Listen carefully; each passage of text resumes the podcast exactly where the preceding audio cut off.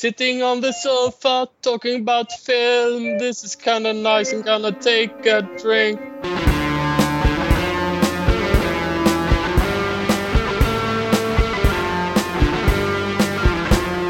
Hej och välkomna till Demonpodden! Podden där vi under årens gång har pratat om allting som Ingmar Bergman någonsin vidrörde.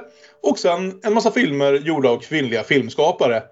Nu börjar vi närma oss någonting nytt. Vår tredje säsong om olika versioner av samma historia. Lite simpelt kallat remake-säsongen. Men innan vi kommer dit är det dags att sammanfatta ytterligare ett udda filmår i covids tecken. Och filmåret i fråga är såklart 2021, året vi alldeles nyss la bakom oss. Och det här lär, precis som sist, bli en riktig långkörare. Jag heter Kalle Färm och med mig som alltid har jag mina goda vänner Björn Waller. Hej! Olof Ekström. Hej! Och Aron Eriksson. Hallå! Och ja, ni som har lyssnat på oss länge vet hur det här brukar gå till. Vi lånar systemet från vår favoritpodd Screendrafts för att skapa en lista över årets 20 bästa filmer. För de som inte lyssnade förra året när vi sammanfattade år 2020 års bästa filmer på ett liknande sätt så fungerar det på följande vis. Vi ska göra en gemensam 20 topplista. Vi är fyra personer. Det betyder att vi kommer få välja fem filmer var. Det går till på följande vis. Vi har gemensamt i Google Docs en lista där plats 1 till 20 har markerats med olika färger. Grön, gul, blå och röd. Via en kort frågesport kommer vi få välja om man, eh, om till exempel Aron får ge, bestämma de röda numren, Björn de gröna och så vidare. Sen så kommer vi börja fylla i den här listan. Från plats 20, den 20 bästa filmen från år 2021, upp till plats nummer 1. Det är årets allra bästa film. Utöver att vi då får välja fem filmer var finns det även veton i det här spelet. Vi har två veton var. Och om någon spelar en film som jag till exempel tycker är jättedålig kanske jag slänger mitt veto och säger den där filmen har inget här att göra på den här listan. Men det kan ju vara så att personen i fråga tycker jättebra om den här filmen. Aron nämnde precis The Tomorrow War. Förmodligen en personlig favorit gissar jag. För honom. Om Aron försöker spela The Tomorrow War kan det hända att jag slänger ett veto. Ja, om Aron då verkligen, verkligen älskar The Tomorrow War kan det hända att han försöker spela den igen nästa gång det är hans tur, ännu högre upp på listan. Och eftersom vi bara har två veton var så har ju de här vetona liksom li, li, lite värde. Man vill inte spendera dem hur och när som helst.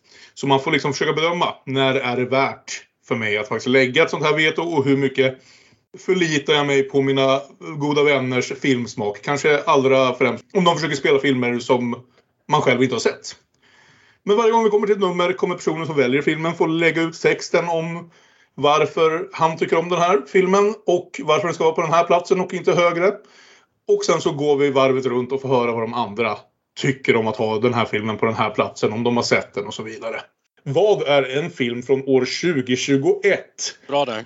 Här skulle jag vilja säga att vi kommer fria snarare än fälla för allt det där är lite krångligare.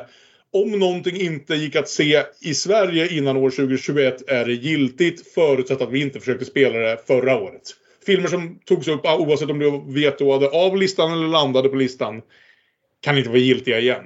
För det dubbla är ju det här att för vissa av oss som liksom sitter på VPN eller annat så ibland ser man film innan de faktiskt dyker upp vare sig på svensk bio eller svensk streaming. Jag har försökt lite mer i år tänka på vad som faktiskt har gått att nå via, via liksom svenska resurser. Eh, men det kan likväl hända.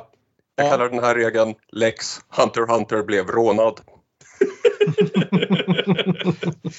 Fast vi, finns- pr- vi pratade väldigt mycket om Hunter Hunter, både då och senare. Så att eh, på Och jag något sätt är du någon moralisk segrare. Där jag tycker vi kan vara lite snälla i kanten det är om någonting släpptes precis i slutet av 2020 på så nära kanten att det nästan var omöjligt för oss att hinna se det innan vi spelade in årets lista. Ja, det, Exempel- fa- det fanns ju alltså filmer som, som släpptes på bio i slutet av 2020 faktiskt Ja. i Sverige trots att alla biografer var stängda. Så att det, om någon skulle vilja Precis. spela en sån då kanske så Exakt skulle jag nog kan väl finnas några sådana. Jag har en fria snällare än fälla rekommendation. Om Björn försöker spela Evil Dead 2 från 1987 på den här listan kanske jag börjar protestera lite grann på och säga att det är lite långt ifrån. Men och exempel, Fan, exempel, det var, det var den planen då exempel som jag har för i år på det här som kanske är bra är, eh, nu kan det ju hända att någon hunnit se den, men Joel Coens Macbeth-filmatisering släpptes på, vad heter de? Sveriges parker och bio eh, på typ tre biografer i mellandagarna. Så tekniskt sett en film som släpptes på svensk bio år 2021. Jag vet inte om någon av oss hann ut och se den. Den släpptes på streaming idag när vi spelar in det här. Som någon har antingen hann ut på liksom, eh, Folkets parker och bio och såg Macbeth eller om de hunnit se den här under dagen de senaste 12 timmarna. När den har funnits tillgänglig. Så får väl det vara helt okej. Okay. Men om ingen tar upp den för att ingen har hunnit se den så kan vi prata om den nästa år kanske istället. Det finns en hel bunt med filmer som har gått upp på bio i USA och kanske finns tillgängliga via VPN men som inte kommer dyka upp på svensk bio på ett tag. Så om vi gör det nästa år igen kanske de får sin chans då. Jag tänker på saker som i alla fall inte jag har hunnit se kan jag avslöja som Paul Thomas Andersons lakritspizza eller Murakami-filmatiseringen Drive My Car som har fått väldigt fina recensioner men som jag inte hunnit titta på. Oh, en sån här liten fråga som jag ställde förra året som jag glömde nu. Ungefär hur många giltiga filmer förra året tror ni att ni har hunnit se? 60. Mm. Mellan tummen och pekfingret, du, du, du, du, du, du, ja, 70-tal någonting. Mm. Olof? Eh, oj, jag har sett ganska mycket nya filmer faktiskt. 140 typ. Åh oh, jävlar! Stark insats! Eh, ja, det är... i år? Eh, typ så ja. jag, jag, ligger någonstans kring mellan 80 och 90 tror jag. Så det, det har varit ett ganska bra filmtittarår för mig med. Eh, då ska jag också säga att, som ni kommer märka, det här dubblar eh, som vårt julfirande det här. Försenad jul slash nyårsfest. Så, vi sitter här en sen helgkväll snarare än vardagskvällar som det brukar bli. Dricker lite öl, eller glögg för min del just nu. Det brukar bli ganska som sagt en långkörare det här. Så eh, vi får se vart kvällen tar oss. Det kan bli spännande och roligt och vem vet vad. Men vi ska börja med en liten frågesport. Och det, jag kör samma frågesport som jag gjorde förra året. Och då frågade jag nämligen, enligt IMDB, hur många filmer som släpptes under år 2021 hade på något sätt svenskt språk i sig. Och det kan ju vara allt från en replik, om man har liksom en svensk som är med och har en scen i en Hollywoodfilm, eller om såklart alla de släppta svenska filmerna. Rätt svar förra året, så att ni alla kommer ihåg det, för jag kommer ihåg det, var 52 filmer. Men nu fyller jag istället i 2021 istället för 2020. Så man kan ju tänka sig, men då är frågan, är det färre? Är det fler? Hur mycket påverkade covid? Och ja.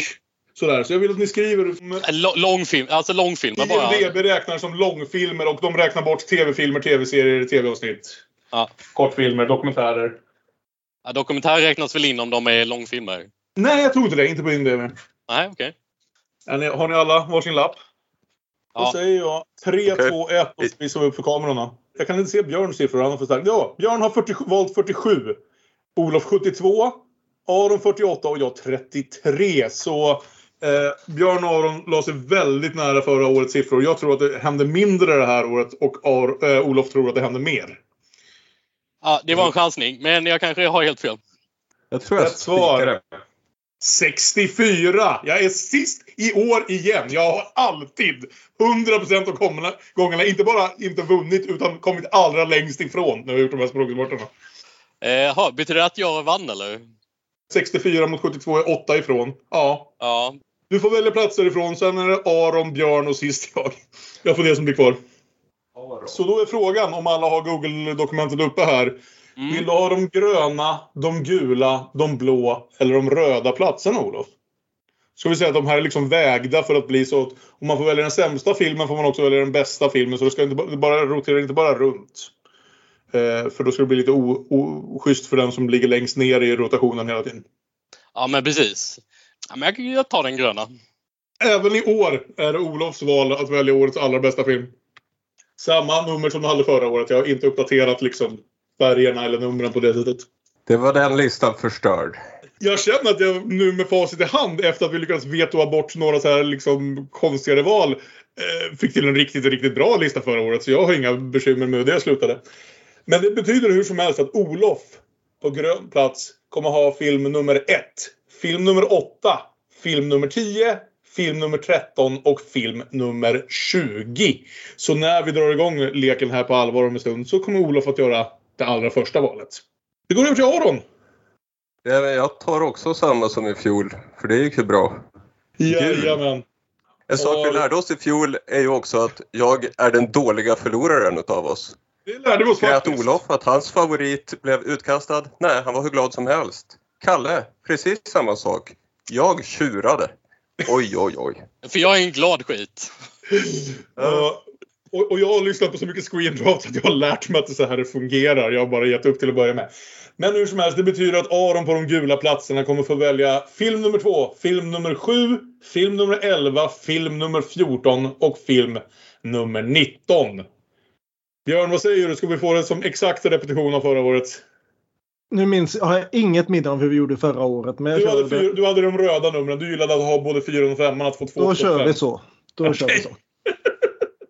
Det betyder att Björn på de röda numren får bestämma film nummer fyra, film nummer fem, film nummer nio, film nummer 16 och film nummer 18. Det lämnar ju mig med de blå platserna. Film nummer tre, film nummer sex, film nummer 12, film nummer 15 och film nummer 17. Eh, ja, jag tror det var det. Jag tror vi är redo att köra igång. På plats nummer 20 har Olof valt So may we start. So may we start. Annette. Prata om Annette, Olof. Yes. Det, det har varit ett eh, bra musikalår 2021 ska vi börja med att konstatera. Eh, om man nu ska prata om en trend.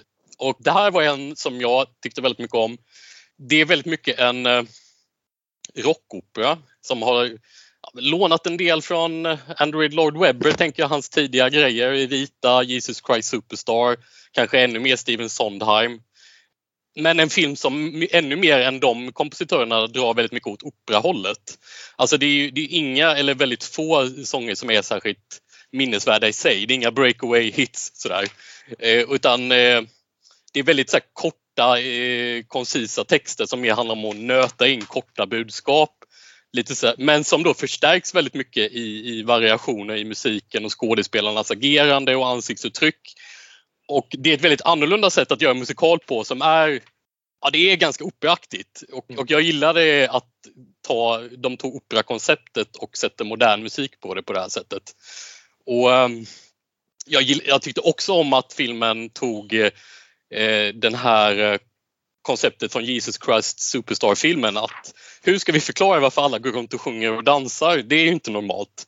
Och, och istället göra det eh, filmen bygger snarare på att vi, det här är ett gäng som iscensätter en musikal tillsammans. Det, det är en film som ständigt bryter fjärde väggen ännu mycket mer än vad Jesus Christ Superstar gjorde. De, man påminns hela tiden om att det är en film man tittar på och att det inte är någonting eh, normalt. Jag gillar det sättet att berätta en musikal känner jag. Metoo-vinkeln på den här historien funkar också bra. Den här manliga huvudpersonen mer och mer framstår som ett monster framför våra ögon passar bra in och ut, utvecklas i takt med att hans liv och personlighet på, på övriga plan också faller i bitar och vi börjar ifrågasätta honom som tittare. Och eh, jag tyckte även att det storymässigt eh, var en riktigt bra film. Ja, då går det ju först över till mig då enligt den här ordningen. Och ja, herregud, Annette. Du dök rätt in på kanske en av de filmer som jag har svårast att sätta ord på vad fan jag faktiskt tycker om den. Eh, Leos Carax som gjorde den har ju varit en egen filmmakare ända sedan 80-talet och framför allt blev han väl väldans uppmärksammad för sin förra film Holy Motors för typ tio år sedan. En film som jag tyckte väldigt, väldigt bra om. Jag har svårare med Annette alltså. Men jag uppskattar ändå någonstans att Annette, precis som Karaks alla filmer jag har sett, definitivt inte en film that gives a fuck om vad jag tycker om den. Utan den gör precis det den vill göra. Jag såg den dessutom typ ett par dagar efter att jag hade sett Edgar Wrights dokumentär om Sparks. Och Sparks är ju bandet som har skrivit all musik till Annette.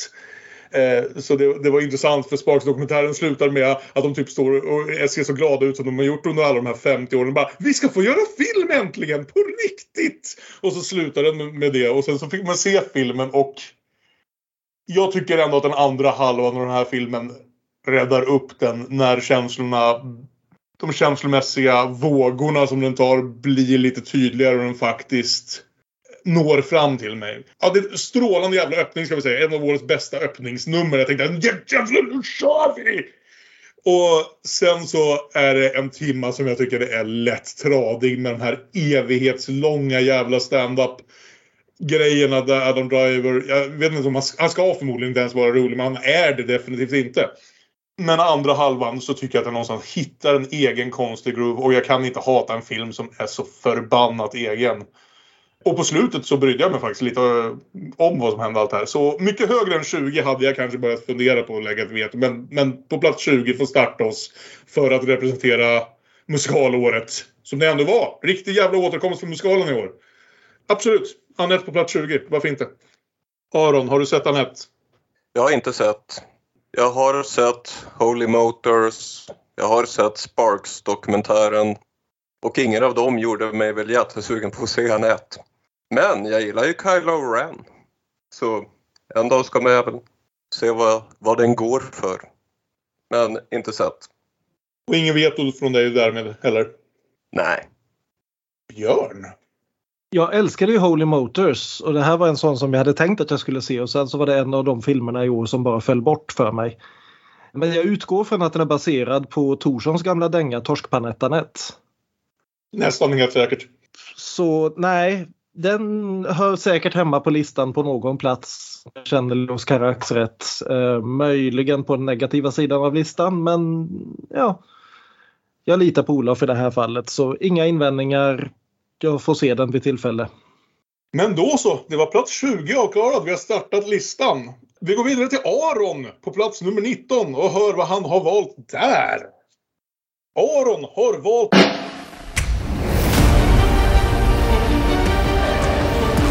이제 진짜 이 세상에 아무도 없다. något som heter Night in Paradise. Och jag ska säga så här, jag tycker jag hade gjort gott om research. Jag har ingen aning om vad- ens vad det här är för något. Så nu ska det bli kul att få lyssna. Då blev jag ju genast orolig att jag minns titeln fel. Men jag, jag tänkte, ibland så, så gillar vi att ha lite klass här i podden och köra ett Shakespeare-citat. Här ropar allting slakt! Du stolta död! Vad är det för fest som förestår i evighetens krypta då du nedlagt så många furstar i ett enda slag? Det är mycket död i den här filmen. Och det, den är från Sydkorea. Sydkorea som dominerade Netflix i höstas med eh, Squid Game. Men redan i våras bidrog de med den här pärlan till blodbad. Det är en historia i dödens tecken. En ung man bråkar med gangsters, flyr ut på någon ö, träffar en tjej, dödssjuk och de vet ju att de inte kommer att leva så länge. Börjar bli en sån där våldsam och aselegant, snygg film av det hela. Jag tyckte den var väldigt trevlig att se. Så jag tänker plats 19. Det är så svårt att veta hur man ska lägga upp taktiken här. Vad, vad ni tänker spela och inte spela. Jag dock får välja, säga att du väljer din, din taktik väldigt nära vad du gjorde förra året. För det här är platsen där du spelade Queen and Slim, en annan älskare på jakt från våldet. Han tänker spegla förra årets lista Aron då ja. det blir spännande att se hur väl det blir så. Jag ser att den är skriven av Park Hoon Jong som skrev eh, I saw the devil. Så, Ja, det är ju intressant. det, det låter inte helt illa. Nej. Park Hoon Jung. Kan jag tolka det som Björn att du inte heller har sett den här? Nej, det har jag inte. Nej. Men det låter spännande faktiskt. Och Mm. om den ligger på Netflix har jag ju ingen ursäkt. Då är det bara jag som är en dålig människa. Och tack och lov lever jag inte i Sydkorea för i så fall så skulle det väl slutat med mitt blod och mina tarmar på golvet. Nej, men den låter ju intressant alltså. Det, vi får se när vi blir klara ikväll annars kanske jag har kvällens tittning här. Mm. Olof, av dina 140 filmer, hann du fram till Night in Paradise? Nej, jag har missat den här. det gick fort fram till den här punkten. Det är ju dock betydligt fler filmer vad jag har sett som har gjorts eh, under 2021 ändå. Det, det är nog till och med så att jag inte, jag vet inte ens om jag visste så mycket om den här. Nej, jag hade missat den. Precis, precis som Kalle. Det är säkert en intressant film. Det är, hur var det du beskrev den Aron? Att det var, var en, eh, Ett elegant blodbad. Ett elegant blodbad. Men ett elegant blodbad från, blodbad från Sydkorea kan ju åtminstone vara någonting som tilltalar mig så att eh, jag tänker att jag köper det. Ja, samma här. Jag, det går snabbt igenom här. Det är snabbstartat här därför att jag som sagt hade helt och hållet missat att den här fanns mitt ibland allt Ja. annat man skulle se. Jag tror det, det är samma här. Nej, men nu, nu börjar man ju verkligen fundera på det här liksom. Vilka favoritfilmer kommer någon av er garanterat att spela ifall jag Ja. väljer någon annan istället? Exakt. Det är det som är det svåra spelet. Och så hoppas vi att inte alla gör så. Så att de bästa filmerna inte landar på listan. Det har ju hänt förr. Jajamän, men efter ganska kvickt avklarade plats 20 och 19. Plats 19 väldigt kvickt avklarat eftersom ingen av Aron hade sett den. Eh, nej, det var, ju, det var ju tråkigt Aron att vi inte hade sett den. Men, eh, Kul att kunna ge något nytt att se. Ja, då går vi vidare till plats 18 och Björn med sitt första val. Ukrainie komunizmu, towarzyszy! Björn har valt en titel som han väldigt medvetet inte vill att jag ska kunna läsa. Något på kyrilliska i alla fall. Jag har en gissning om vad det här kan tänkas vara. För att Björn, sist jag träffade honom i verkliga livet, nämnde en rysk film han var väldigt förtjust i. Daroge Tavarici. På min bästa ryska. Eller på svenska, Kamrater! Av Andrei Konchalovsky. En sån här, gammal, en sån här gammalt namn som man som västeuropeisk filmtittare mest förknippar med hans lilla sejour i Hollywood på 80-talet när han bland annat gjorde Tango and Cash och världens bästa film Runaway Train. Och som jag sa till dig när du nämnde den här filmen när vi såg, jag trodde han utan att skoja hade varit död i 20 år. Tydligen har han istället flyttat hem till Ryssland och gjort ryska filmer, vilket väl kan komma på ett ut ibland. Kamrater är en film som släpptes förra året i Ryssland och kom till Sverige i år. Och som jag tycker är helt fantastiskt bra. Eh, att jag spelar den så här långt ner betyder bara att det har varit ett väldigt bra filmår. Det är alltså en film som utspelar sig i Sovjetunionen 1962. Det är liksom mitt i Khrushchevs upptining och ett gäng arbetare bestämmer sig för att ja men det här socialistiska nya fina ordningen, varför, varför finns det ingen mat i butikerna och varför höjs inte våra löner någon gång? Vi gör som goda socialister och går ut i strejk. Och detta kan ju inte partiet godta. Det här är en sån här film som är ett ganska litet personligt drama upphängt runt en fantastisk actionscen som kommer ungefär mitt i filmen. Som dessutom då är tonsatt till August och Lotta och August och Lotta som spelar på den statliga radion för att övertyga arbetarna om hur bra de har det. Medan skottlossning och ond bråd död och alltihopa och alltihopa det här naturligtvis i underbart vackert svartvitt. Jag tycker den drabbar så hårt just därför att det är liksom slagskeppet på Temken igen. Liksom. Du hänger upp allt runt den här och dessa trappan-scenen. För vi anar ju redan från början att det här kommer inte att gå väl och vi vet efteråt att det här gick inte väl. Och det är bara en fråga om vem överlevde egentligen och vad, hur ska de göra nu? För det här är 1962, det är svartvitt. Vi vet att det här är inte nutid. De här kommer att tvingas leva i det här i 30 år till. Hur tar man sig vidare och framförallt vilka historier intalar man sig själv för att kunna leva vidare med det här? Och det är den här fantastiska lilla generationsdramat som han etablerar där också med den gamle pappan som fortfarande har kvar sin vita uniform från inbördeskriget längst ner i garderoben och tar fram den när han super sig full. Och hans dotter som är partifunktionär och hennes dotter som är ung arbetare och vill ha allting nu därför att det är ju trots allt 60-tal och det är swinging 60s och det är liksom varför kan de inte få ha någonting kul de också?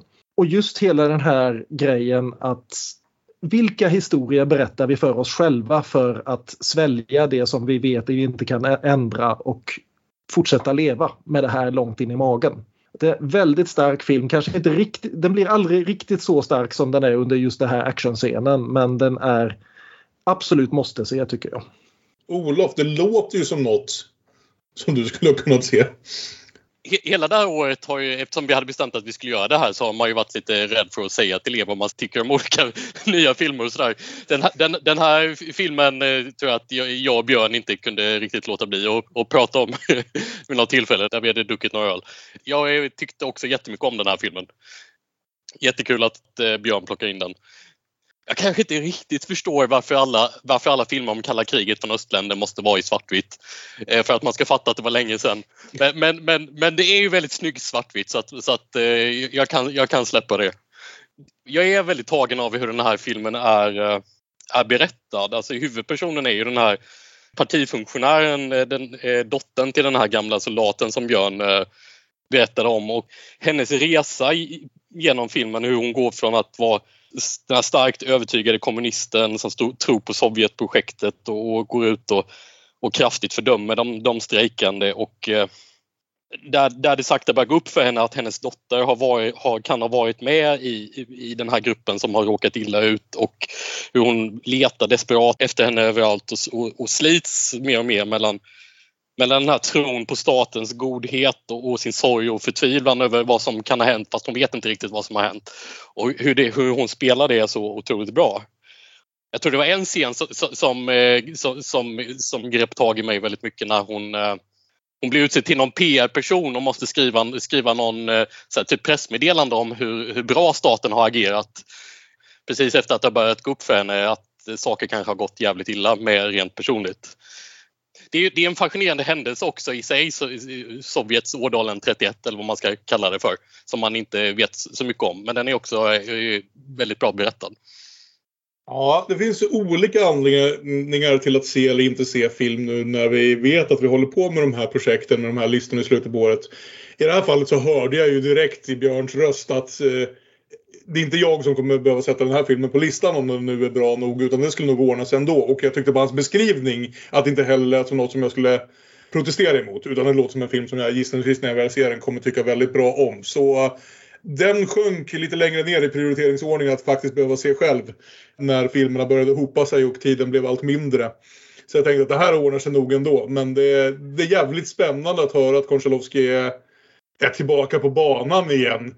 Jag älskar också Runaway Train. Jag är också att han lever. viss... Ba, ba, han lever, han gör film och filmerna är förhoppningsvis något mer kvalitativa än Tango Cash även om det är en film. Den såg jag i år. Den hade jag till att se.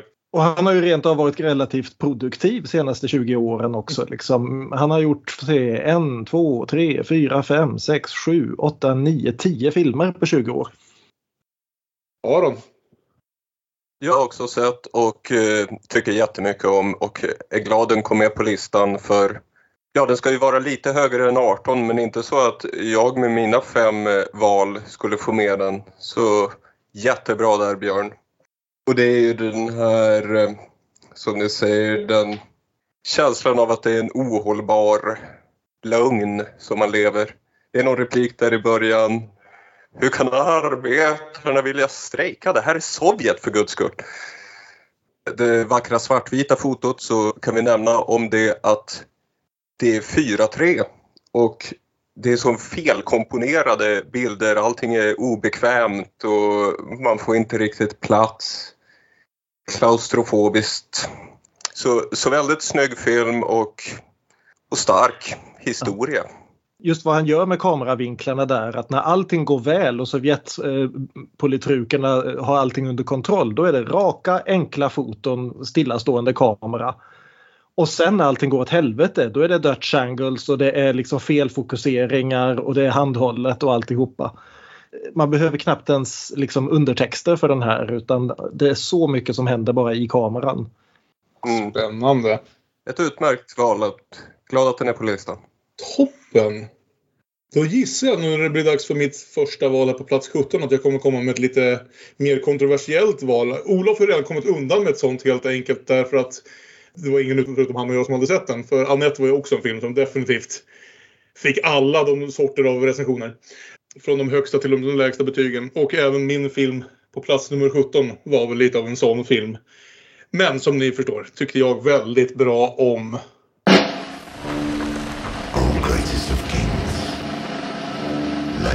Of your knights try to land a blow against me. The Green Knight.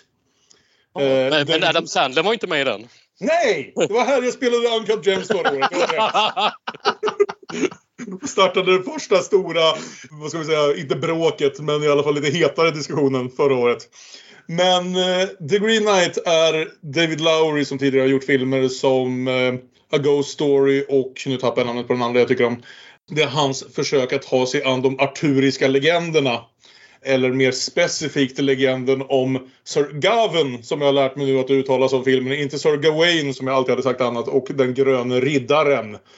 Sir Gawain du, du, du uttalade fel där. Det heter Gavain, Kalle. Sagawan i det här fallet spelas av Dev Patel. Som eh, har blivit mer och mer av en skådis eh, allt eftersom åren går.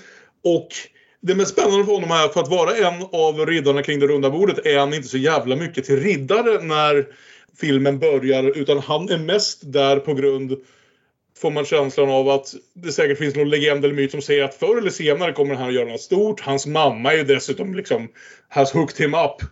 Så han är en riddare utan mycket syfte. Han går och väntar på att eh, vad ska bli min stora riddarhistoria? Och medan han gör det så förälskar han sig i en prostituerad och ligger mest och super.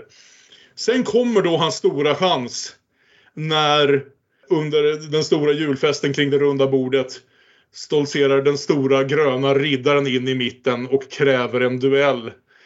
Gawain ser sin chans. Han får låna Excalibur av kung Arthur. Det ska sägas att mycket av detaljerna runt om här sägs inte rätt ut. Ingen säger orden det runda bordet, ingen säger Excalibur, ingen säger ens kung Arthur, Arthur tror jag. Utan man får helt enkelt hänga med lite på vad det är som pågår. In, Eh. ingen spelar Å Fortuna. Nej. Och den stora vändningen i filmen händer 20 minuter in. Gawain klantar sig. Ganska bisarrt på grund av liksom sin ungdomliga iver att nu är det min jävla chans att få skapa min legend. Jag ska äntligen få chansen. Jag ska bli en av de här berömda, eh, dyrkade riddarna. And he fucks up. Och sen, ett år senare, kommer han behöva betala för det här. Och det är hans långa väg för att gå och möta den gröna riddaren en andra gång. Och jag vill inte säga för mycket, men förutom att det är en av årets allra, allra snyggaste filmer, för det tycker jag verkligen att det är. Den använder liksom landskapen eh, till sitt absolut yttersta. Så är det så intressant att se något i den här liksom fantasygenren Någonting som samtidigt är så eget och så personligt och förvånansvärt roligt.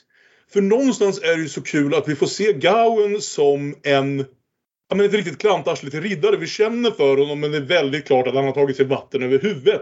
Så ett tag när han ger sig ut och typ får stryk av den första jävla småtjuv som han träffar på.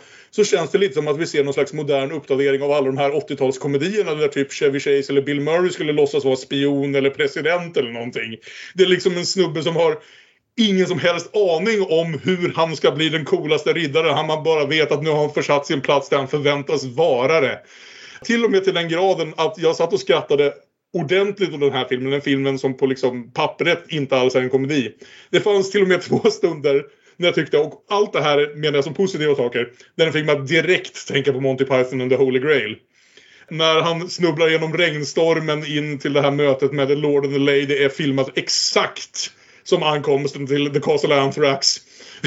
och sen en stund senare så får han ju faktiskt chansen att möta sitt öde, att göra det nobla som en riddare skulle göra. Han tar det fegare beslutet. Och änglakörerna stämmer upp och jag började sjunga. Brave Sir Robin ran away. When danger reared its ugly head, he bravely turned his tail and fled. Jag älskar den här filmen för den fungerar både som, för mig som någon slags komisk vision av någon som helt enkelt inte klarar av, av att leva upp till sin egen legend och som det blir också en otrolig karaktärsstudie. För han tar sig egentligen genom hela filmen hela vägen upp till absoluta slutet utan att göra någonting alls som liksom skulle markera honom som en nobel riddare. Och ändå blir han just därför så fascinerande att följa. För de här nobla riddarna i diverse riddarfilmer är så jävla upphöjda att de knappt ens känns som människor längre.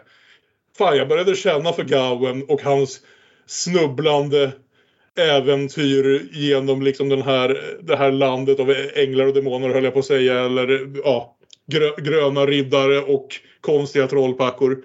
Jag hade fantastiskt roligt med den här filmen men också blev till slut ganska gripen av den. Och som sagt den är helt fantastisk att se på. Men jag vet att eh, jag har hört väldigt olika åsikter om den. Så vi går till Aron och hör vad han har att säga. Det var lite för långt för mig. Jag hade inte lika roligt som Kalle. Tyckte till och med den var tråkig två timmar där. Men den var ju fin att titta på. Och slutet var roligt. Så jag låter den vara kvar. Men, nej. Ja men då så, tack för att du släppte igenom den. Vi går vidare till, till Björn och ser vad han har att säga. Ja, The Assassination of the Green Knight by the Coward Gawain. Jag tyckte mycket om den här filmen. Eh, jag tror inte jag själv skulle satt den i närheten av min topp 5 men jag tycker väldigt mycket om den. Jag, jag gillar just att den fungerar som en gammal medeltida ballad. Det är liksom det här att det är inte nödvändigtvis det här historieberättandet vi är helt vana vid utan det är ett gäng anekdoter som inte verkar hänga ihop fullständigt och som bara hänger ihop tack vare David Lowerys liksom Mm. och sättet han länkar ihop det här på. Det blir samtidigt både en studie av myten och en studie av personen som på något vis lyckas funka. Ja, men jag gillar den här. Det, det, det är definitivt en av de vackrare filmerna i år som sagt. Dev Patel är snorbra i rollen där. Just det här sättet han spelar allting som en... Va? Eh, nej, va? Va? Va, va, va, va, nej, va, va, va, nej, va? Och, och jag gillar hur filmen där lägger oss ofta med honom. Att vi vet inte heller inte vad fan det är som händer. Det verkar ganska konstigt. Ja, nej, men så jag gillar den och den ligger ungefär rätt på listan här. Olof. Eh, ja, men första filmen som alla har sett då. Ja, jag funderar på vad jag tyckte om den här. Jag tyckte nog eh, bättre om den än vad jag trodde att jag skulle göra. Alltså, jag vet inte riktigt det här med att den såg så himla bra ut. Var den inte väldigt grön? Jag kände så att det var liksom, det kändes lite som att det var någon så här okänd Matrix-uppföljare eller någonting. Tänkte jag lite ibland. Nästan som om det fanns något tematiskt i det.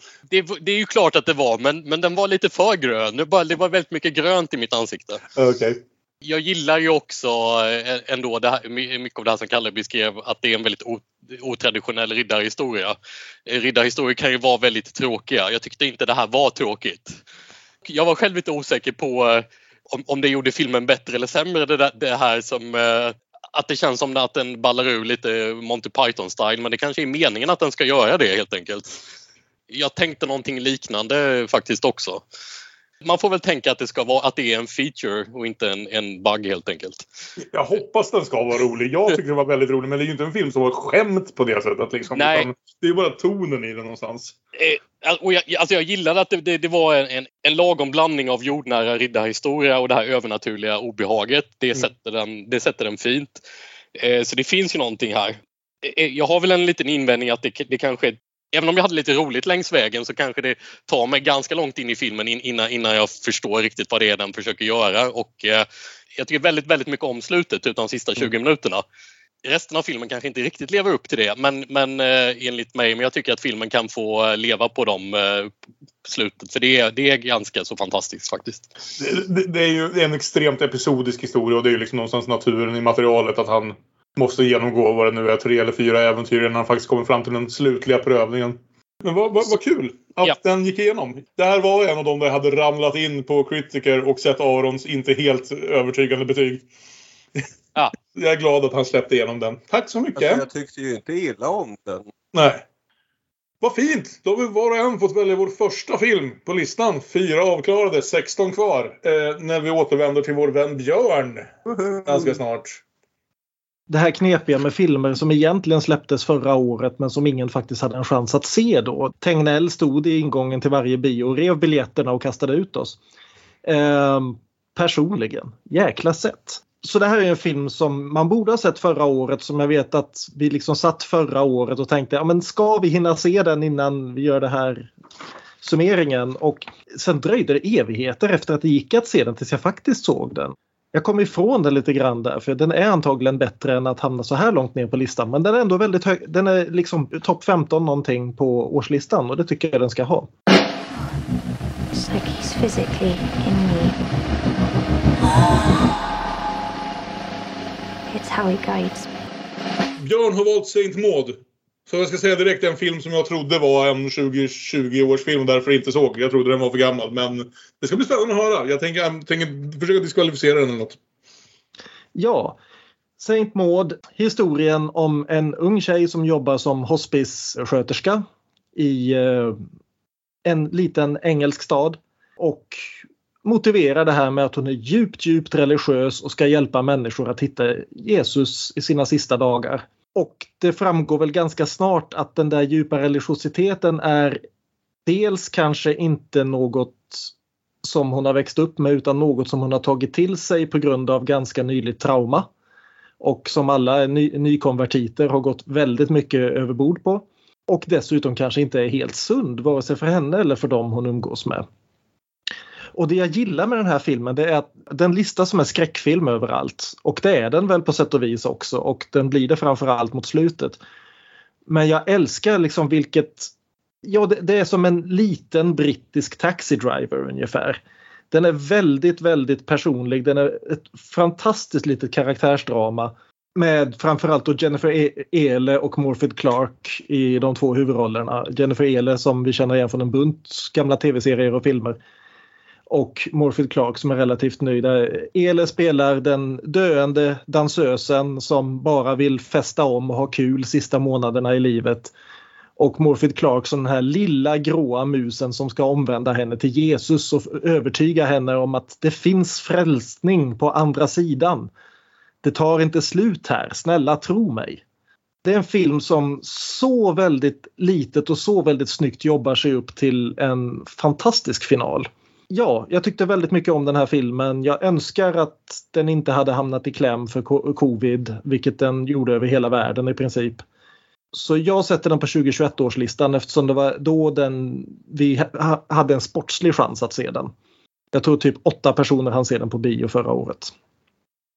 Då går vi vidare till Olof. Jag, eller för att jag säga bara för sakens skull, som jag tycker gör den fullt giltig. Den hade tekniskt sett biopremiär den 20 november 2020. Men sen dök- dök den upp på DVD och streaming i februari 2021. Och som sagt, det var inte helt lätt att gå på bio i december 2020. Det låter rimligt tycker jag. Nej, Jag minns vi pratade om det inför fjolårets lista och konstaterade att vi vill inte gå på bio. Nej, Nej. precis. Nej men det här är väl inte eh, riktigt en skräckfilm egentligen så mycket. Jag eh, ser det nog inte riktigt som det. Ja, det är väl lite skräck då blandat med thriller och, och lite, lite genreblandning sådär. Men, men det är en film som är så batshit crazy ibland på ett eh, ganska härligt sätt. Vad det jag gillar med den här filmen är väl framförallt hur den eh, fångar den här ex extrema religiösa övertygelsen. Mm. Som, som då inte behöver ha börjat som något extremt, som får, får blomma ut ganska obehindrat när, när hon har eh, covid-isolerat sig innan covid. Så vi får se hur många sådana här som kommer ut sen. Filmen känns lite galen och, och den kan kännas lite osannolik ibland men jag tycker att den gör det här väldigt lo logiskt, den här, hur den presenterar den här religiösa tematiken. Det är väldigt mycket det som är i centrum. Åtminstone så som jag ser filmen så är det väldigt mycket det som den, den utforskar, hennes religiösa eh, resa. Mm. Och eh, ja, jag tycker också att det är eh, väldigt fascinerande. Jag, jag tänkte jag skulle säga det också just att jag tycker på sätt och vis så vann filmen nästan på att ses mitt under ytterligare en lockdown. För det är, ju, en- det, det är ju en film om två extremt ensamma människor. Ja, det är det. Det är en film om två människor som vänder sig till precis vad som helst som liksom lyfter den där tyngden av döden och ensamheten. Särskilt Maud då, men kanske även den andra eh, stora karaktären, att de försöker tvinga på varandra sin ensamhet fast Mm. de står extremt långt ifrån varandra och, och eh, skaver väldigt mycket mot, mot varandra på ett otroligt obehagligt sätt. Mm. Och, och att se den liksom mitt i hela världen sitter i isolation så tycker jag det, det lyfter den ytterligare ett snäpp. Så att jag, jag hade kanske också lite glömt bort att den var giltig för årets lista men jag tycker eh, som ni hör väldigt mycket om den. Så. Ja men toppen. Eh, det låter hur bra som helst. Som sagt, jag blev för strikt någonstans i mina regler och började sortera bort filmer som jag trodde var 2020 års filmer. För jag kommer inte ihåg riktigt vad vi hade sagt hit eller dit. Eh, så jag har inte sett den än. Men jag ser fortfarande jättemycket. Det sa vi förra året i samma avsnitt att åh, den längtar jag efter att se. Jag längtar fortfarande efter att se den. Det kanske blir av nu. det låter fantastiskt. Det låter väldigt mycket eh, rätt upp i min gränd. Eh, Jennifer Eli, den enda rätta Elizabeth Bennet från BBC Stolthet och fördom. Det, jag, jag litar på era omdömen kring det här. Det känns som att det finns ganska liten chans att jag inte skulle hålla med er. Aron? Jag, jag tycker också jättemycket om den här filmen. Allt som Björn och Olof har sagt och det är alltid vanskligt att hypa slutet på en film framförallt när Kalle inte har sett den. Men låt mig säga, den har bästa slutet sen Hunter Hunter. Sista tio minuterna är eh, briljanta. Sista sekunden är ännu mer briljant. ja, okej, ja, nu vet jag. Nu, Så nu, nu förstod jag precis vad du menade. Ja. inte vänner. Ja. Ja, men än så länge har ingen fått några större protester. Jag ska Nej, när, inse när att- kommer det här börja hända då? Ja, förmodligen när jag börjat se filmerna som ni spelar, för det har bara hänt en gång hittills. Min tur igen. Vi säger så här, att det är ju en del i strategin att börja tänka sig inte bara vilka filmer tycker jag är årets bästa filmer och när, i vilken ordning vill jag spela dem. Utan också vad kan det tänkas att mina goda vänner spelar. Ja, Eh, för det så att finns, ju en, det finns ju en risk att det finns filmer vi gillar, eh, flera av oss, som, som, som ingen spelar. Jag, jag tänker nu att jag eh, biter i ett av de sura äpplena och eh, det finns en diskussion som vi måste ha. En diskussion som vi mångt och mycket redan har haft. Men eh, vad fan, vi får en avklarad här känner jag. Om inte veton händer, då, vem fan vet vad som händer då? Eh, så på plats nummer 15 spelar jag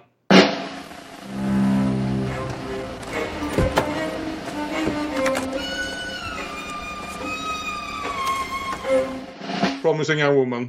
En film som förmodligen är den av årets filmer som vi redan har pratat allra mest om. Vi pratade om den i gissningsvis 90 minuter i sträck. På vårt avsnitt om Rape and Revenge-filmer och så det är ju den filmen där vi verkligen kan ha full koll på vad alla de andra tycker om dem. Och att Aron och jag tycker att det är en av de bästa filmerna från senare år. Samtidigt som jag måste säga att sen såg jag väldigt mycket andra filmer det här året och det här har varit ett väldigt starkt år. Eh, samtidigt som Björn hade en hel del ganska kritiska saker att säga om den även om han tyckte om den på ett lite mildare plan. Och Olof låg någonstans mittemellan mig och Aron eh, på ena sidan och Björn på andra sidan.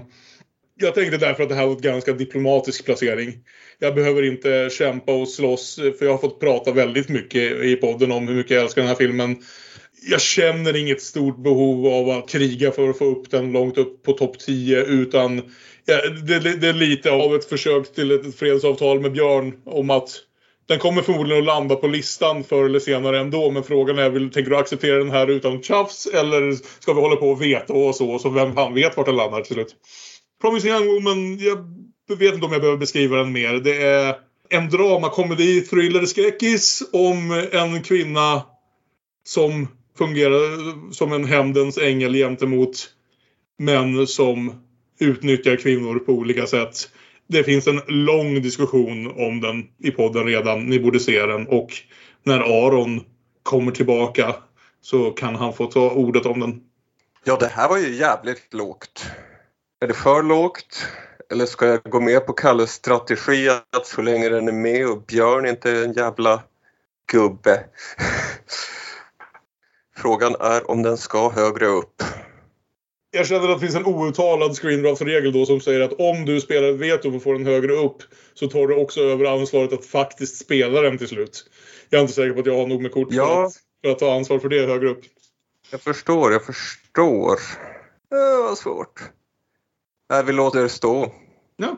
Folk vet väl ändå hur mycket Kalle och jag gillar den och att vi gör det här för att världen är emot oss fortfarande. Så då lämnar vi Ja. till Björn. Ja, nej men jag tycker den ligger rätt rätt här ärligt talat. Som sagt, jag tyckte inte det här var en dålig film på något sätt. Jag tyckte bara den hade lite för många brister för att upphöjas till mästerverksnivå.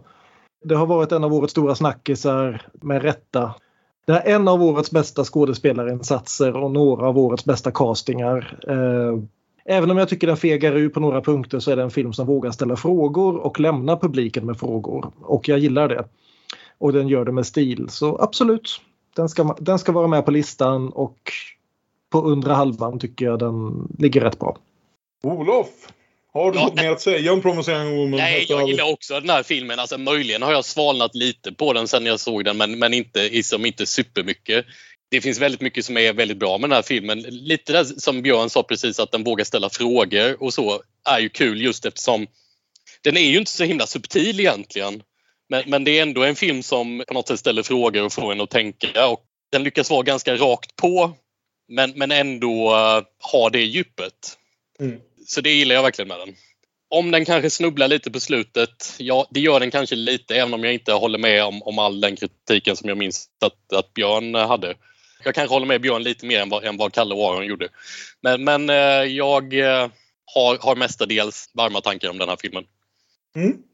Ja men då så, då gick det igenom. Spänningen var ju vad Aron var på väg att göra där men eh, Jag ska säga så här att jag, en av mina möjliga taktiker som jag fegade ur lite på var att inte spela den alls, vänta och se vad Aron tänkte placera den. Men då tänkte jag att Aron kanske bara försöker sätta den jättehögt direkt och då kommer Björn bara vetoa av den och så ser vi den aldrig igen. Så jag bestämde för att det här var rätt väg framåt. Men med det sagt om det så går vi vidare och som sagt Promising Young Woman fick en mycket Ja. kortare beskrivning av mig just därför att om det är någon film vi har pratat om i år så är det den. Gå och lyssna på hela avsnittet som finns om den. Aron, vad har du att komma med på plats nummer 14? Jag kör på.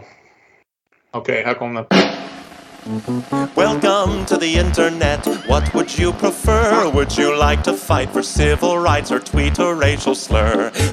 Aron har valt Bo Burnhams Inside. En film som vi ska säga har vi haft lite diskussioner om innan om huruvida det är en film eller inte. Men vi bestämde oss för att det var en film. Vi tyckte Hamilton var en film förra året med så då är Bo Burnhams Inside definitivt en film.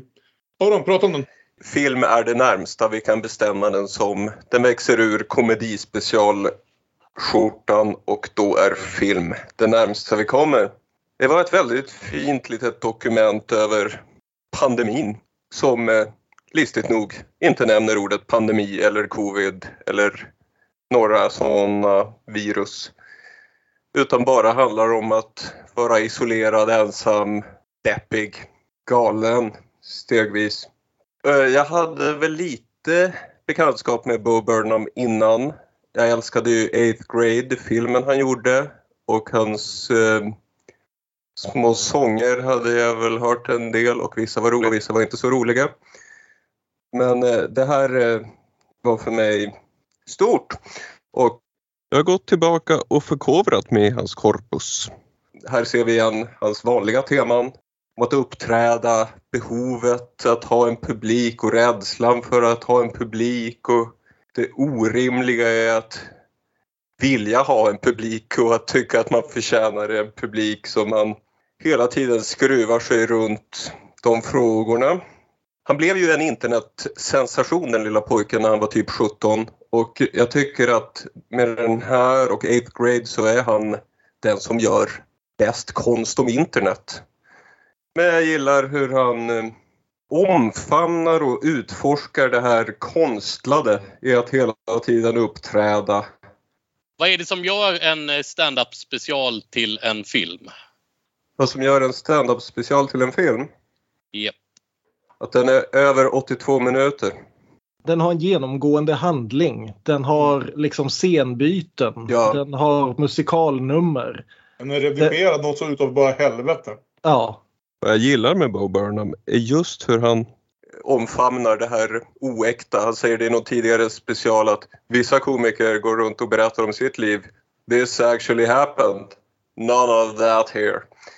och eh, jag läste vissa think pieces på internet som vi måste prata om Bo Burnhams inside. Han har ju faktiskt en flickvän. Det är då oärligt att han verkar så ensam? Det, det bara tycker jag om. Och jag tycker att den elektroniska popen är en bra kostym för hans musik. Jag tycker det är väldigt roligt när han liksom sitter och pratar till sina följare. Tack för subscriptions och, och samtidigt håller i en kniv som han psykoar fram och tillbaka helt utan anledning. Är riktigt drabbande. Bra drama. Ja. ja. Nej, men för att haka på Olofs fråga där så den filmen jag tänkte på när jag såg den här det var ju Jafar Panahis This is not a film. Det här är i princip This is not a film med musikalnummer. På så vis så är det ju inte en film. Men det finns väl få filmer som känns så väldigt 2021 som den gör. Mm. En av dem som känns ännu mer 2021 kommer lite senare kan jag säga. Jag har inte varit något stort Bo Burnham-fan innan den här omvände mig mer eller mindre. Jag tycker soundtracket är fantastiskt. Jag tycker hela den här biten han gör som naturligtvis det är ett uppträdande. Det är, det är inte sanning men det är sanning. Det är konstens sanning liksom. Den här scenen där han ska, liksom klipper igång, försöker flera gånger att börja en scen och så bara konstatera att I am not okay och bryter ihop och börjar gråta framför kameran. Det är liksom isolationskomedi på så vis att den är inte rolig alls. Det är väldigt, väldigt svårt att skratta åt de väldigt roliga skämten här. Så ja, nej men den var inte med på min personliga topp 20 men den ska absolut vara med på listan känner jag ändå. Så, ja. Olof? Den här har jag inte sett. Okej. Ja, vet du vad det är för något? Borde vi beskriva liksom mer i grunden vad det är som händer? Eller på Det borde ni nog göra. Jag är inte ointresserad utifrån det de har berättat hittills, men jag kanske inte fattar riktigt. Så här är det väl. Bo Burnham, precis som alla andra, fastnade i hård lockdown under covid. Han hade redan skrivit ett kontrakt med Netflix om att han skulle få göra en ny stand-up special till dem.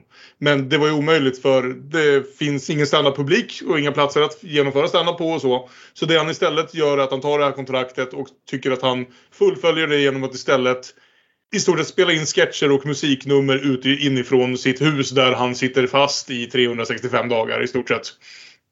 Och sen redigera ihop det till liksom något som blir lite komedi, lite musikal och lite bara liksom hans... En berättelse om hans liv i isolationen un, under, under det första coronaåret. Ungefär så skulle man väl kunna säga och om hur liksom han reagerar på händelserna ute i världen och hur han börjar liksom som sagt, om det här nu är Bo Burnham själv eller om han spelar en karaktär. Det är väl upp till var, varje tittare för sig. Att liksom om han börjar liksom fördärvas i ensamheten och isolationen någonstans. Hans skägg blir längre, allt det här som liksom händer oss allihopa, höll jag på att säga. Så det är väl liksom det korta upplägget. Eh, ja, nej, den här filmen hade jag inte koll på. Det ser ut som Jesus. jag, jag, jag hade inte koll på den här filmen. Jag har inte jättebra koll på Bo Burnham. Han är inte helt obekant.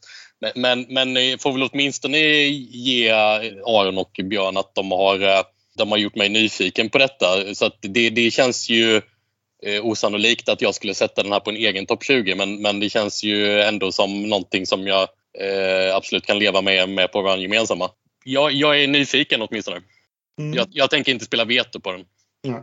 Nej, jag beundrar ambitionen den här. Jag be- beundrar liksom hela eh, tankeverksamheten bakom den. Jag beundrar som sagt sant eller falskt. Att det i alla fall ska verka som att vi får se liksom in i allt som sker bakom scenerna i någon bemärkelse. Att se hur han som person påverkas av alla de här händelserna som i olika utsträckning påverkade oss alla under förra året.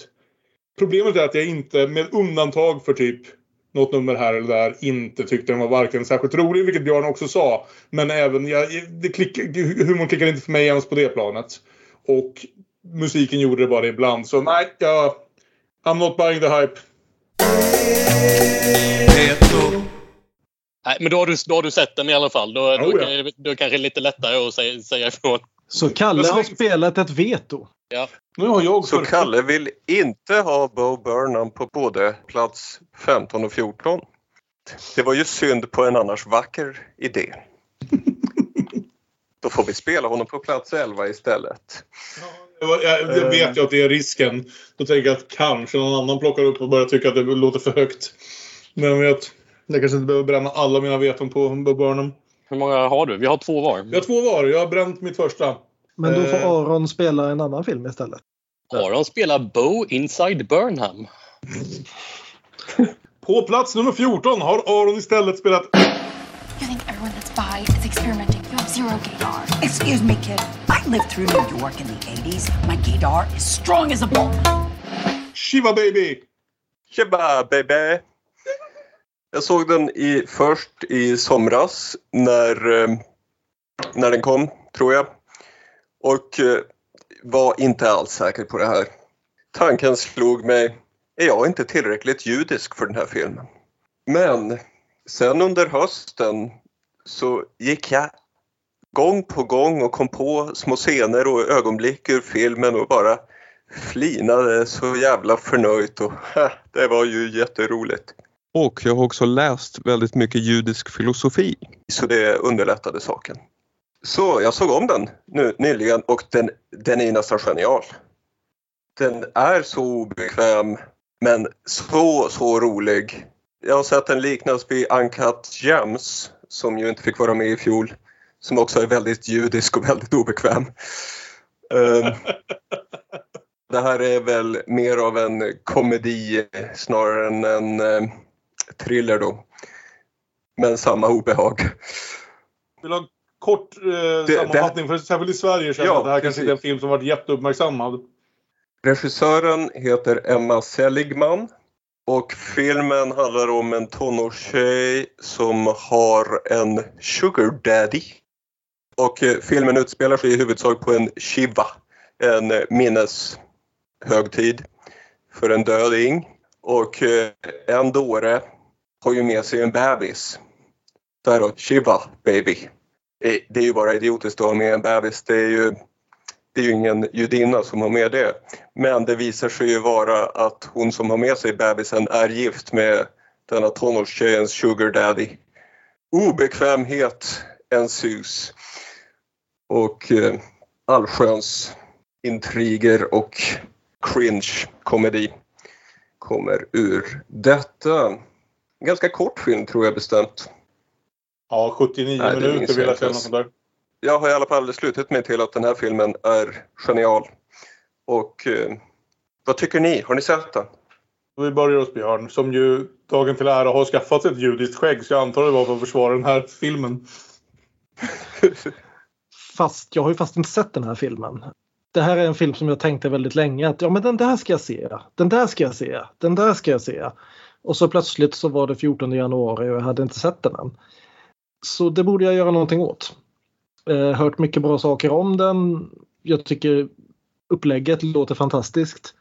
Den hör säkert hemma här och jag ser fram emot att se den. Den här har jag också glömt bort att se. Men jag blir ju intresserad när jag eh, läser om den. För det har jag gjort lite grann. Eh, och som en person som gärna knarkar filmer med, med religiöst tema och eh, gärna eh, queerfilmer också, vilket jag väl tror att detta är, även om inte jag vet inte om Aron sa någonting om det. Men, Det eh, finns, eh, finns sådana teman, absolut. Inte något huvudfokus skulle jag Nej, okej. jag, okay, jag eh, läste lite om det. Men. Eh, Så att jag, jag blir, det känns ju i och för sig roligare att ha den här på listan känner jag ju nu än, än den, än den för, förra Aron spelade. Så, så att det, det kan väl bara vara bra. Om, om inte Kalle som verkar ha sett filmen tycker någonting annat. Nej, det gör jag inte. Jag tycker det här känns betydligt roligare än Bo Burnhams Inside. Jag är ju fortfarande bara en tittning in, men, men den faller ju in i en typ av panisk vardagskomedi som jag älskar. Jag är ju en av de här människorna som tycker fortfarande att After Hours är en av Scorseses tre bästa filmer. För att när man hittar den här jävla paniken i ögonblicket och kan göra ibland nästan vardagliga om en lätt upphöjt vardagliga situationer till absolut panik och ingenting går rätt och man hittar rätt ton på det där så finner jag det så jävla fantastiskt energifyllt och drivande. Och alla är ju så bra i den här filmen. Det är en del skådespelare som man känner igen. Det är ju Fred Melamed som får vara med i alla de här filmerna. Även känd från den andra ju, Judar får panikfilmen A Serious Man. Så? Han får- han får- Den får andra på och, spe- Ja. och spegla någon slags liksom patriarkal men ändå vänlig judisk pappa i många av de här eh, liksom, sammanhangen. Och han är alldeles fantastisk. Eh, för mig är det en film som, och det här säger man inte ofta, gärna hade kunnat vara 20 minuter längre. Jag tänker att där filmen slutar så lämnar oss på en punkt där det bara är ännu mer panik och förvirring kvar. Som kommer komma. Ja. Så Shiva Baby 2. När jag pratade om den här filmen i början, den första titeln ställde frågan "Ä- är jag inte tillräckligt judisk för den här filmen? Så var den frågan tagen från min favoritkomiker Anthony Jeselnik som pratade just om A Serious Man. Som sa I'm not Jewish enough for that movie. Ja, nej, och som sagt, jag tyckte kanske inte att det var något mästerverk på första tittningen men det var definitivt en film som lämnade mer smak och som gjorde mig väldigt nyfiken på att se vad, vad mer som kan komma ur den här regissören och den här fantastiska huvudrollskådespelerskan vars namn jag ska kolla upp för hela filmen hänger ju på att hon kan hålla en lämplig nivå av paniskhet precis hela vägen igenom. Rachel Sennott och hon är ju liksom verkligen grundbulten till att det här ska fungera alls. Jag tror det här är en debutfilm och eh, jag tror hon har gjort en kortfilmsversion av det här tidigare. Som hennes andra credit på IMDB. Men jag tror det här är hennes första långfilm, Emma Seligman. Regissören då alltså. fantastiskt rolig, enormt stressig. Lämnade mig med en känsla av att vilja ha lite mer på slutet. Men hellre det än motsatsen. Så vad fan, absolut. Den ska vi ha. Olof, det är din tur på plats 13. Efter Är det min tur? Ja, Ska vi köra en summering av första tredjedelen? bra idé kanske? medan Olof letar kort.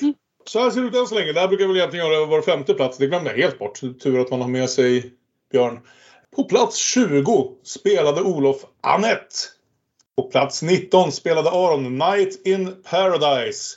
På plats 18 spelade Björn filmen som jag gett titeln här i alla fall. Kamrater! Utropstecken. Jag vet inte om det var ett utropstecken där, men säkert. Jo, det är ett utropstecken. Ja, jag tänkte väl det. På plats nummer 17 spelade jag The Green Knight och fick inte protester, vilket var snällt. På plats 16 spelade Björn Saint Maud. Och på plats 15 spelade jag Promising Young Woman. Och sen på plats 14 försökte Aron spela Bo Burnhams Inside. Men jag slängde ett veto på den jäkeln och då bytte han ut den mot en betydligt trevligare Shiva Baby. Och där är vi just nu. Jag och Björn har tre val kvar var. Och Olof och Aron har fyra val kvar. kvar.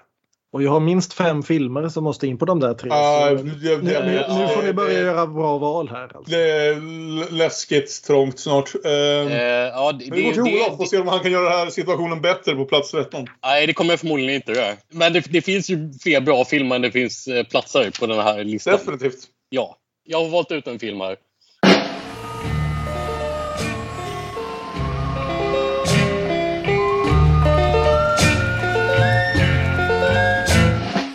Plats 13 spelar Olof något som heter Feathers och varje gång någon spelar en titel som jag inte ens känner igen så känner jag att jag krymper tillbaka i stolen. Men det ska bli spännande. Det här är väl Heathers 2 va? Jag är inte så säker på det, men det, det är en intressant eh, läsning av filmen. Eh, nej, det, det här är en egyptisk svart komedi om män som beter sig som höns och om att krossa patriarkatet. Typ så. Eh, jag ser det väl som en komedi i alla fall, för den är väldigt rolig även om det är, eh, det är ganska mörk humor. Skrattet fastnar ofta i halsen. Det är en familjefar som behandlar sin fru som, som en tjänarinna mer eller mindre. Bestämmer exakt vad hon ska göra, vad hon ska laga till mat. Eh, men skämmer bort sina söner väldigt mycket trots fattiga förhållanden. Och när en av sönerna fyller år så slår pappa på stort och bjuder in en trollkarl som med ett av sina trick förvandlar pappan till en höna. Och kan sen inte trolla fram pappan igen. Det blir ett stort problem. Eh, Jag har en pixibok med den här handlingen. Så mamman är nu ensam med tre barn tror jag och en extremt bortskämd höna som plötsligt har blivit dubbelt krävande jämfört med när han bara var en jobbig snubbe. Eh, och kvinnan slösar då bort sina, alla sina pengar på veterinärer, homeopater, häxdoktorer för att inte tala om dyrt hönsfoder och värmelampor. Men inget hjälper. Hon försöker skaffa jobb men då tvingas gång på gång banka huvudet i väggen eh, eller riskera att utsätta sig för sexuella övergrepp av män som bara vill hjälpa till. Diskbänksrealism på något sätt då om en fattig familj som bara försöker kämpa och klara sig i ett samhälle som är emot dem. Parat med någon typ av magisk realism eller vad man nu ska kalla det. Men att det här komiska som är genomgående är väldigt mycket stoneface, väldigt mycket, det är en väldigt absurd film. Det är nog inte en film som har fått så mycket uppmärksamhet än så länge men jag vill gärna rikta lite ljus på den. Jag tyckte eh, väldigt mycket om den här filmen. Och jag tror väl tyvärr kanske att det finns en stor risk att ingen av er har sett den. Men, eh, och eh, kanske känner ni att ni vill rösta emot den bara för det. Men eh, jag, jag vill ändå ta upp den. Jag tror det här börjar hos mig och jag känner nog ingen lust att... Eh, någon slags princip om att om det är på mellan plats 11 till 20 röstar jag inte emot filmer som jag inte har sett om jag, de inte låter helt fullständigt inte alls min grej. Och det här låter ju jävligt intressant. Det är det här jag älskar med dig Olof. Som sagt, jag har fan sett över 80 filmer från det här året. Och du lyckas ändå spela film på film som jag inte har sett. Och som låter intressant. Jag kan inte protestera på det här på, på det viset som du berättar om den. Utan jag är snarare väldigt nyfiken på att se, att se hur, den, hur den ser ut. Samtidigt som jag blickar mot min egen hög med filmer. Tänker på framförallt en film som jag hoppas att du spelar åt mig så att jag slipper själv. Och eh, känner att platserna börjar bli knappa. Men, men nej. Jo, jag, är, jag är medveten om det. Men, ehm, Ja, jag tänker inte, nej, men det här är inte så här tidigt tänker jag inte slänga veto på något jag inte sett. Eh, jag gjorde det på hundbyxorna förra året och fick gott resultat, men det var på plats åtta. Ja, vi går till Aron då. Ja, det låter ju jättespännande. Jag ser fram emot att se den. Har inga invändningar, men här är inget att komma med. nej, det är, väl det, det är väl det som är risken med att spela en så här lite, lite udda grej kanske. Ja, jag har heller inte så mycket att säga om den här. Jag har aldrig hört talas om den. Den låter väldigt bra. Går den att se någonstans? Olof? Ja, det är ju fan det som är eh, frågan. Jag hoppas det så att ni kan få se den. Om den inte finns just nu kanske den dyker upp någon gång under året i alla fall. Men, men alltså den, den har haft lite festivalvisningar och så. Den har funnits på, så här, på olika sätt. Tid, den har funnits eh, och streama åtminstone tidsbegränsat på vissa ställen. Jag jag tror att draken hade den någon liksom begränsad tid eller något i den stilen. Så att den kan finnas och, och hitta, ja. Men eh, det kanske inte är helt enkelt. Men då går vi vidare till plats 12 där det ju blev jag igen på något sätt för att jag aldrig får välja mina egna platser.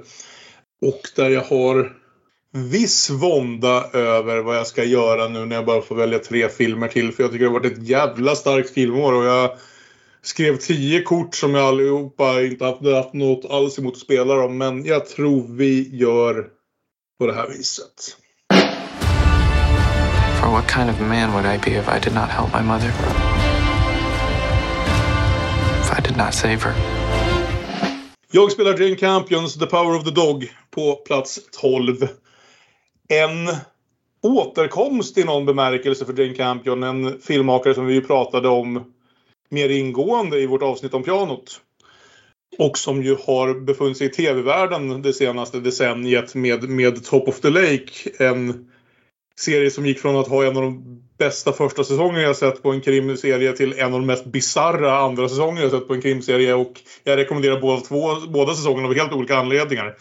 Men här har hon någonstans tillbaka, jag ska inte säga i mer bekanta miljöer, men hon gör återigen en snygg tidsskildring och en snygg karaktärsstudie på samma gång. Och framför allt gör hon en film som under hela den första timmen, för vi ska säga det här att The Power of the Dog är en westernfilm som utspelar sig i den absoluta slutändan av western. Det är 1925.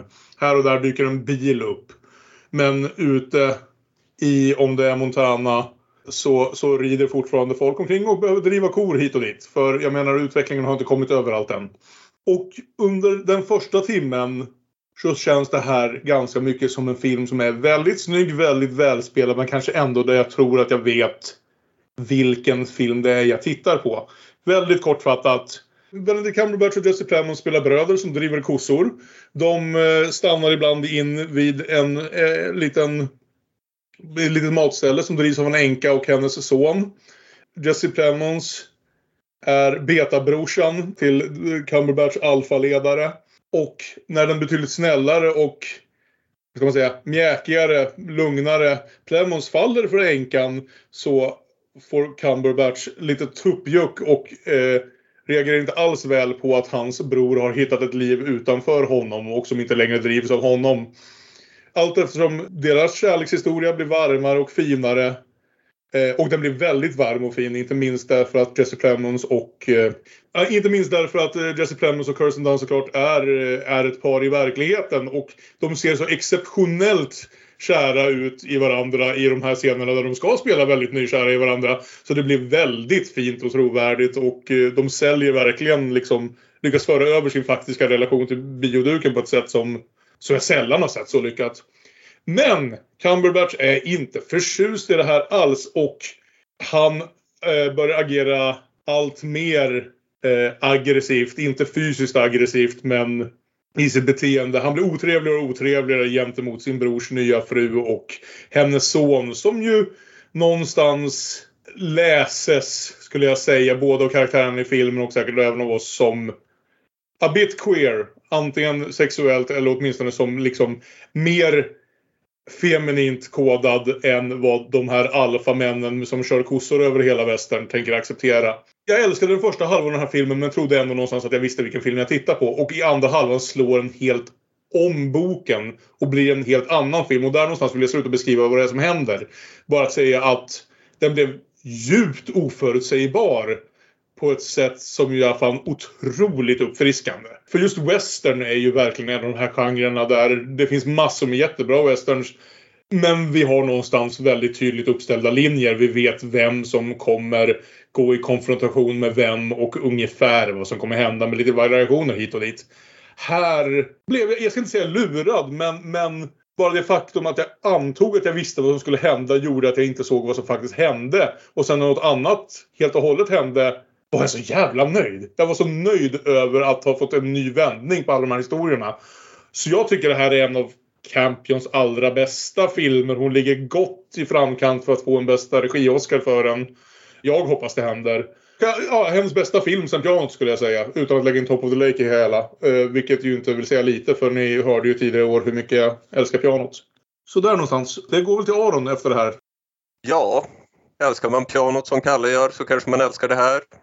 Tycker man att pianot är helt okej så tycker man nog det här är helt okej. En bra film. Kommer inte att vara på min topp 20. Men eh, jag tycker det är kul att Kalle är nöjd. Han är fin. Jag gillar Tack Kalle mer än filmen. Väldigt snällt. Nu får kö- viss skuld över inside-vetot. Men nej, det blev ju bättre på listan, det ser jag ju nu. Jag förbereder för plats 11. Jag förstår det. Björn då? Ja, så glad att du spelar den här Kalle. För det här var en av de filmerna som jag tänkte kommer, eh, kommer den att få plats på listan. Därför att den ska in på listan men det är en av många filmer som ska in på listan. Mm. Det är inte riktigt min favorit från i år. Jag har ett par som jag tycker trumfar den här. Men jag tycker det är en väldigt, väldigt solid film. Det är fantastiska insatser av våra fyra eh, huvudrollsinnehavare här. Dunst och eh, Cumberbatch och Plemons och Smith McPhee. Bara den här scenen, just den här scenen där filmen vänder. Den bokstavligen vänder. Det som händer är att en karaktär går tvärs över en gårdsplan. Så stannar han och så går han tillbaka. Och där vänder hela filmen. I den scenen. Och det är så jävla snyggt gjort. Ah, Ja, som sagt, det är bekanta marker för eh, Campion det här. Inte bara för att det är en av de större bristerna, att den är väldigt uppenbart inspelad i Nya Zeeland. eh, Montana och Nya Zeeland ser inte alls likadana ut. Men vi, vi, vi får köpa det som en... Jag menar, köpte vi att eh, Spanien kan föreställa eh, vilda västern så kan, kan vi köpa att Nya Zeeland kan göra det också. Och just det här sättet som hon liksom använder det här Jane Campion långsamma nästan kontemplativa tempot till att nästan kommunicera en otålighet. Det, det, är liksom, det är inte bara tittaren som förväntar sig pang-pang som blir otålig utan hela filmen är det liksom. Men herregud, ska vi inte släppa det här gamla skiten nu snart? Ska vi inte gå vidare? Har vi inte en ny värld att bygga istället? Mm. På både gott och ont. Den har sina brister men det är ett så jävla bra karaktärsdrama med ett så fantastiskt slut. Ah. Så, eh, ja. Det är någonstans, det är inte ett glatt slut, men jag stod upp och jublade för att hon hade fått mig dit. Jag bokstavligt talat reste mig ur soffan och typ skrek någonting när slutet hände. För att jag så länge trodde mig veta vart filmen var på väg och när den hade helt andra tankar om det än vad jag hade. Så kände jag mig så jävla nöjd. Det är så skönt att inte liksom vara smartare än filmen man tittar på ibland. Olof? Är detta en reboot på pianot? Vill jag bara fråga er. Eh, Det, det satt jag och tänkte väldigt mycket. Det känns som pianot 2. Alltså, Det är ju, det är ju det är återigen det är två män, en kvinna och ett barn i någon bemärkelse. Absolut, visst. I Och någon ett form piano. Av, och ett piano. Exakt. Och, och någon form av ett triangel eller kvadratiskt drama beroende på vad man vill se. Visst. Men, men kopplingarna de olika karaktärerna emellan är ju definitivt lite annorlunda. Pia, pianot för den, för, för, så mycket som jag älskar den, är ju en film som går dit. Jag tror att den ska gå ganska många gånger. Det gör den ju kanske, men kanske ändå att jag gillar pianot bättre än, än jag gillar Power of the Det är Dog. mycket, det är mycket möjligt att jag gör också. Men, Men, men eh, det, det hade varit intressant att diskutera Power of the Dog mycket mer egentligen tror jag. För, för att eh, det finns vissa saker med Power of the Dog som gör mig lite osäker i magen på vad filmen håller på med. Vad den egentligen vill säga om manlighet och sådär. Eh, ibland känns det som att den vill säga att eh, det är omanligt att vara bög men det är ganska manligt att döda för ära. Nej. Jag köper inte det som något film försöker säga. Nej. Men om det Nej, var du, vad du läste så. Det, jag tycker den presenterar de tankarna. Sen, tror jag, sen Ja, tycker jag inte, sen tycker det jag inte den, den håller med. Ut, utan snarare så är det ju Nej. liksom en, en film om hur, hur inbundet det blir. Ja. Det, det handlar ju om äldre karaktärer som har låst in sig i en roll de egentligen inte hör hemma i. Som de e- egentligen inte är naturliga för dem. Bara det här, för att släppa en liten, liten detalj som inte är så spoilerig.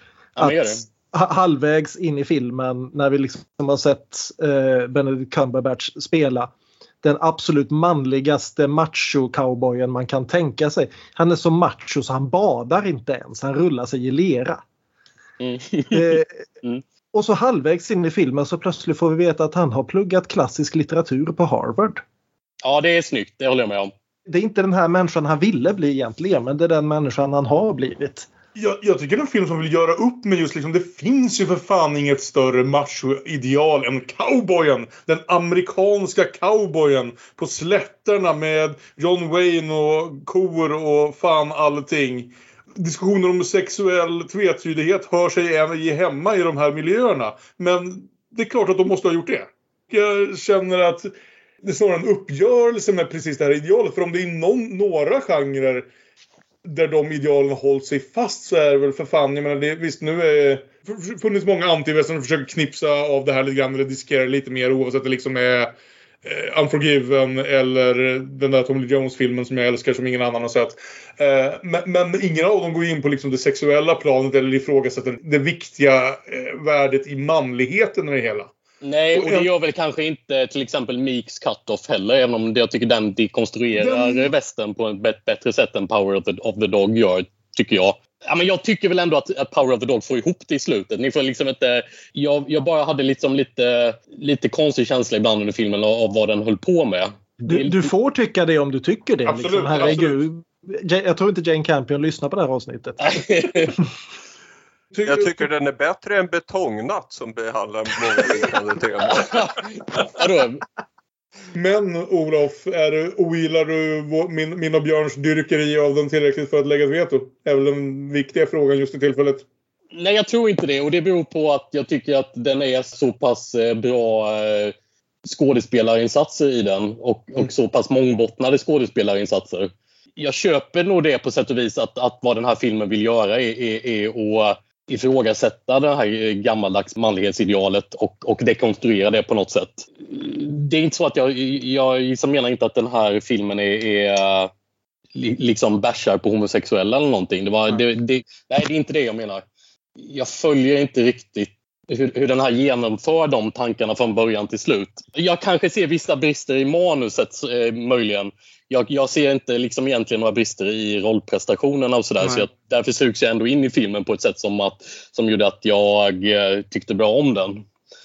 Jag var inne på några liknande tankar som du och det jag tror jag har kommit fram till det är helt enkelt att det är frågan om huruvida man har medlidande med karaktärerna eller ej. Absolut. Eh, och jag tycker filmen har medlidande med karaktärerna, även de som jag, eh, visar sig vara alldeles för fasta. Mm. Medan det inte nödvändigtvis innebär att de andra karaktärerna har det. Nej, men det är, nog, det är nog en bra skillnad. För det, är liksom, det fattas vissa beslut som man kan förstå utifrån den karaktären utan att för den saken skulle tycka att det var det enda rätta.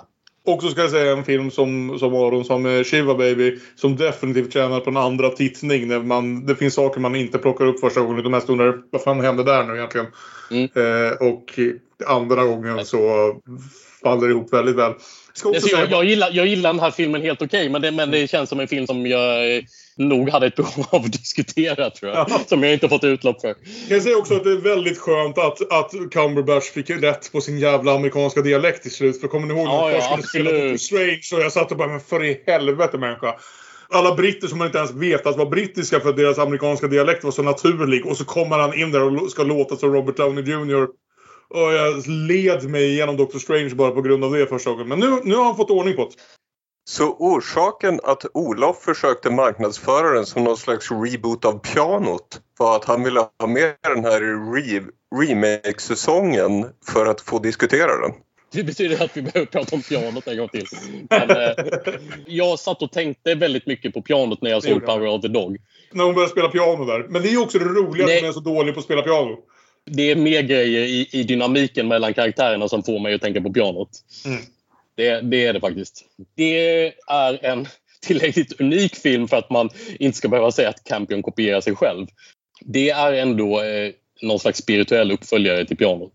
Så Det är vi gjorde ju det faktiskt en hel regissör. säsong om Ingmar Bergman som gjorde samma film 45 gånger. Så Ja, ja det, får, det får man gärna göra. Men, men då får man tåla att det påpekas i en podd som ingen lyssnar på. Jävligt sant. Eh, Men, men absolut att den här kan få vara med på listan. Jag, jag ville bara få prata lite. Ja, men det var väl jättebra. Jag tyckte det är en av de filmer jag också längtat mest efter att få prata om utan att vilja avslöja vad jag tänkte göra.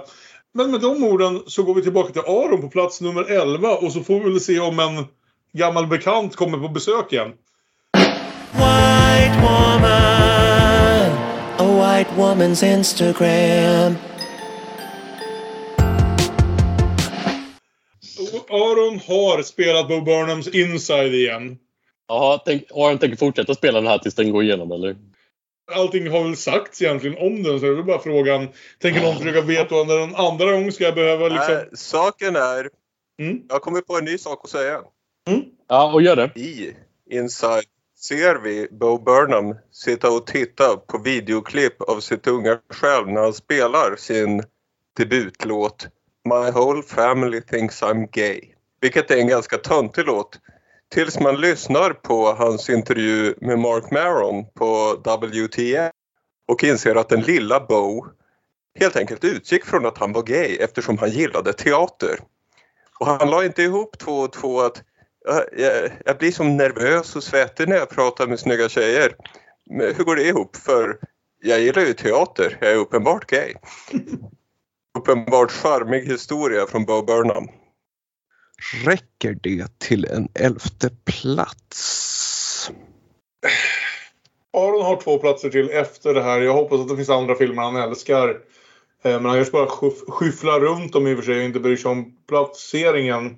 Men det landar inte hos mig först, det landar hos Björn först.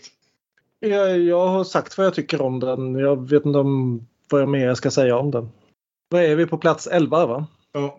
Eh, hade den hamnat på övre halvan så hade jag nog vetat bort den men nej. Som sagt, jag tycker den är bra. Olof? Jag vet ju fortfarande inte vad jag tycker om den här filmen så att eh, jag kan väl låta den vara. Ja, men det var Björn lovat att veta var bort den på när den kommer på övre halvan av listan. Så. Kalle slänger sitt andra okej. veto. ja, och jag, hade, jag kommer nog också vara mer skeptisk till om en film jag inte vet någonting om kanske kommer på övre halvan. Men eh, Sorry, men då är jag utan mina veton ska vi säga. Ingen annan har använt Det ett kan veto. Jag har använt veton båda mina veton. Så det kommer ju påverka spelet härifrån. Eh, jag får leva med vad fan jag än gör nu. Men det känns nästan lite skönt att ha det. Ja, det är ett stort axlar. ansvar att sitta med veton. Särskilt eftersom Björn sa rätt ut i etern att och är den på övre halvan av listan kommer han att veta vad den så... Oh, not my problem any longer. Jag gjorde det jag kunde. Aron, du är tillbaka till dig igen och ytterligare en ny film.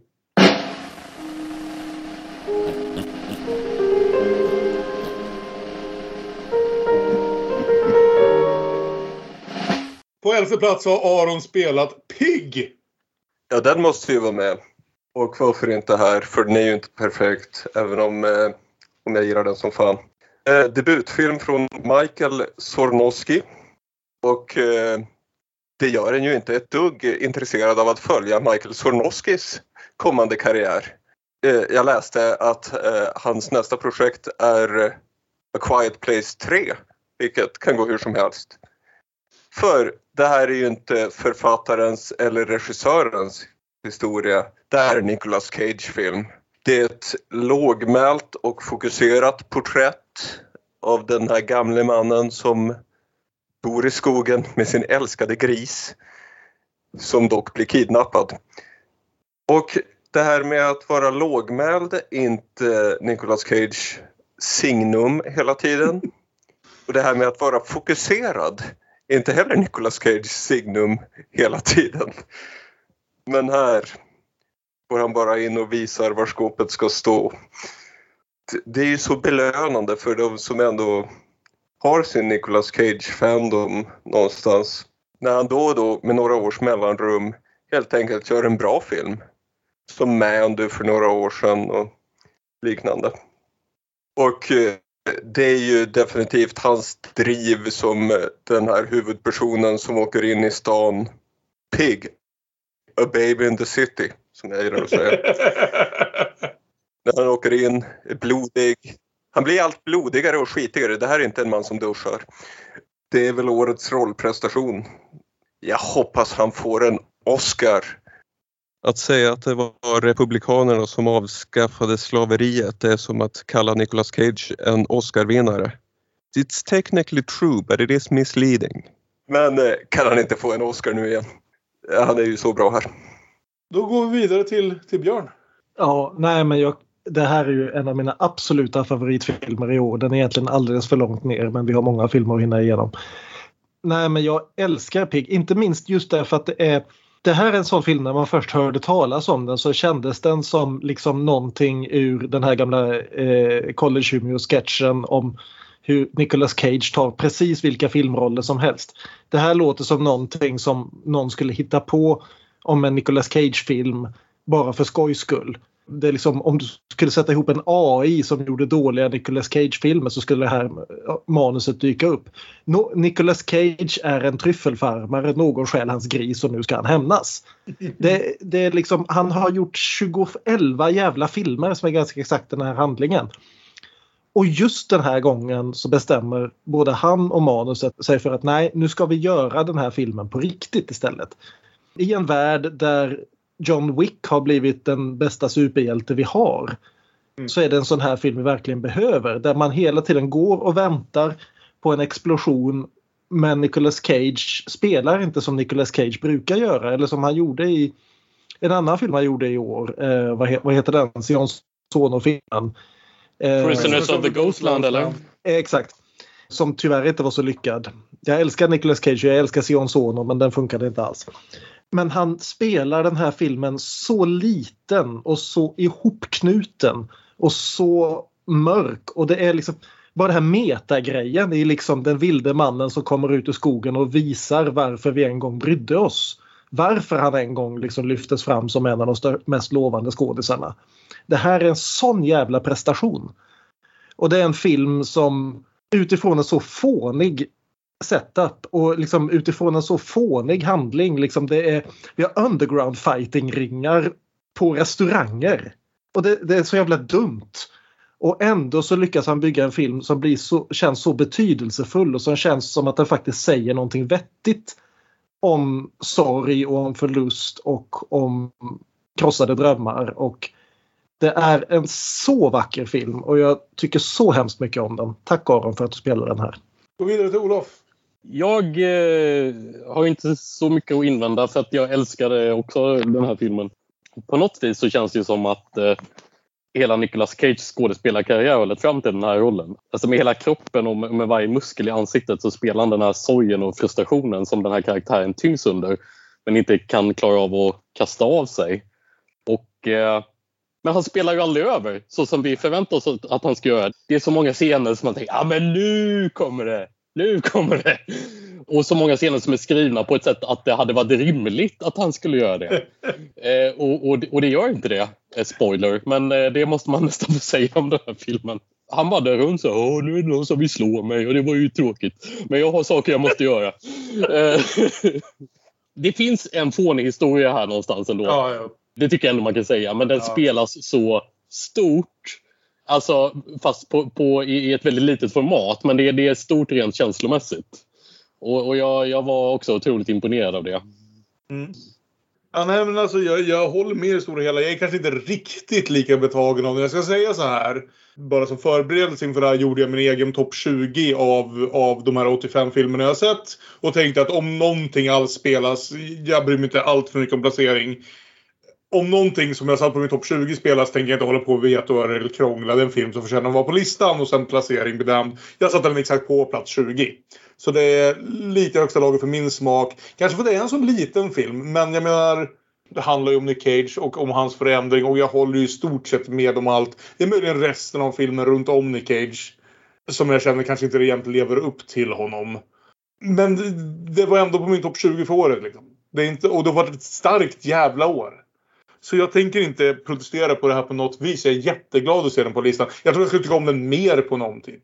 Och återigen, precis som Power of the Dog, snacka om en film där du tror att du vet precis vilken film du tittar på i första halvan. Bara för att få reda på vilken film, att det inte alls var den filmen du tittar på i andra halvan. Att vi nu har kommit så långt in i liksom filmtroper och klyschor och, och mall ett av manus att det har blivit ett extremt effektivt sätt att göra film tycker jag bådar så gott. Jag tror det finns så mycket mer vi skulle kunna göra sånt här med. Fan, den tredje filmen. För The Green Knight tänker vi ska bli ett Arthur-epos med den stora riddaren mot den gröna, mot det gröna monstret och som inte heller går alls den vägen. Så jag tror det här är vad vi har som årets tema där vi klipper knäna av machoidealen. Men gör det på ett sätt som visar att de också var människor inuti machoidealen. Så jag älskar, jag älskar Pig. Det är en superb jävla film som jag tror jag skulle tycka om ännu mer på en omtitt. Och Nick Cage är så... Alltså, Nick Cage är... Ah, herrejävlar. Jag vill också ha en Oscar för Nick Cage. Mm. Jag tror inte det kommer hända. Så jag hoppas på Cumberbatch istället. Den, ja, jag har inga veton men jag skulle aldrig hela mitt liv vetoa den ändå. Den enda missen här är ju att egentligen skulle jag fått spela den här. Så, så att den hade hamnat på plats neuf. Aha. Oh. Nu har vi faktiskt avklarat den första halvan av listan. Vi har bestämt plats 11 genom 20. Eh, så vi tar en liten paus efter att jag har läst upp vad vi har spelat hittills och återkommer Yes. med topp 10. På plats 20 spelade Olof Anett. På plats 19 spelade Aron Night in Paradise. På plats 18 spelade Björn Kamrater. På plats 17 spelade jag, Kalle, The Green Knight. På plats 16 spelade Björn Saint Maud. På plats 15 spelade jag igen, eh, Promising Young Woman. På plats 14 försökte Aron spela Bo Burnham Inside. Jag vet då det bort den. Så han fick spela Shiva Baby istället. På plats 13 spelade Olof Feathers. På plats 12 spelade jag The Power of the Dog. På plats 11 försökte Aron igen spela Bo Burnhams Inside. Jag vet hon hade igen. Och Aron spelade istället Pig. Och där ligger vi nu. Det är plats 20 till 11 och vi har plats 1 till 10 kvar att bestämma när vi återkommer.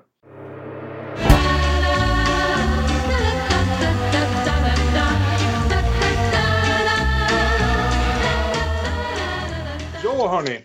Då är vi halvvägs genom det här. Det är dags för topp 10.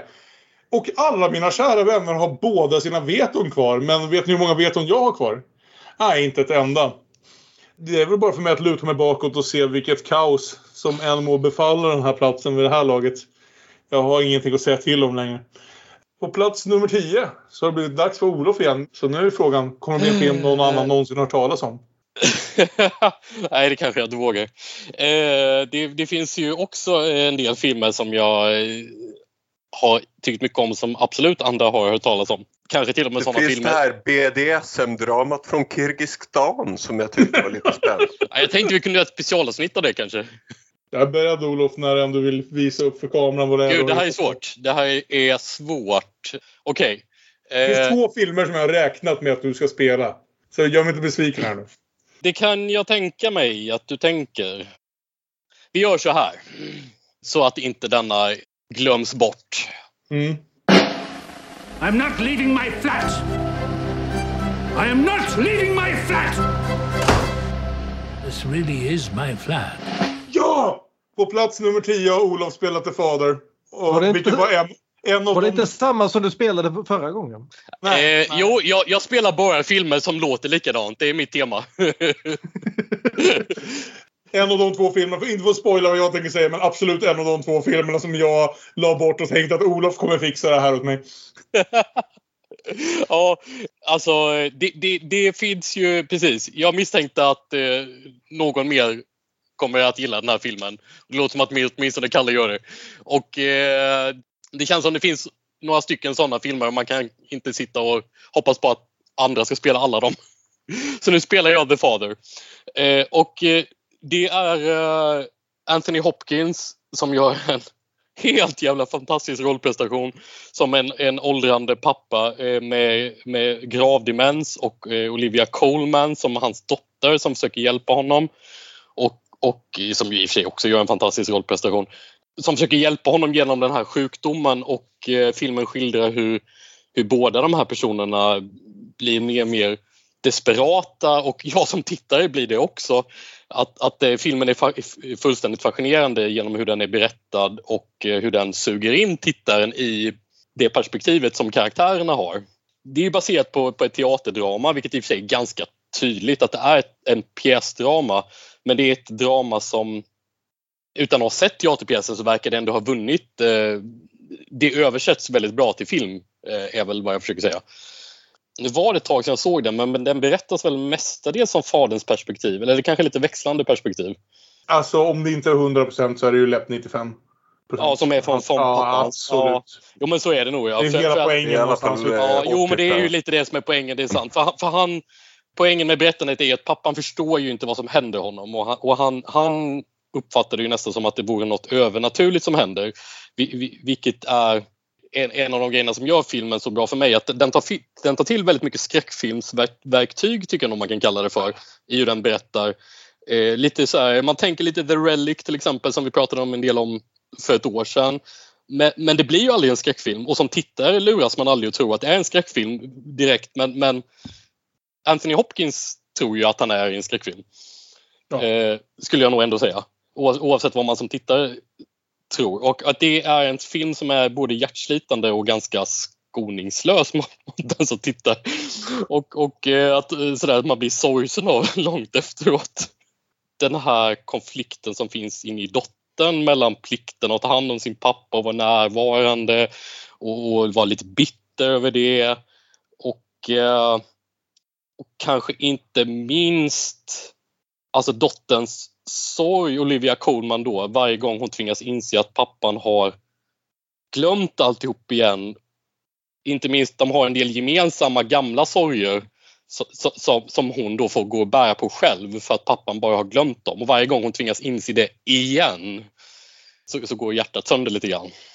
Eh, den här filmen behöver vara med på, på det här årets lista helt enkelt. Ja, nej, det går väl över till mig här och ja, nej, det, jag ekoar allt som, som Olof säger. Det är en fullkomligt krossande jävla film. För, för när man läser om filmen så låter det så fruktansvärt deprimerande på ett sätt. Liksom för alla som redan har överlevt Amore till exempel. Att, att behöva se liksom någon, en gammal gubbe, dessutom spelad med skådespelare som många av oss älskar ganska djupt liksom försvinna långsamt låter så lätt deprimerande. Så att, och dessutom liksom baserat på en pjäs. Så att när man inser hur dynamiskt filmad den är.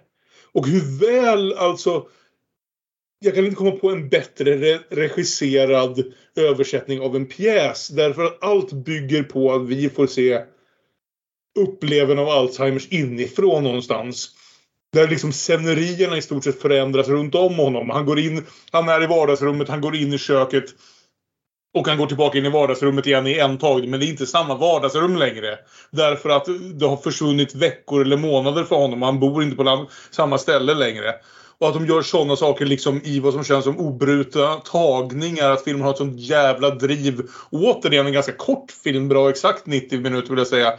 Så att eh, om man tänker liksom filmer om gamla människor som dör är ju ofta väldigt bra men sällan kanske spännande. Men den här filmen bygger liksom upp ett sånt jävla obehag och en sån spänning av att vi är med Anthony Hopkins inuti den här sjukdomen och börjar tänka vad fan är det som händer? Det kan inte fungera på det här sättet. Varför upplever jag det här på det här sättet? Vart tog de där grejerna vägen? De var här alldeles nyss. Vem fan är den där personen? Det blir liksom det är en, det är en konspirationsthriller från hans perspektiv. Eller liksom Repulsion eller något annat som liksom är min go-to för, för filmer som liksom bor inne i någons psyke.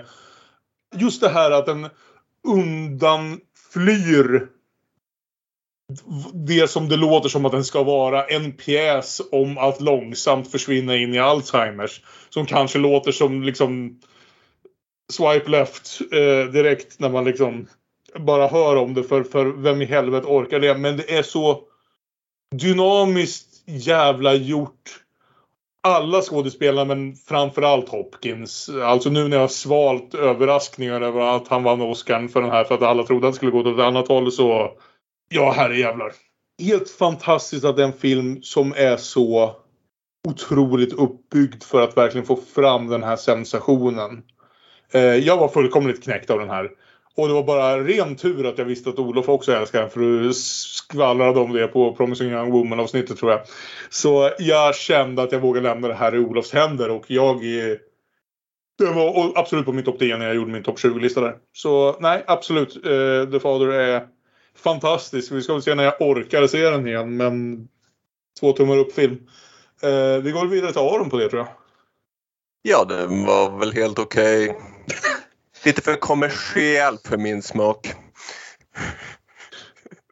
Men? Jag tycker bara inte lika mycket om den som alla andra, men jag förstår varför ni tycker om den. Tänker inte lägga veto. Inte så många, mycket. Olivia Williams. Ja, Olivia Williams, herregud. Däremot är. Olivia Colman lite överskattad.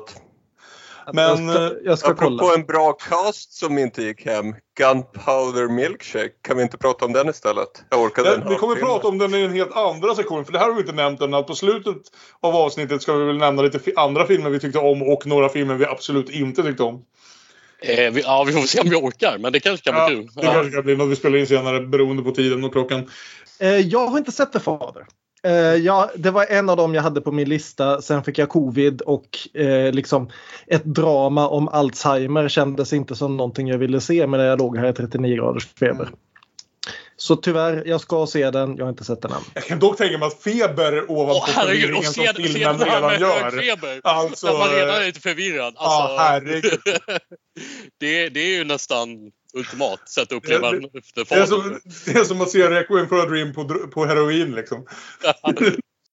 Men Relic kom nia i fjol och The Father tia i år. Så vi slutar oss till att Relic är den bättre filmen. Tydligen. Åtminstone har de ju visst släktskap, jag, eh, tycker Det jag. har de ju absolut. Vi är på plats nio. Vi har inte hört från kära vän Björn på jättelänge. När han har fått välja film i alla fall. Plats 16 senast med Saint Maud. Men vad har du nu kokat ihop på plats Ja. 9 Björn? Nu tänkte jag faktiskt göra en lite, vi snackade ju mycket om det här med liksom filmer som te teoretiskt sett kom 2020 men som ingen av oss fick en chans att se. Okej, okej.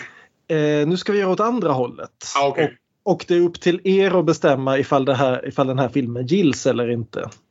För jag är inte helt säker på att den borde gillas men jag är så förtjust i den här filmen. Du har varit ute och fuskat på internet. Den har gått upp på diverse eh, festivaler, den har gått att se via okej. diverse festivalpass och så vidare. Ja, ja.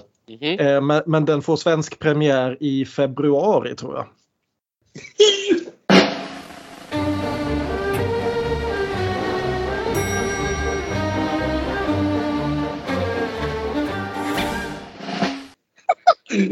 Bad luck banging! Or loony porn för Björn. Eh, jag tycker det känns som den har funnits ganska tillgänglig. Som sagt via festivalpass.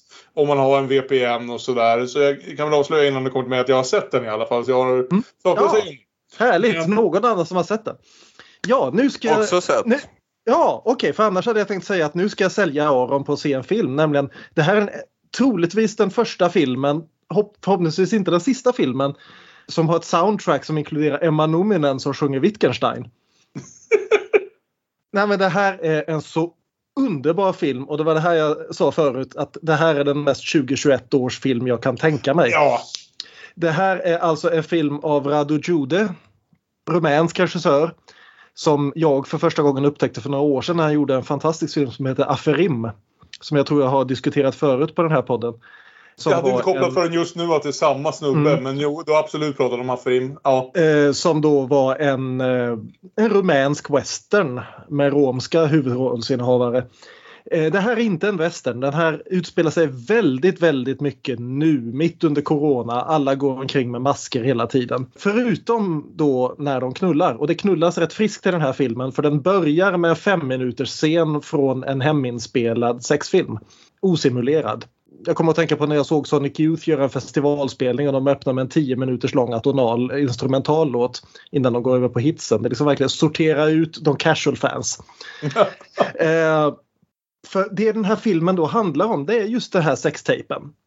Det är en lärarinna i sina bästa år, hon är väl i 40-årsåldern någonstans, i Bukarest som har råkat använda videokameran när hon och hennes man hade det trevligt hemma. Och på något vis läckte den här videon ut och hamnade på Pornhub och nu är hennes liv en, en evig kamp för att jaga sajt efter sajt efter sajt och få den här eh, filmen nedplockad. Och det går ju inte. Utan det som kommer att hända är ju naturligtvis att det här kommer att komma eh, alla föräldrar på skolan till vetenskap och nu kommer hon att bli tvungen att stå till svars för att hon har skandaliserat skolan på det här sättet. Det är handlingen.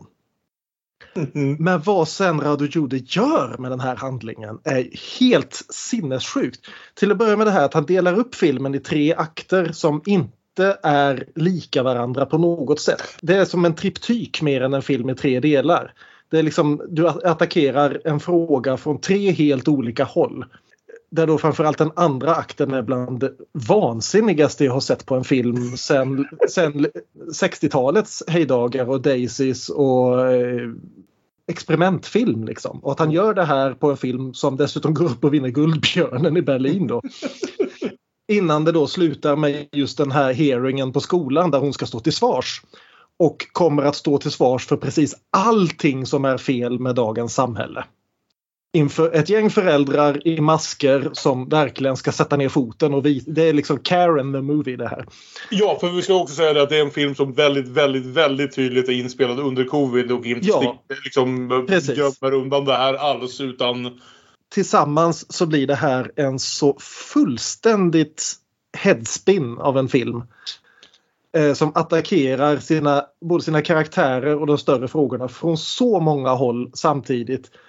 Nej, jag tycker det här är en så fantastisk film och jag blir så glad om den nu faktiskt får en riktig svensk biopremiär. Vi får se om det finns kvar några biografer i februari. Nej, men jag, jag, jag menar bara den här repliken ur filmen då översatt till engelska. Blowjob, the most looked up word in the online dictionary. The second word is empathy.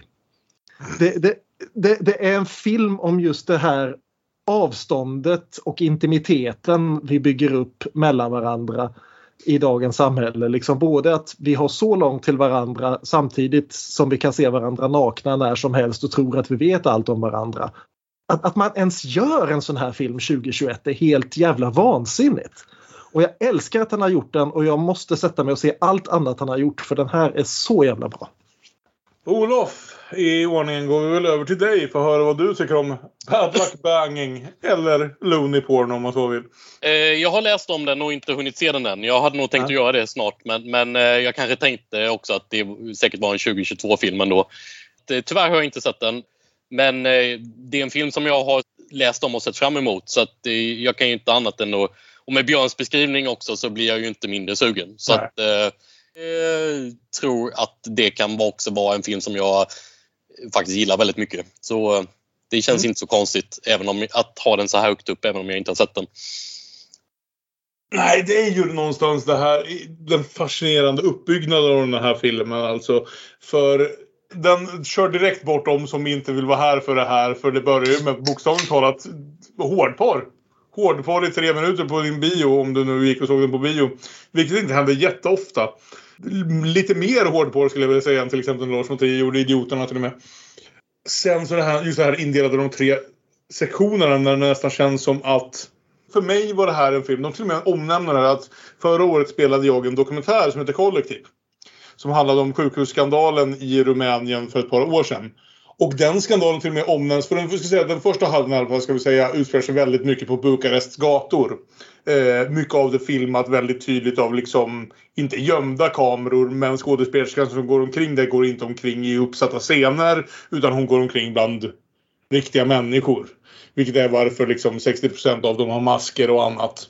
Och vi blir liksom, liksom, får fundera lite över vad av det här är verkligt, vad av det är stageat och annat. Och vid något tillfälle pratar folk bara liksom bakom henne i, ja det är inte ICA-kön men ni förstår principen, om fortfarande om eh, sjukhusskandalen. Den dyker upp här liksom bara för att det är något som folk i Rumänien fortfarande pratar om.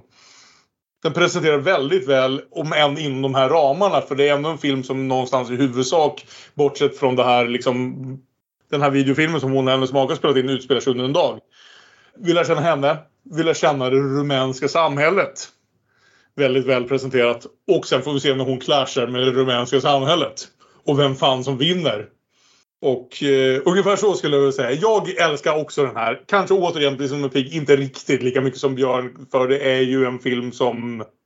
Jag ser all möjlig kritik man skulle kunna slänga på den som jag kanske inte riktigt skulle kunna försvara mig emot. Men jag har ju alltid hävdat mig någon, som någon som älskar när filmskapare tar ut svängarna. Och det finns fan med ingen film det här året som tar ut svängarna mer. Det kan jag inte påstå. Men vi får se om Aron håller med. Aron, håller du med?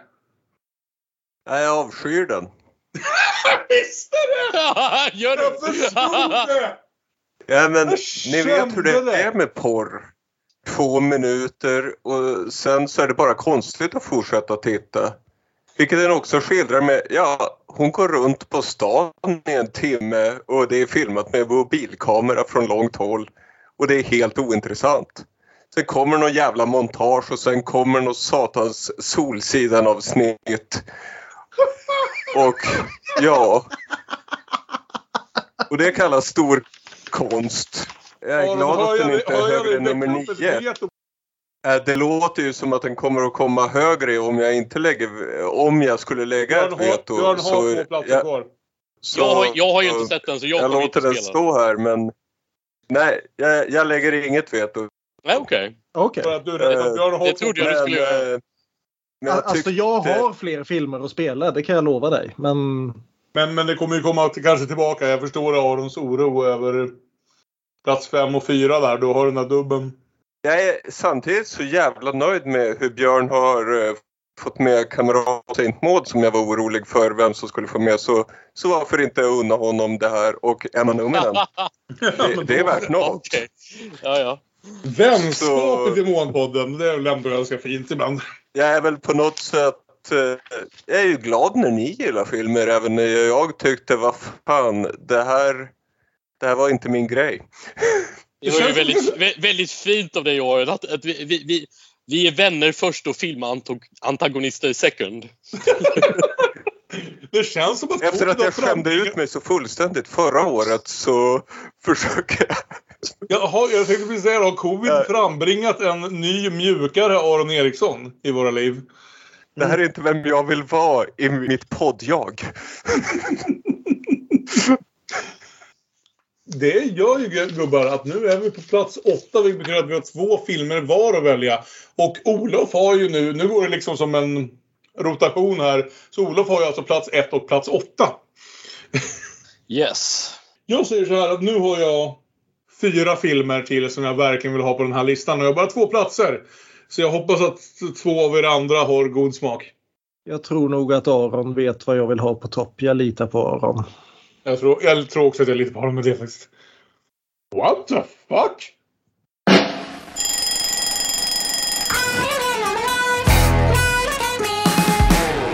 Hva har skjedd?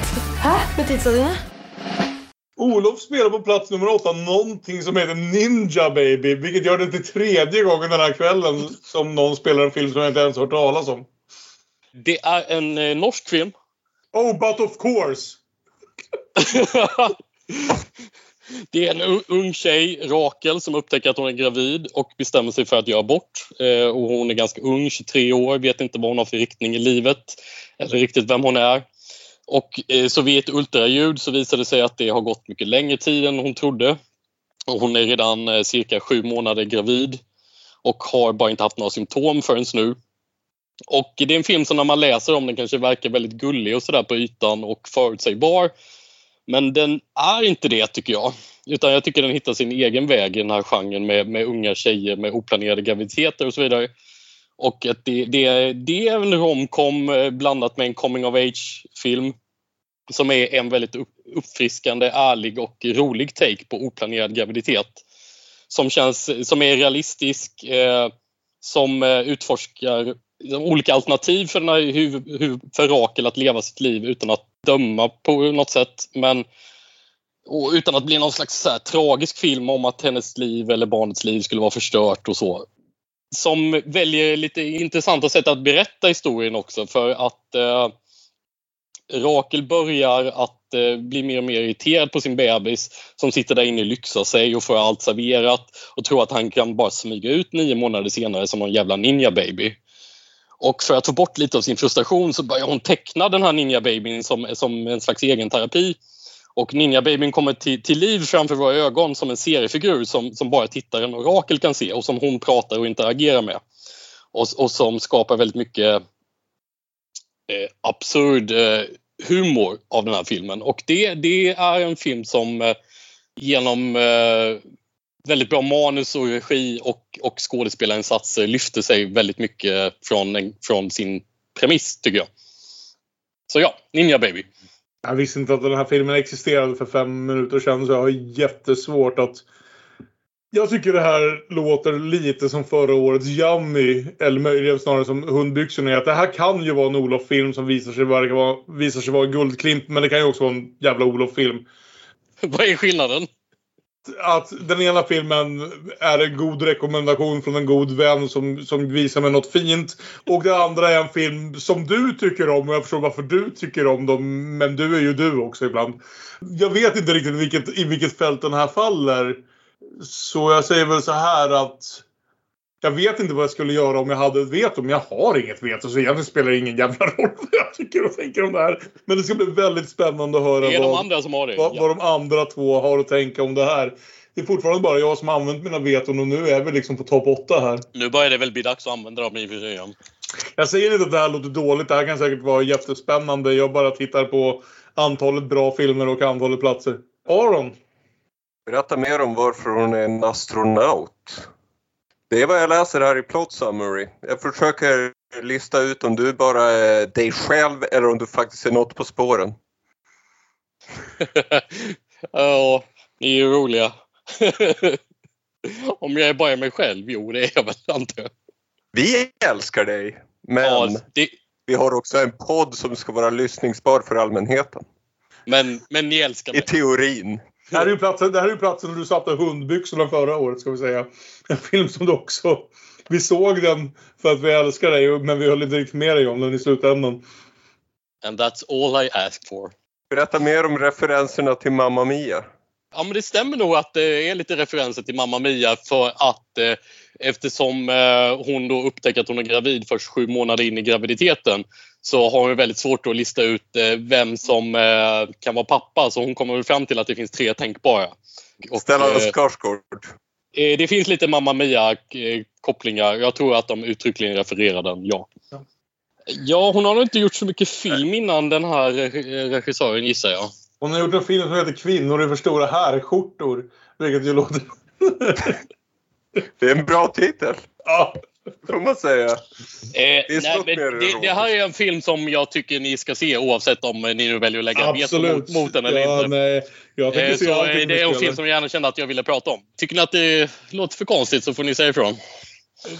Bollen ligger hos Aron. Jag har ingen boll att kvar att slänga. Nej men det här med graviditet på film är ju någonting som gjorts fel många gånger och eh, jag tänker att eh, du som nyss varit gravid vet lite hur det funkar. Mm. Jag låter det gå igenom. Björn? Jag har heller aldrig hört talas om den här men jag tänker jag satt precis och funderade på om någon skulle spela Plan B. Och Ja. det här känns väl som ett roligare alternativ till den. Inte för, att jag, inte för att Plan B var en dålig film men det här känns som ett lite mer spännande. Och, och dessutom den enda norska film jag har sett i år är Tommy Wirkolas I onde dagar. Okej, det var bra Eh, och den här låter som att den var bättre än den. Så den kan väl få stå då för det, det, det låter som en film som jag ser fram emot att se. Mm. Det låter, det låter som någonting som faktiskt är roligt att se. Så ja, Olof, i år fick du igenom ditt konstiga nordiska val på plats 8. Ja, det, det var lite oväntat. Men... tänker på att jag, jag kommer att behöva två veton när Aron ska välja sina toppar. Ja, ja. Det var ju jag som vet och hade hundbyxorna sist. Men hade ju Aron redan retat upp mig nog att jag spenderat alla mina veton här. Så det är ju ni andra. Vi sitter ju här med filmer och sex veton. Så risken att, att det blir krig i toppen precis som förra året är ju... Ja, den är ju ganska uppenbar. Ja. Det känns nästan skönt att på något sätt ha avlossat mina skott och bara få sitta och titta på och se vad som fan som händer. Faktiskt. Det, borde, det kanske var en bra taktik. Är det här din summering av att ha två ninja babies? Tror, vem vinner av en Ninja Baby och en Shiva Baby? Jag antar att vi... Ja, det är Ja. kanske är det som är säsong fyra. Filmer som på titeln låter som de har något med varandra att göra. Att bara ta två filmtitlar och tänka vem vinner. Japp! Testa kom- slå ett slag för mannen igen då. Du skojar. 20,000 years of this, seven more to go. Plats sju har Aron spelat eh, Bo Burnhams Inside igen och eh, Björn har ett väldigt vackert stilat veto. Veto. Som han lägger in direkt så behöver vi inte snacka mer om den saken just nu. Jag, jag gillar Inside men så här högt upp ska den inte vara. Du får ge dig nu. Kalle skulle inte ha vetoat den där nere men nu gjorde han det och nu får du helt enkelt finna dig i att Den kommer inte med på listan. Att Kalle krossar mina drömmar i år igen. Ja, Vad fan gjorde jag? Det, nu måste jag kolla vad du pratar om. Men vad gjorde jag? Hunter, Hunter! Ehm, Var det jag? ja. Ja, det var det kanske. Ja, jag, vill, jag, jag vill bara påpeka att det finns ingen film från förra året vi har pratat så mycket om som Hunter x Hunter. som, som vi inte har gjort ett avsnitt om. Så att Nej, jag tror men att Aron ändå fick någon slags revansch där. Vid det här laget är det lite grann som det där. hur- Det, det vore så poänglöst att ge Nobelpriset till Salman Rushdie liksom. Därför att alla har diskuterat att han borde ha det. Aron, är du redo igen? Ja! Nu kör vi! Jag sitter här med no internet connection.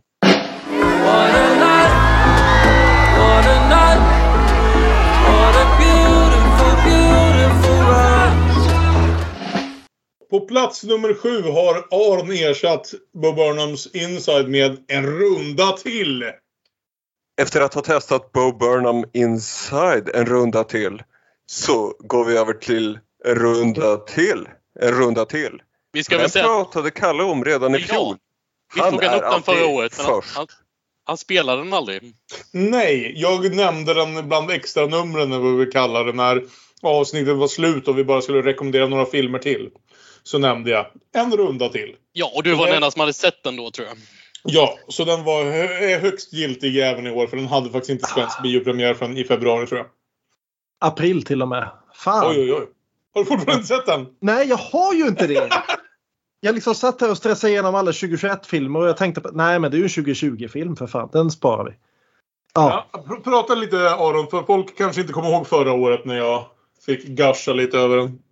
Thomas Winterbergs dramakomedi En runda till utforskar livsstilen där man har lite alkoholhalt och därmed är lite gladare hela tiden.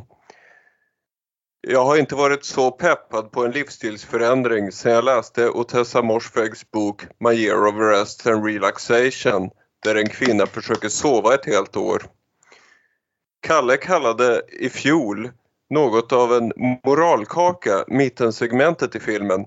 Detta är i själva verket högklassig igenkänningshumor av fenomenet Problemet med att dricka två öl är att man vill dricka tio till. Jag tyckte det var genomgående gripande, roligt och hjärtligt. Heja Danmark! Oscarn var välförtjänt. Björn, har du något att säga om en runda till? Nej, dumt nog har jag faktiskt inte sett den. Så var det, ja. Eh, Det jag har att säga om den är väl att Mats Mikkelsen som är full, det, jag vet inte om det är så stor skillnad egentligen. Det, det känns som att eh, ett gäng danskar som spelar fulla, jag har svårt att se hur det kan vara någon större liksom, livsomvälvande upplevelse. Men det kanske det är. Vi får se. När jag ser den. Vilket jag väl måste göra förr eller senare. Mm. Olof? Alltså att, att, att se Mads Mikkelsens full är väl absolut en upplevelse. Eh, det, det är väl en del av eh, njutningen och jag tycker det, han gör det ganska bra. Men alltså framförallt att det är en det är en otrolig studie i den skandinaviska och inte minst danska relationen till alkohol. Och, eh, men, men också i, i vänskap och kanske framförallt manlig vänskap. Och visst, den är lite macho kanske men den trycker inte jättemycket på det. Eh, utan det är väldigt lagom tycker jag. Och den eh, snarare kanske i så fall att, att eh, den, den eh, problematiserar mansrollen lite grann och vilken roll som alkohol i många fall kan spela i sådana relationer. Den handlar ju väldigt mycket om alkohol men kanske just lite särskilt i, i, i rollen mellan män tänker jag mig. Mm. Att det är en film som, som eh, får ihop att skildra det här som Homer Simpson uttryckte väldigt bra. To alcohol, the cause of and solution to all of life's problems. Manuset är typ baserat på, på, på, den, på den repliken. Så att... Eh, Skål för det. Skål. Men det skönmålar ju inte heller, vilket så- är så skönt. Utan, utan när- folk börjar dricka för mycket så blir, går det ju åt helvete. Det, det är en, en ganska glad film med ganska mycket livsglädje men den har sin svarta där det behövs. Mm. Jag, jag tycker också att det är en av årets bästa filmer. Ja, nej, jag, jag la den här ju på min topp 10 men utanför de fem jag själv fick välja precis förra året. Den här gången föll, det är starkare filmår i år så den föll strax utanför min topp 10 nu. När jag försökte göra om det på giltiga filmer. Men Den är typ ändå på plats 11 eller 12 så jag menar det är en jättestark film. Det är, det, det, är säkert, det är säkert fel på mig och inte på filmen för den där lilla biten på mitten där jag inte riktigt hänger med den. Nu försöker jag minnas vilken film det var de pratade om när han pratade om det starkaste slutet eller starkaste sekunderna i film. Eh, Saint Maud var nog det. Samma sak här. Eh, Ett av årtiondets starkaste slutscener. Utan tvekan. Oförglömligt jävla sätt att, att avsluta en film. Ja, den är, det är vansinnigt bra slut. Eh, Så- Och, och eh, det, det, är både Ja. självklart och oväntat på samma gång. Jag tycker det är en 90% fantastisk film. Och då kan jag släppa de där 10% som jag inte är lika förtjust i som ni är. Så nej, absolut. Vi kör. Druck vill jag dock säga är bara en roligare titel än en runda till. Ja, det är det faktiskt. Helt sant. Yes! Vi går vidare och det är, gode gud, det är ju jag på plats nummer sex.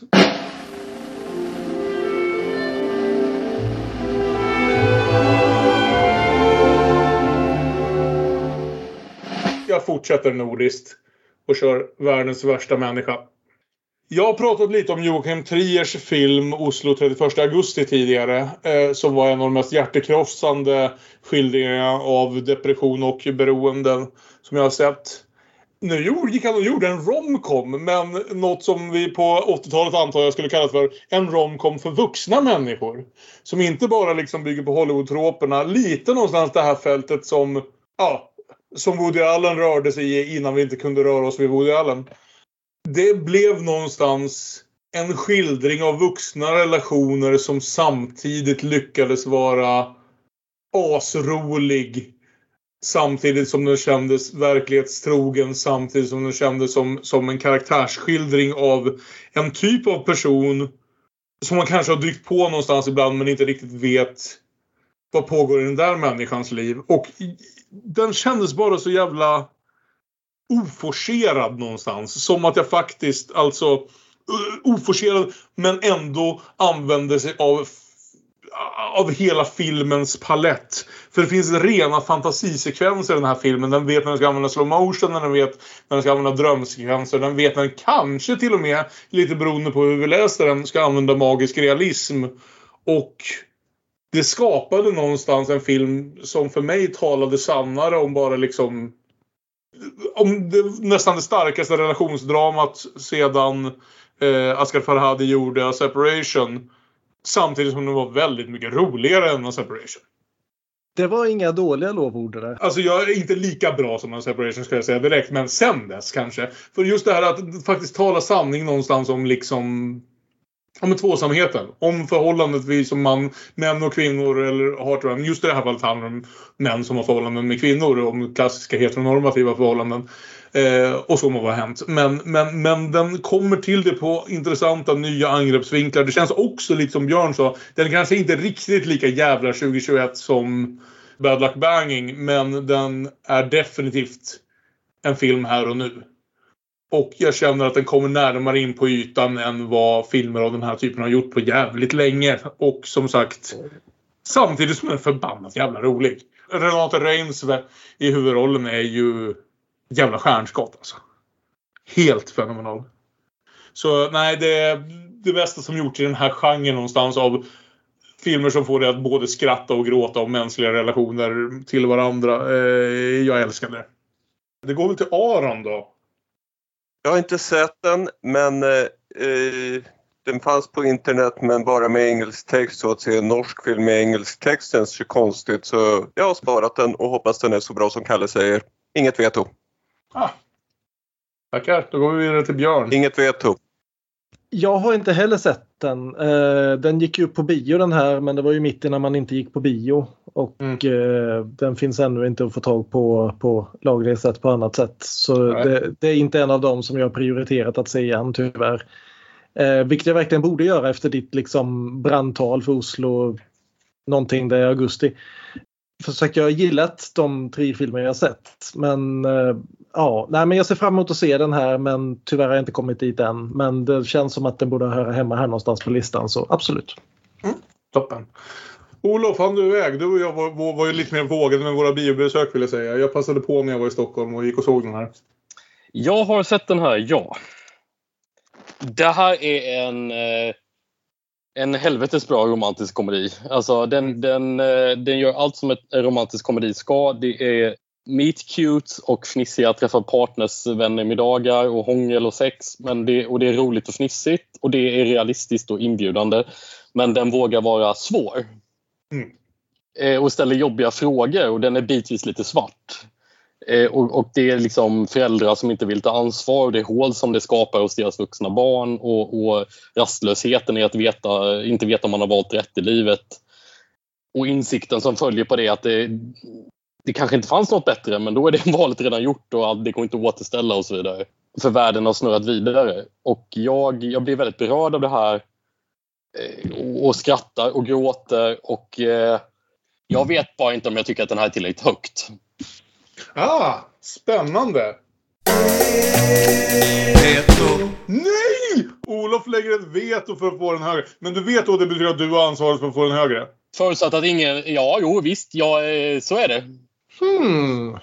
Och Olof har bara en plats kvar. Jag har dock bara en plats kvar om någon eh, saboterar för mig då, men... Ja, vi vet ju att Olof i sådana fall placerar den här som nummer ett. Det är inte mitt fel om den inte landar på listan längre känner jag i alla fall. Då måste jag bara tänka på vad jag gör. Filmen verkar ju bra men jag hatar Norge. På plats sex istället som ersättning för världens värsta människa.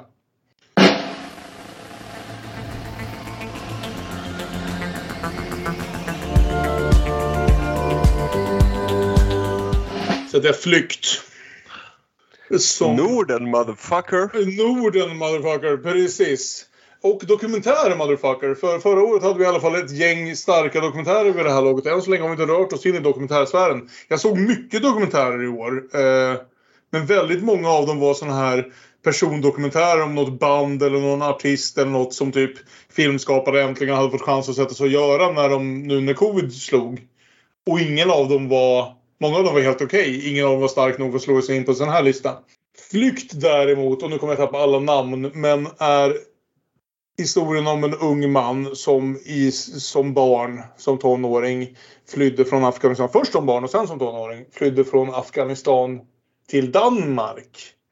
Men inte flydde som i att det tog liksom ett halvår något sånt. Utan jag vill säga att det tog uppemot en 5, 6, 7 år för honom innan han hade avslutat sin färd från Afghanistan till Danmark. Därför att det tog sig sidovägar via Ryssland, Sverige och Estland innan han någonsin kunde faktiskt landa och känna sig hemma igen på sin nya plats. Och medan han berättar den här historien väldigt öppenhjärtligt och så, så har det finns naturligtvis liksom inget filmat material av hur den här flykten fast, faktiskt gick till. Så eh, regissören Jonas Poe Rasmussen har gjort valet att animera hela filmen. Såväl intervjusegmenten som eh, då att såklart kunna animera berättelsen han berättar för att få en för att liksom helt enkelt göra bilden av hur det är att vara på flykt så här länge. Att vara statslös så här länge. Att vara osäker som människa så här länge. Eh, mer levande. För det finns inget filmat material av det av honom och hans familj. Men genom att animera dem som... Alltså ibland tänkte jag på, vi, vi såg ju vad heter det, The Breadwinner. Om att leva i Afghanistan under kriget. Och eh, flykt har inte lika påkostad animation på något sätt. Det är lite stolpigare, det är lite mindre påkostat. Men den är ändå väldigt personlig, väldigt hjärtlig. Det är liksom...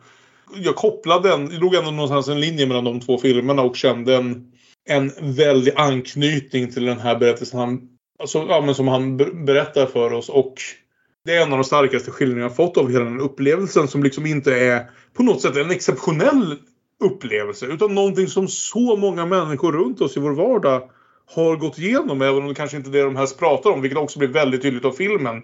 För det finns stora delar av intervjuerna där, där eh, regissören inte måste tvinga fram det ur honom på något sätt men, men, men verkligen liksom snarare fungerar som en psykolog och få honom att känna sig bekväm med att berätta de mer smärtsamma delarna av allt det här han har gått igenom. Och jag tyckte det var en alldeles fascinerande liksom insikt i, i, i den här, både just specifikt Amins öde. Amin är i alla fall vad han heter i, i filmen och jag vet inte om det är taget namn för att hålla honom, för att hålla honom anonym eller om det är hans faktiska namn. Men Berättelsen är verklig och den känns mer påtaglig. Eh, det är en film som, lika lätt, som är också väldigt lätt kopplad till min favoritfilm förra året, till min dotter som jag satt och grät över på plats 6 förra året.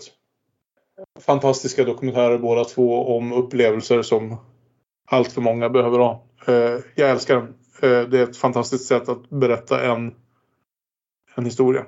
Och den rörde mig jävligt djupt. Så där någonstans. Går över till Aron. Jag, jag har inte sett den här än. Men eh, allt jag har läst verkar ju jättebra.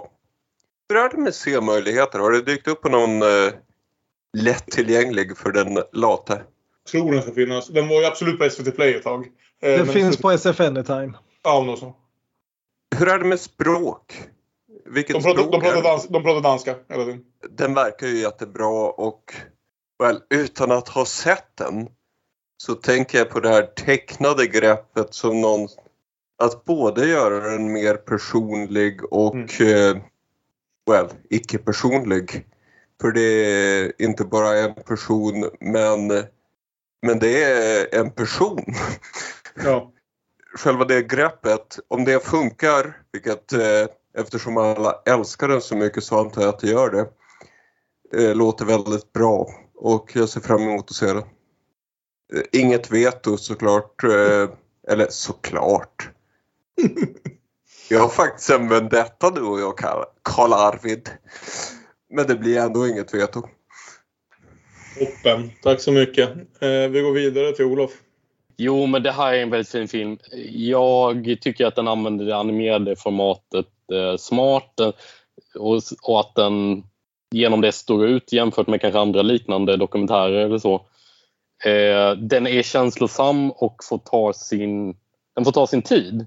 Alltså, jag menar, och jag tänker kanske lite då att den håller lite lagom på informationen för att skapa någon slags spänning i berättandet. Inte så att den skapar någon twist eller sådär, för det hade väl inte riktigt passat. Men, men, men, men det här med att, att det är en lite motsträvig berättare som Ja, släpper exakt. informationen lite i taget eh, utnyttjas eh, väldigt bra. Som att, som att eh, skala en lök i, i berättandet. Att, Ja men exakt. Han, han blev så skrämd i 12-årsåldern över att berättar du det här och sätter, försätter du din, hela din familj i fara att han fortfarande är rädd för att berätta det i 27-årsåldern. Ja. ja. Och så, så att det, det är ju en film om att berätta en historia väldigt mycket. Och det, det gör den o, o, otroligt bra eh, och eh, väldigt eh, berörande. Ja. Björn, jag tror jag tog er i fel ordning där mot vad jag brukat göra, men skitsamma. Ibland Ja, nej, roligt. men det är ingen fara. Jag har ändå inte sett den här filmen. Okej. Jag kom på det eh, faktiskt. Nu i eftermiddag efter att jag jobbat färdigt så gick jag ut och gick en liten sväng för första gången på två veckor.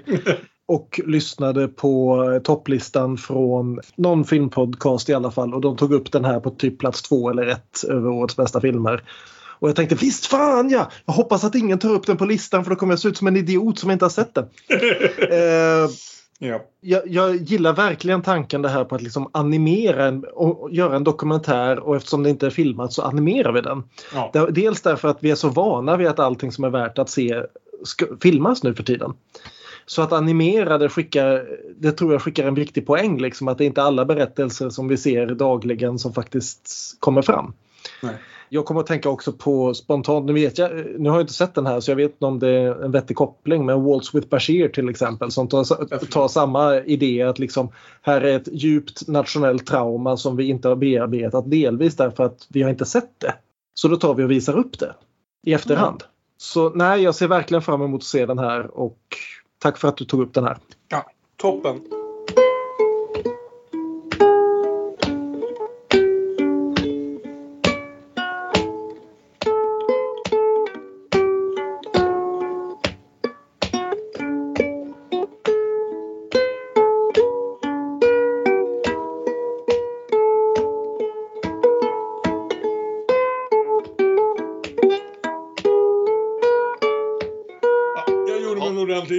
Ordentlig Jim Beam och Cola för att köra in det här i mål nu. Eh, Nu ska, men- nu ska Björn få välja två filmer. Det ska han! Men först ska jag faktiskt repetera vad det är vi har valt hittills. På plats nummer 20 valde Olof Annette. På plats nummer 19 valde Aron Night in Paradise. På plats nummer 18 valde Björn Kamrater. På plats nummer 17 valde jag The Green Knight. På plats nummer 16 valde Björn Saint Maud. På plats nummer 15 valde jag Promising Young Woman. På plats nummer 14 försökte Aron för första gången spela Bo Burnhams Inside men jag vetoade och han fick spela Shiva Baby istället. På plats nummer 13 spelade Olof Feathers.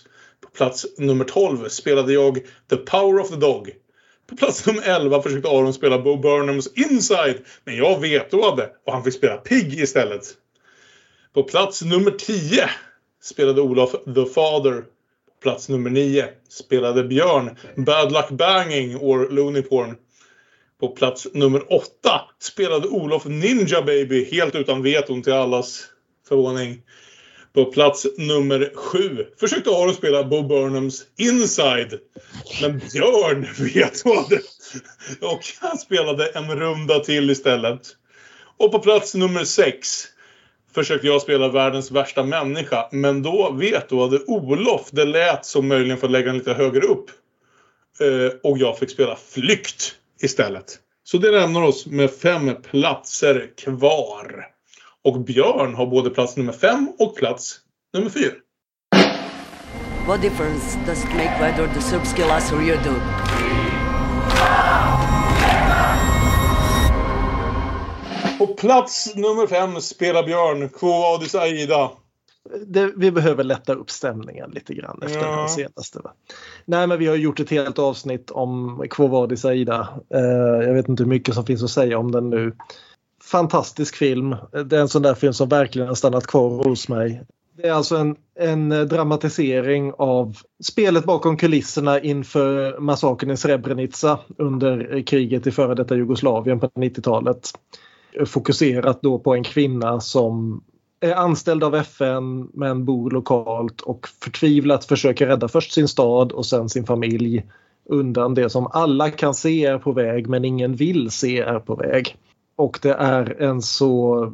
Som sagt, gå tillbaka och lyssna på avsnittet vi gjorde om den för jag tror vi var alla fyra ganska rejält drabbade av den. Men det är, det är en film som den släpptes för allmän seende i år och det är en film som absolut hör hemma på den här listan för den har drabbat mig mer än de flesta andra filmer jag sett i år. Olof? Ja, den har ju det. Regissören är Eh, Jas- Jasmila Spanic ska vi säga.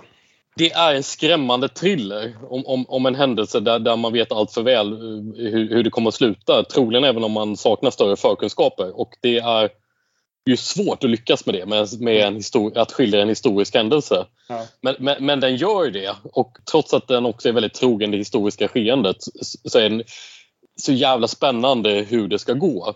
Hur den väver samman den här stora historien med, med den mindre historien om, om Aida och hur hon ska försöka rädda sin familj och, och behålla sin värdighet. Och den här filmen blir så himla aktuell igen nu när man ser på nyheterna vad som händer i Bosnien. Och, och, och det verkar ju typ som nästan vissa dagar som det kommer bli inbördeskrig igen där. Och jag liksom börjar bara tänka på den här filmen varje gång jag ser det på nyheterna. Jag har också blivit eh, otroligt drabbad av den här filmen. Om hur en, eh, hur en ensam person försöker göra det enda rätta under pissiga förhållanden när hela världen har vänt dig i ryggen och det egentligen inte finns något som du kan som ensam person kan, kan göra. Men vad fan ska du göra liksom? Okej. ehm, hur ska jag föra fram det här nu då på ett bra sätt? Jag tycker det här med god marginal årets bästa film och jag spelade ner det lite i vårt avsnitt just för att jag visste att vi skulle komma till den här punkten. Jag har inga veton kvar. Men Björn, om vi nu går in i Screen Draft Strategies ordentligt. Om du vetoar dig själv och får ett gratisval här lovar jag att spela den på trean. Så hamnar Bo Burnhams Inside på plats två. Nej, jag vet vilken film, film han kämpar för. Kan man vetoa sig själv? Absolut. Okej. Mm. Aron skulle ju då eventuellt kunna vetoa mig på plats tre, och det, men det är inte mitt ansvar. Men, men det du säger är att du vill att jag vet av mig själv så att du kan spela den på plats tre. Ja. Jag har inget bättre. Jag alltså, säger så här, det kommer sluta med att jag spelar min nionde bästa film för året på plats tre. Och du får ett gratis val här just nu. Mina, för min plan har gått igenom. Alla mina bra filmer är på listan igen. I stort sett. Det saknas, saknas en och den litar jag på att you got me on. Björn vetoar sig själv. Eh, ja, det var veto som stod där tusen gånger. Men Björn och jag har slut på veton. Olof har ett och Aron har två. Eh, Men eh, med god marginal tycker jag att det här är den bästa filmen jag sett på x antal år. Och jag spelade ner det lite grann medvetet för att jag ville ha lite spänning i den här diskussionen. För jag visste att den var på G. Mm. Jag tycker det är en jävla mästerverk till film. En av de stora filmerna. Så eh, jag skulle vilja ha den på nummer ett, men jag kan bara få den till nummer tre. Men jag tänker inte ha den på nummer fem. Lite för kommersiell för min smak, men Det är Aron som är risken med det här. Jag kommer inte ihåg vad Aron tyckte. Jag hoppas att han tillåter den på plats tre. Då säger vi att femteplatsen istället är den här då. Ja!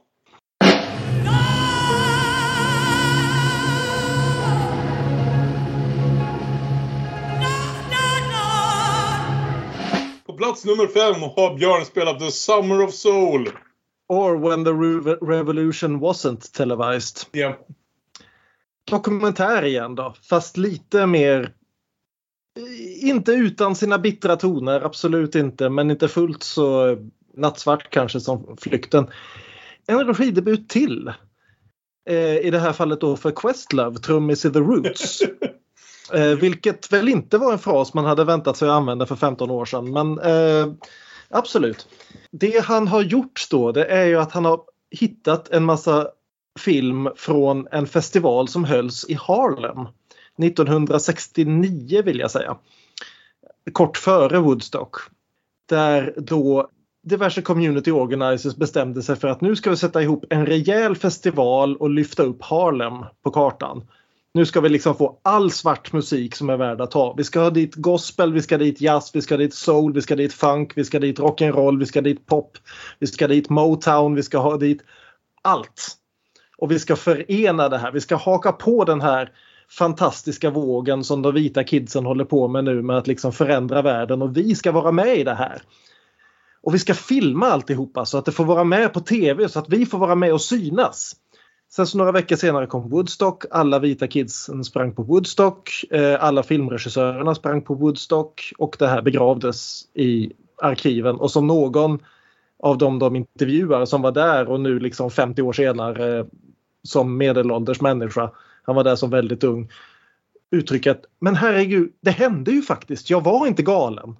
Vi samlade alla svarta artister som var värda någonting. Från gamla gospel och bluesmusiker till Sly and the Family Stone och Stevie Wonder under några helger i Harlem och vi var tiotusentals på plats som såg gratis musik och vi trodde på någonting. Och vi trodde på att vi alla kunde vara tillsammans. Och att vi trodde liksom att Black Panthers och baptistkyrkor och eh, gamla jazzgubbar och unga thugs och alltihopa faktiskt kunde vara en del av någonting tillsammans. Trots morden på JFK, på RFK, på Martin Luther King, på Malcolm X, alltihopa, att det fanns fortfarande någonting att rädda. Sen vet vi ju hur det gick. Och det finns också liksom antydningar om det här liksom att drogerna kommer att ta över Harlem. Det är in, eh, liksom den sista republikanske borgmästaren av New York som faktiskt brydde sig om de svarta är med och vill göra någonting men det är liksom, vi vet vart historien är på väg med det här. Och det är ju inte så mycket det att det är, det är en del helt fantastiska musikaliska framträdanden i det här. Det är det absolut. Det, liksom bara den här fantastiska överlämningen mellan generationer. När Mahalia, herregud, när. Mahalia Jackson lämnar över micken till Mavis Staples. Ja, jag gråter lika. Jag bara För, för, för, för, att, för att sjunga liksom, eh, Martin Luther Kings favoritsalm. Och det är, och, och, och det är som man ryser. Det, det, det, det, är ofattbart att någonting sånt kunde hända på en gratiskonsert mitt i New York. Men jag blir nästan mer drabbad av den här musiken som inte har överlevt tidens tand. Det är liksom när Fifth Dimension är där och liksom det är ett One Hit Wonder från 1969 som gjorde en cover på en låt från Hair. Men just det att de är där och det var någonting som var naturligt att ja men folk visste inte ens att vi var svarta förrän vi råkade vara med på tv en gång. Och det var, det var en tid när det fortfarande kunde hända sådana saker på gott och ont. Och sen alla de här små talking heads. Av någon jävla an- anledning är Lin-Manuel Miranda med också. Det, Som någon sa, bästa kommentaren på Letterboxd. Lin-Manuel Miranda Jump Scare. Ja, precis. Men, men, men just det att de lyckas gräva upp många av de här både musikerna och besökarna som var där och liksom 50 år senare gå igenom. Men vad hade det här kunnat betyda? Om vi hade fått vara med på den här vågen. Om vi faktiskt hade menat allvar med hela den här jävla peace and love och revolution grejen. Och inte bara sen så fort det blev 1970 sprungit iväg och alla vita hade skaffat sig hus i förorten och börjat snorta kokain. Det är en så glädjefull film och sen, samtidigt i liksom i efterhand en så bitter film just över det här att det tog inte vägen så mycket mer än så här. Det, det blev en fantastisk svart musikvåg även under 70 och 80-talen. Men det blev aldrig någon förening av det. Nej. Olof?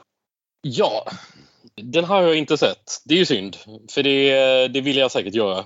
Jag har ju egentligen inte så mycket att säga om den här filmen. Jag tycker absolut att det låter något som något som är intressant för mig. Mm. Jag vet inte, har inte så mycket mer att säga. Du har ju både intresse för musik och intresse för religiösa frågor och det är Ja. liksom... Och jag har ju hört talas om den. Den har jag nog bara glömt bort att se. Nej, men jag borde nog kunna gilla den här ganska bra. Jag kan se det framför mig.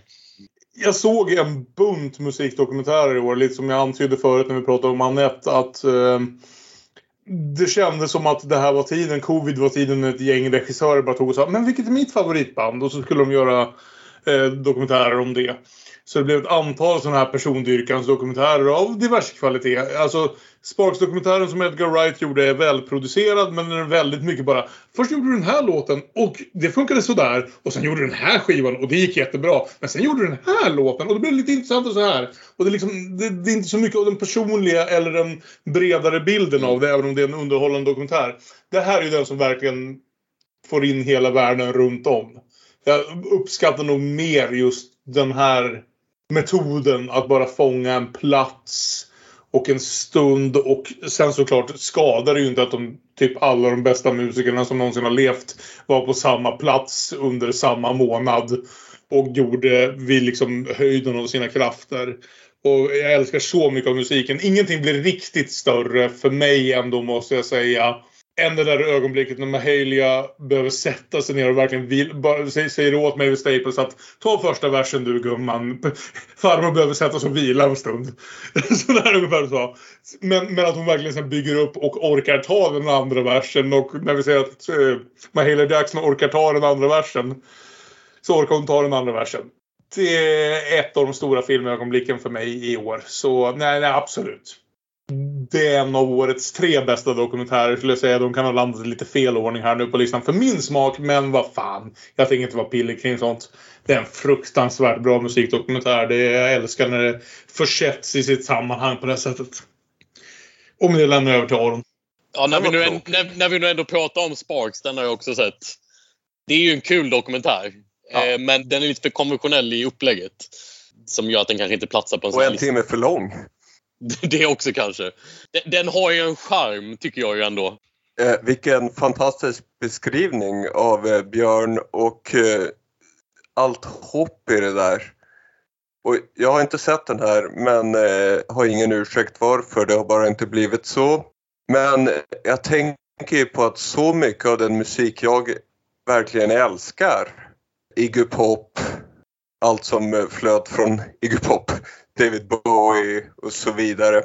De ofta nämner att vad är vår merit? Vi satte punkt för 60-talet. Vad den musiken handlar ju om är eh, besvikelse. Det här hoppet som Björn beskriver så vackert som fanns i den här eh, festivalen uppenbarligen, jag har inte sett filmen, fanns inte längre och det var som tilltalar mig. Men just därför så vackrare att se detta Utopia förevigat förhoppningsvis på ett eh, kompetent och underbart sätt. Så jag ser fram emot att se den. Det man verkligen hoppas på är ju en eh, Blu-ray boxutgåva där man utöver liksom den färdigklippta filmen får liksom rått alla konserter. Ja, eller hur? Liksom, visst, man vill se hela Sly Stone-konserten men bara en sån sak som att se hela David Ruffins spelning skulle jag gärna vilja. David Ruffin som går på liksom ett par år efter att han lämnat Temptations i världens jävla hatt och solglasögon. Och den här jävla rösten alltså. Och sjunger falsettoner som håller på i 30 sekunder. Det, ja, mm. Helt sanslöst. Ja men toppen. Eh, Summer Soul, låst på nummer fem. Vi går vidare till nummer fyra och det är Björn igen med sitt sista val! Ja, årets två bästa filmer är franska filmer. I förhoppningen att någon av er andra kommer att spela den andra filmen så tänker jag köra min favoritfilm från i år nu och det är denna.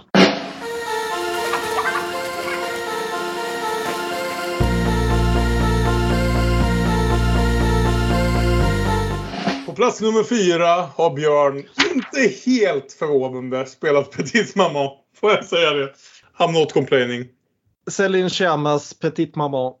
Eller Lilla Mamma som den heter på svenska. Ja, Vilket ju jättebra. en bokstavlig men korrekt och bra översättning. Jag gillar Lilla Mamma som titel. Det är, det är ju en sån här film som man egentligen inte ska prata mycket om handlingen därför att så fort du nämner handlingen så låter den high concept och få, rätt fånig. Men det är alltså en tidsresehistoria. Mm. Det är formellt en science fiction-film. Om, om någon tycker att vi har haft för mycket liksom tunga europeiska pratfilmer här så vill jag alltså påpeka att vi har en, en science fiction-film på fjärde plats. Eftersom Céline Sciamma är den hon är så är det ju en film som absolut inte beter sig som en science fiction-film. Utan den är så liten och så intim och så fullkomligt avväpnande.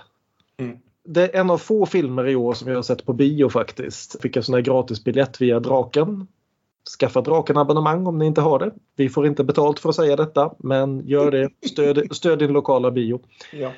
Om ni kan fixa så att vi får betalt, se verkligen till det. Ja, den här filmen drabbade mig något oerhört alltså. Det här var en av få filmer på många år som jag verkligen har suttit och storbölat i salongen. Därför att det här är en så perfekt liten film som handlar om två små flickor. Just den där punkten i livet när man börjar förstå att livet innehåller svåra saker men ännu inte riktigt har lärt sig exakt vad de innebär. De är väl i 8-10 års ålder någonting. Spelade då av eh, tvillingarna Josefin och Gabrielle Sanz. Och just det här att de är gamla nog att prata om vad saken gäller men ännu inte gamla nog att veta hur mycket det påverkar dem.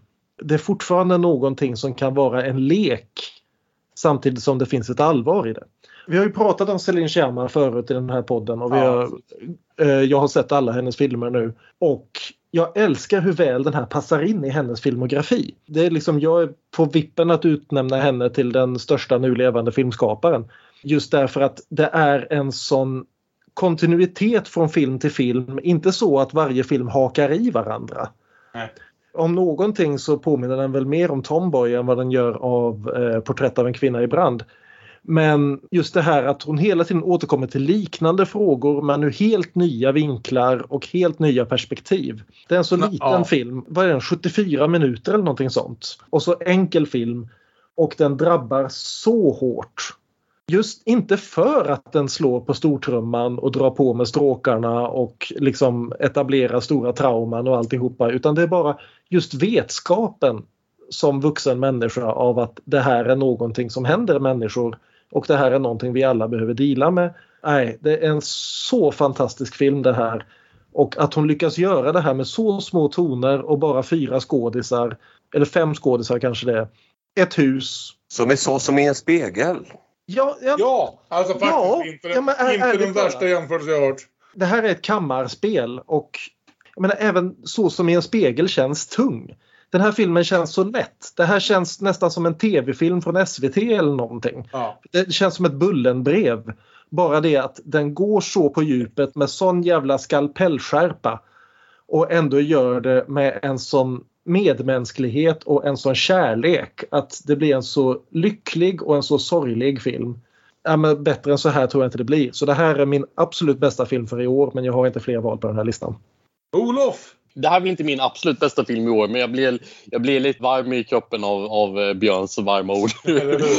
Fick mig nästan att gilla filmen ännu mer. Så är det lite fusk att Björn är så bra på att prata. Eller hur? Det borde finnas någon slags handikapp här, ja. Att, att Björn är lite för bra på att prata om filmerna. Nej, jag menade bara att jag kanske inte hade tänkt på den här som en lika fantastisk film så som Björn har gjort. Men han höjer den verkligen till skyarna. Jag tycker ju i och för sig väldigt mycket om den också. Så, som jag tror Björn sa, att när man försöker beskriva den här filmen det kommer låta som någonting helt annat än det man faktiskt upplever sen när man ser den. Det är ju liksom en eh, genrefilm på något sätt då att det, det är en science fiction tidsresefilm. som glider in i det på eh, ett sätt som jag verkligen inte hade väntat mig.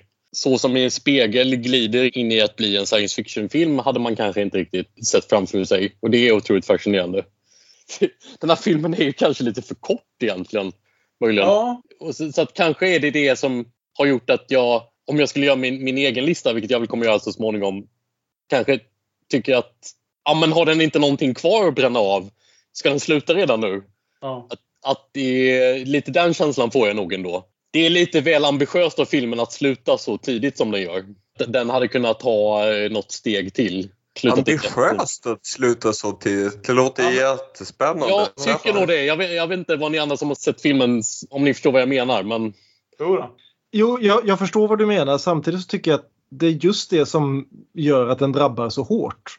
Just det här att de får inte ha någon liksom closure här. Nej. Filmen dör om du ger den en stor känslomässig crescendo i slutet. Mm. Det är möjligt att du har rätt. Det är möjligt Ja. att, att jag liksom bara sitter och vill ha den här upplösningen och skulle bli besviken om jag får det. Jag tycker också väldigt bra om den här filmen. Det är inte min favoritfilm, men jag är nog lite mer Olof. Så jag kollar här nu på den här topp 20 jag gjorde inför det här och jag har den på nummer 11. Så jag menar definitivt att jag vill ha den som en av våra 20 filmer. Men just det här att jag kanske också reagerar på det här att jag är 45 minuter in i filmen när jag känner att jag är i synk med den och jag känner att jag bara glider och det här är så vackert och fint och allting. Och jag bara, men det är för fan slut strax!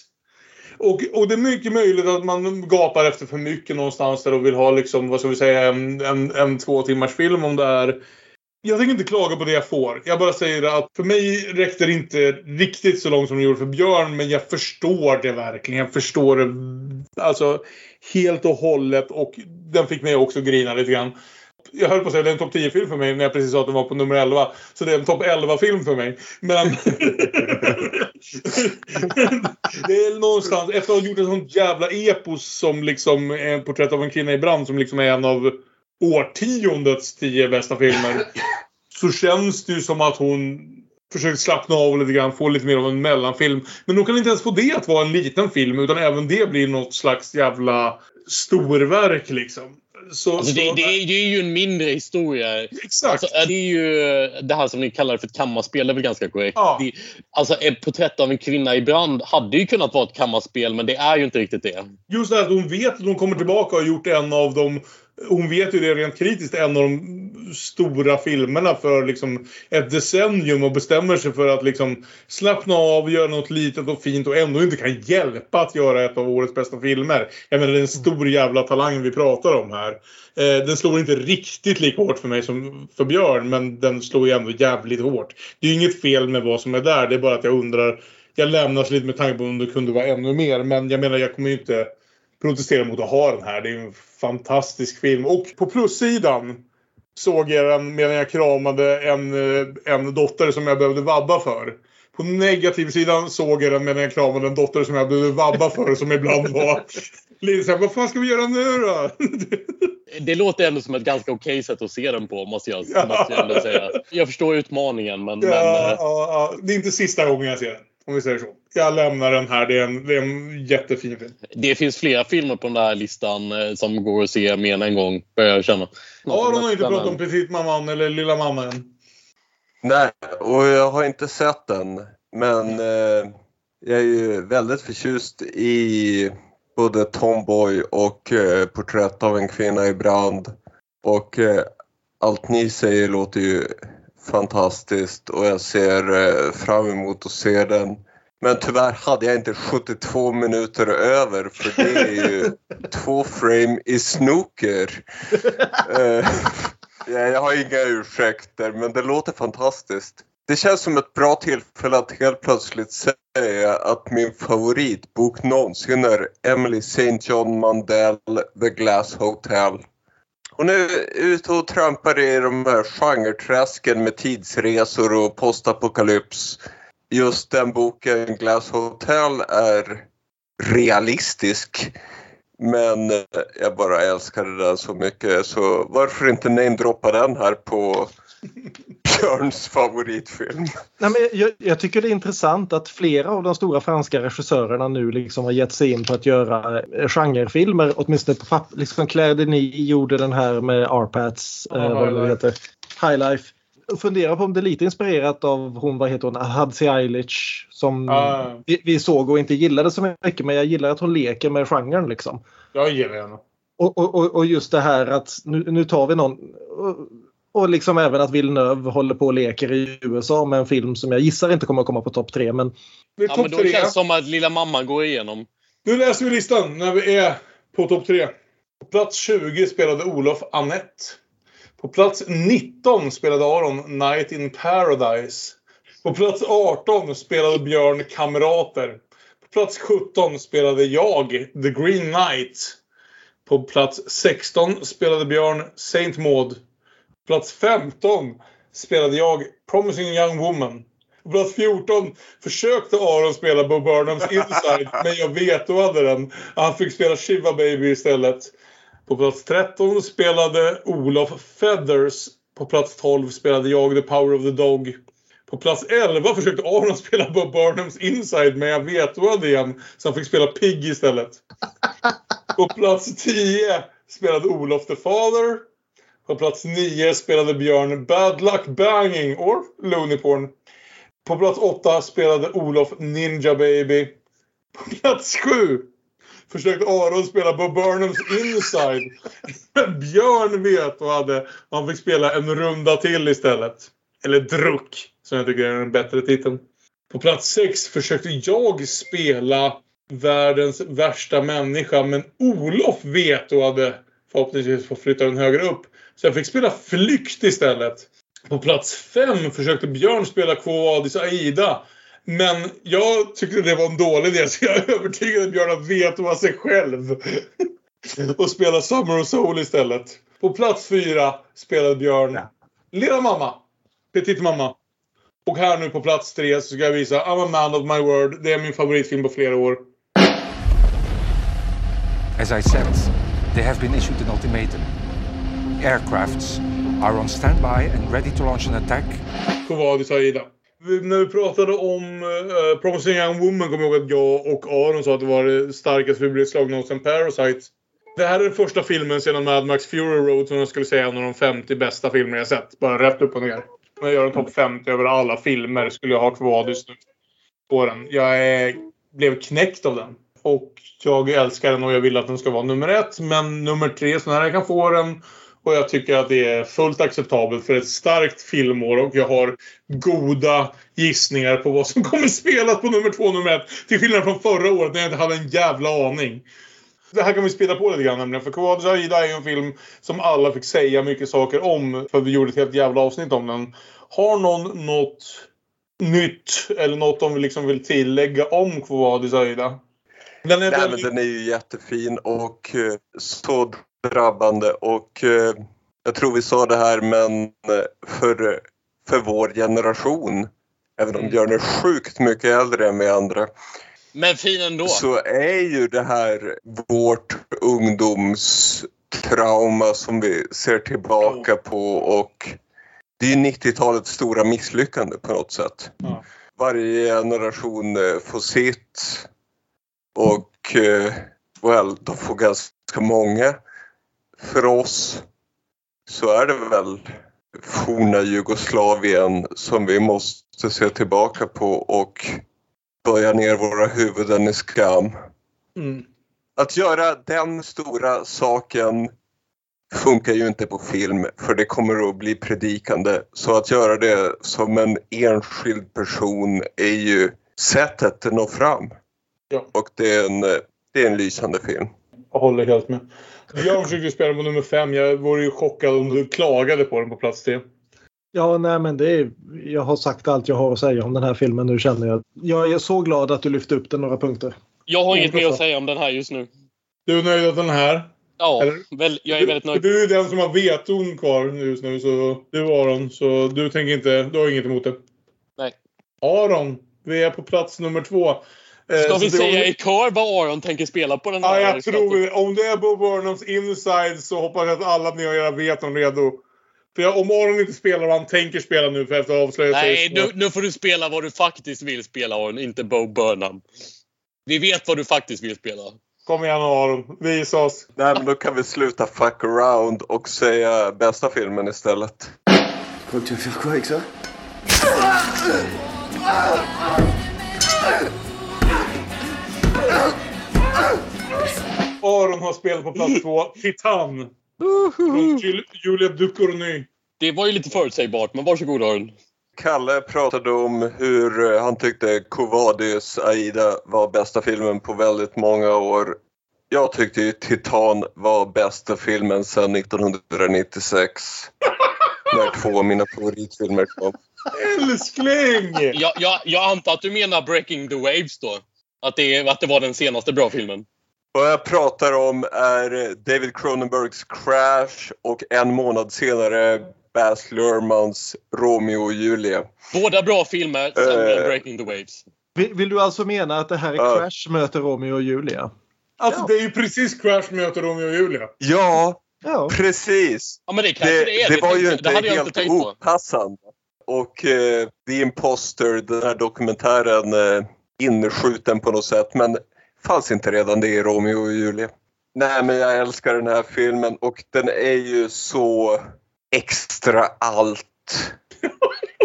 och eh, Ja, det, är- det räcker nästan med att säga det faktiskt. Ja. den hoppar så vilt mellan eh, toner och eh, genrer och ja, det är ju helt sjukt egentligen. Jag kollade på kritikerkåren och eh, den samlade ihop gott om toppbetyg och gott om lägsta betyg.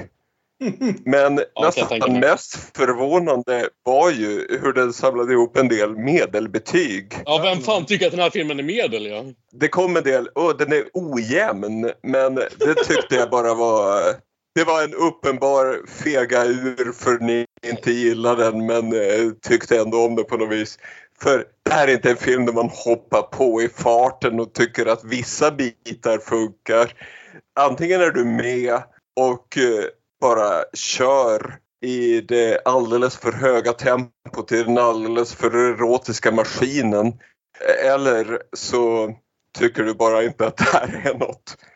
Men för mig passade ju allting verkligen perfekt.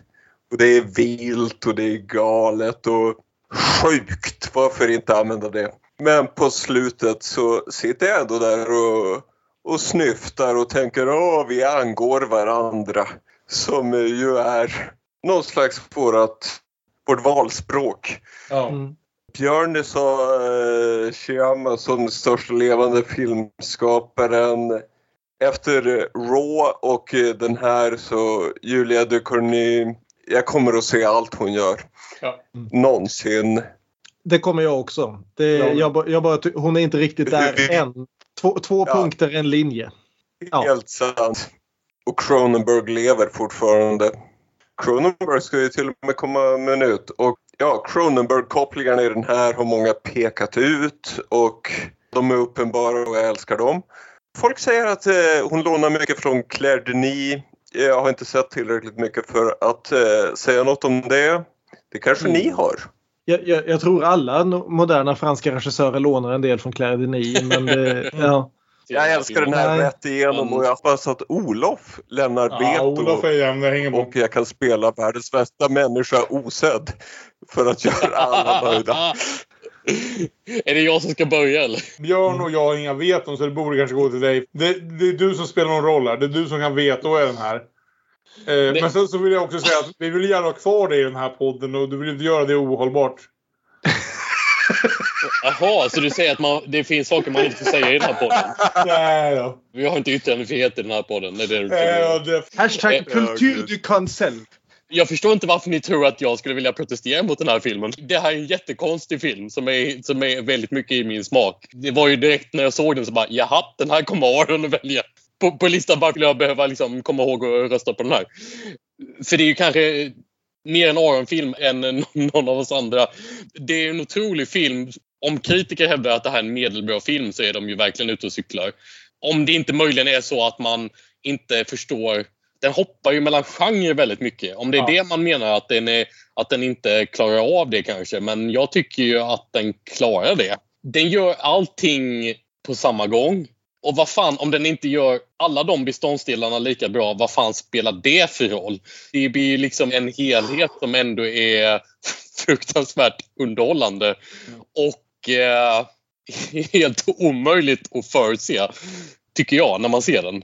Men helt logiskt i sin, hel, i sin så här, eh, absurditet. Jag läste just min älsklingsfilosof eh, Emanuel Levinas beskriva en bok som den jobbar mer på ett symfoniskt än ett logiskt plan. Den här är filmen är ingen symfoni. Den här filmen är fan frias. Ja, alltså jag menar ju verkligen inte logiskt om någonting tråkigt här. Det vill jag ju bara understryka. Framförallt tycker jag att man ska understryka att det här är inte är en film som bara gör en massa knäppa saker. Det gör den ju i och för sig, men den har ju en känslomässigt fin kärna om att eh, sakna en eh, familj, en, en samhörighet och att vilja hitta det till vilket pris som helst. Det får kosta vad fan som helst Ja, av, av, liksom, av liksom egen värdighet och så vidare. Jag liksom måste få det. Och, och, oavsett vad jag utsätter mig själv och andra för. Huvudkaraktären är ju en ganska cynisk och självisk person på sätt och vis. Men samtidigt så, så de hon utnyttjar väljer att bli utnyttjade. Så, så se vad hon gör och ändå väljer att följa med det. För det här, det här liksom är min chans att få en samhörighet. Ja. Det är oväntat att det eh, är någonting gripande i den här, all, i den här konstiga sörjan som det hade kunnat vara. Så tycker jag om det. Och- Eh, Jag hade säkert rankat den lite lägre själv men, men eh, nej som, fan jag vet, vet då inte det här. Det, det här tycker jag är viktigt. Det, det är en film om trauma som inte går ut på att vi ska lösa det. All psykologi i amerikansk film och tv går ut på att återställa normaliteten. Ja. Och Titan gör allt utom att återställa någonting som liknar någon form av normalitet. Det är liksom, det här är den hon är. Det, det är liksom, det här Precis. hände henne och det här är det hon är nu. Det är inte en fråga om någonting som en läkare eller en psykoterapeut eller en eh, älskare kan bota. Det här är vad hon är.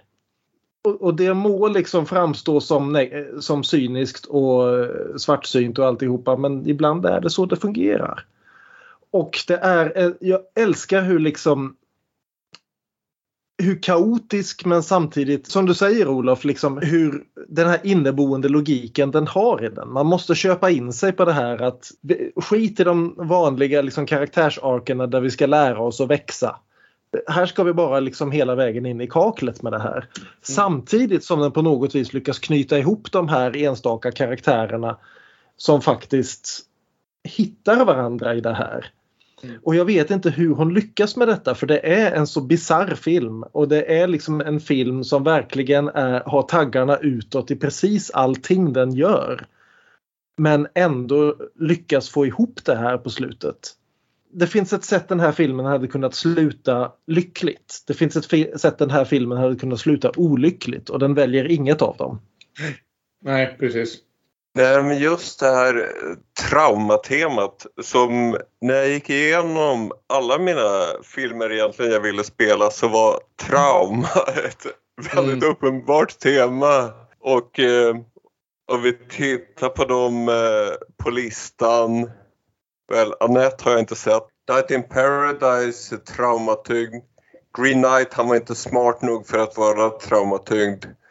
Sankt Maud, definitivt traumatyngd. Eh, Promising Young Woman, absolut. Shiva Baby kanske, ja, det skulle jo. man jobba för. Hon är för liten. Barn kan inte ha trauma. There, I said it. Feathers, fuck knows. Ja. Power of the Dog, visst. Pig, visst. Father, absolut. Bad Luck Banging var bara känslodöd. Ninja Ja. Baby, jag utgår från att det var trauma. Ja, okej. ja, vi förstår. Och så Ja. vidare. Ja. Det var definitivt någonting som tilltalade mig i filmer i år. Och eh, när jag skulle skriva några stödord för det här så varenda film verkade komma tillbaka till orden trauma och humor. Det är en så rolig film det här också. Det finns en sån kolsvart humor i Titan. Det fanns det ju i Raw också men här är den liksom uppskruvad till 11. Och jag älskar just det att det, det är så svårt att prata om den här filmen därför att den, den följer inte några av de etablerade liksom arkarna och hur en sån här film ska fungera och hur den ska sluta. Det är väldigt svårt att få in den här i något standardnarrativ. Mm. Det är också just grejen med trauma rent psykoanalytiskt att man inte har kontakt direkt med själva ursprungliga upplevelsen utan bara upprepar den på diverse olika sätt som man inte har kontroll över. Och det finns ju ingen kontroll någonstans. I, well, från hennes håll finns det men i själva narrativet det är ju inte kontroll som man eh, sammanknippar med någonting. Vilket är varför trauma är en så intressant eh, Mm. Psykologisk och eh, varför inte säga ontologisk kategori. Nej, det, det, den har en gaspedal och det är den enda kontroll den har. Det är så fenomenalt. Det fanns en stund in i den här filmen för jag kan säga att jag har inte sett en starkare första halvtimme av en film på åratal. Utan allting är ju rätt på gaspedalen i början. Sen tycker jag ändå att den lugnar ner sig en stund där. Nu, Om vi säger så här, för att säga så lite som möjligt. När de kommer till brandstationen. Eh, Så jag blev så här, hoppas inte den här blir för vanlig nu. Men det blev den inte. Utan den eh, tog en liten paus. En liten avstickare. Och sen så var det dags igen. Och nej, det. Det var den bästa sammanfattningen av Titan jag kan tänka mig. Jag hoppas den här inte blir för vanlig nu. Det blev den inte. Jag älskar också att jag kunde lita på Aron så mycket. Eh, att jag visste att jag inte behövde. För naturligtvis hade jag ett kort med den här på. Så, så jag visste att Aron skulle spela den någonstans i den övre halvan. Och jag skulle få slippa att göra det. För det är ju ut, helt utan tvekan en av årets bästa filmer. Plats nummer ett. Olofs val. För Jag har ju ett- redan eh, tippat mina kort här lite men Da, hvis du er glad i meg, hvis du elsker meg, så da fikser vi alt det andre. Ja, jeg elsker deg. Men jeg elsker deg ikke. Världens värsta människa. Plats nummer ett. Förra året här Olof valde du Bait. Kommer du ihåg filmen Bait? det kommer jag absolut ihåg. Jag tycker väldigt mycket om Bait. Jag för mig du gjorde det också, kanske inte lika mycket som jag. Ingen tycker om den så mycket som du. Nej, men det Bait är en film väldigt mycket för mig. Så, så är det. det. Det tror jag ni förstår. Jag, säger direkt, jag är glad att du är en man vid ditt ord. Alltså det finns ju absolut filmer jag har tänkt på men som man, man har ju bara fem att ta upp. Och det är i och för sig, hade, hade du eh, spelat Världens värsta människa igen hade jag antagligen spelat Två Vadis Aida som första film i och för sig. Det ska du inte säga nu, för då hade jag fått min topp tre precis som en topp tre var är. Nu fick jag en. V- Våra topp tre filmer just nu är min topp tre. Den är bara lite omslängd. När jag gör min egen 20 i topp så kommer Världens värsta människa vara nummer ett. Så är det. Jag tycker att Quo Vadis Aida var, var fantastisk. Men alltså Världens värsta människa... Okej, det är inte en lika stark film som Quo Vadis Aida på vissa sätt, men den är... Den gör allting så himla rätt bara. Det, det är en så himla fantastisk eh, eh, rom, romcom-film. Så, så att jag eh, bara älskar den filmen. Så lägg inte Aron in, in, in något veto på det här, för då vet jag fan vad som händer. Aron är den som kan veta. Det är ändå Olof som väljer den andra nummer ett. Så du får ju tänka dig vad Olof förmodligen har i... Titta på min lista!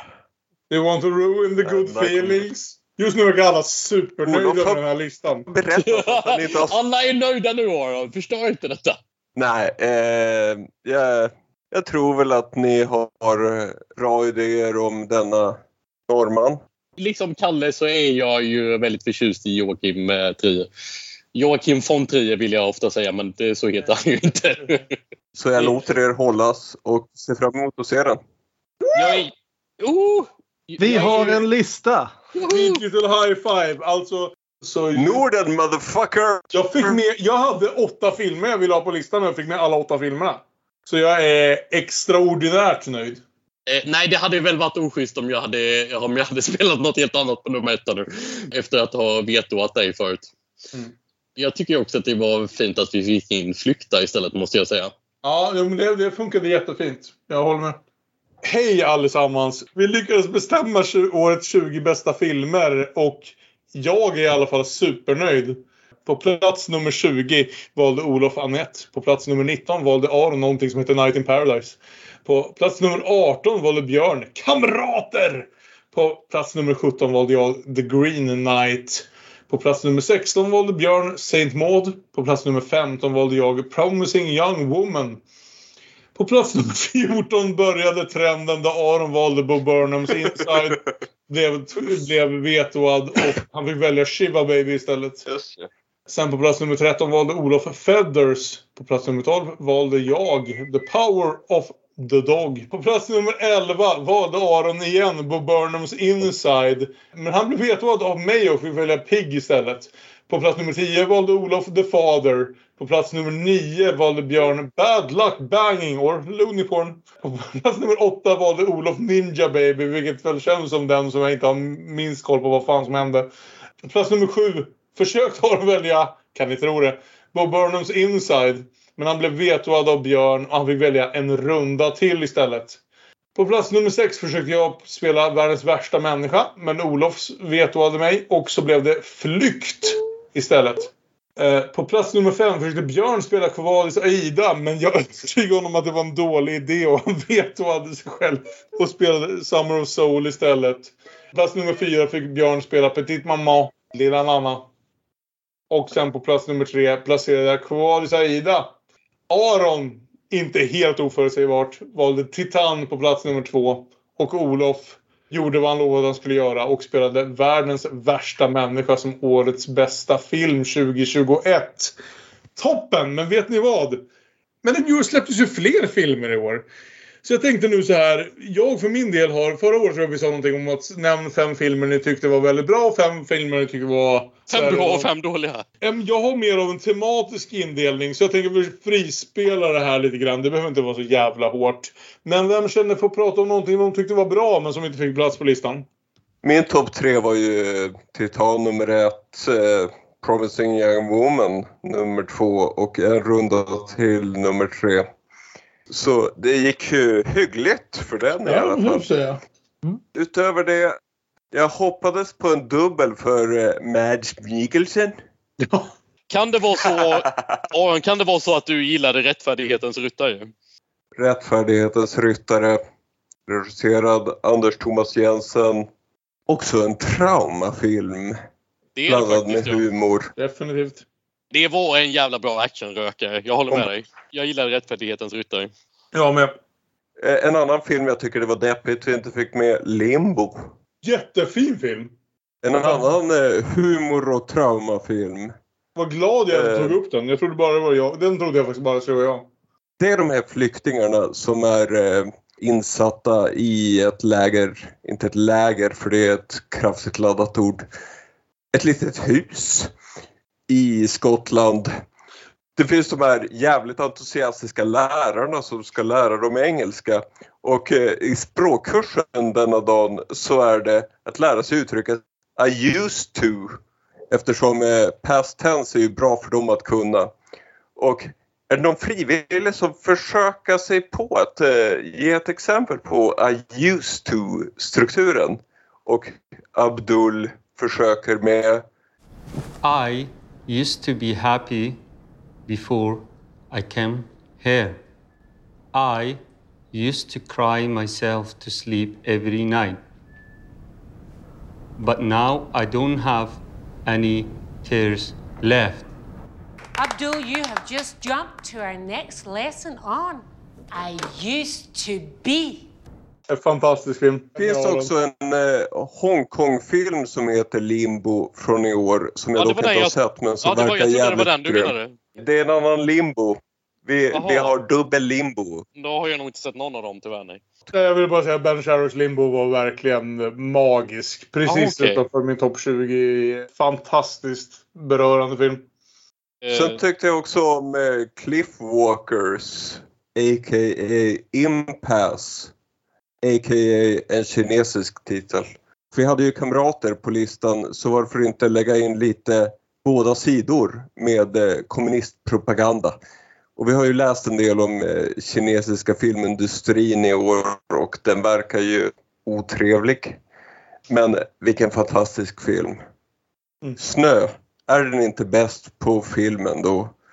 Och eh, jag har nog aldrig sett en film med så mycket snö som är så elegant.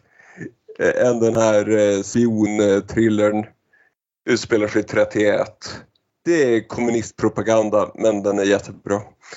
Jag tyckte jävligt mycket om Matrix eh, uppföljaren. Jag med! Matrix Resurrections. Inte Eh, jag.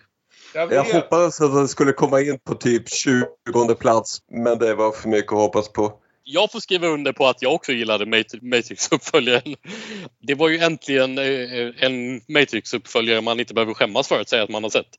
Om vi nu ändå ska prata om den. Det är ju inte så Ja, att det. det är inte så att den direkt ignorerar de tidigare uppföljarna men den säger ju eh, lite grann att de spelar fan inte så jävla stor roll. Okej, det kanske hände men det var lite som, ja ja, det, det var det liksom. Nu, nu går vi vidare. Det är ju mycket mer en film om, mycket mer, mycket mer än att det här att försöka köra den här tunga filosofin och, och så som de, de andra två uppföljarna gjorde. Att det här att, att föra en, som jag tycker, väldigt intelligent och rolig diskussion om varför vi gillar de filmer och media som vi gillar och lyckas spinna vidare på den första filmen på ett ganska seriöst sätt. Ja. Eh, Jag tycker att den lyckas med det. Mm. Jag tycker att den var jätterolig. Två punkter som jag vill göra innan Björn får bryta in och säga varför jag har fel. En, jag såg om Matrix-uppföljarna innan och det blir så väldigt tydligt när man ser dem 20 år senare att det är typ de mest tungrodda jävla filmerna. Alltså människor kämpade mot sina jävla liv för att göra de här filmerna. De var ute ett helt år. De, ingen var glad över att vara där. Det ser ut som att alla led vid produktionen. Alla är så glada över att vara i den här nya filmen.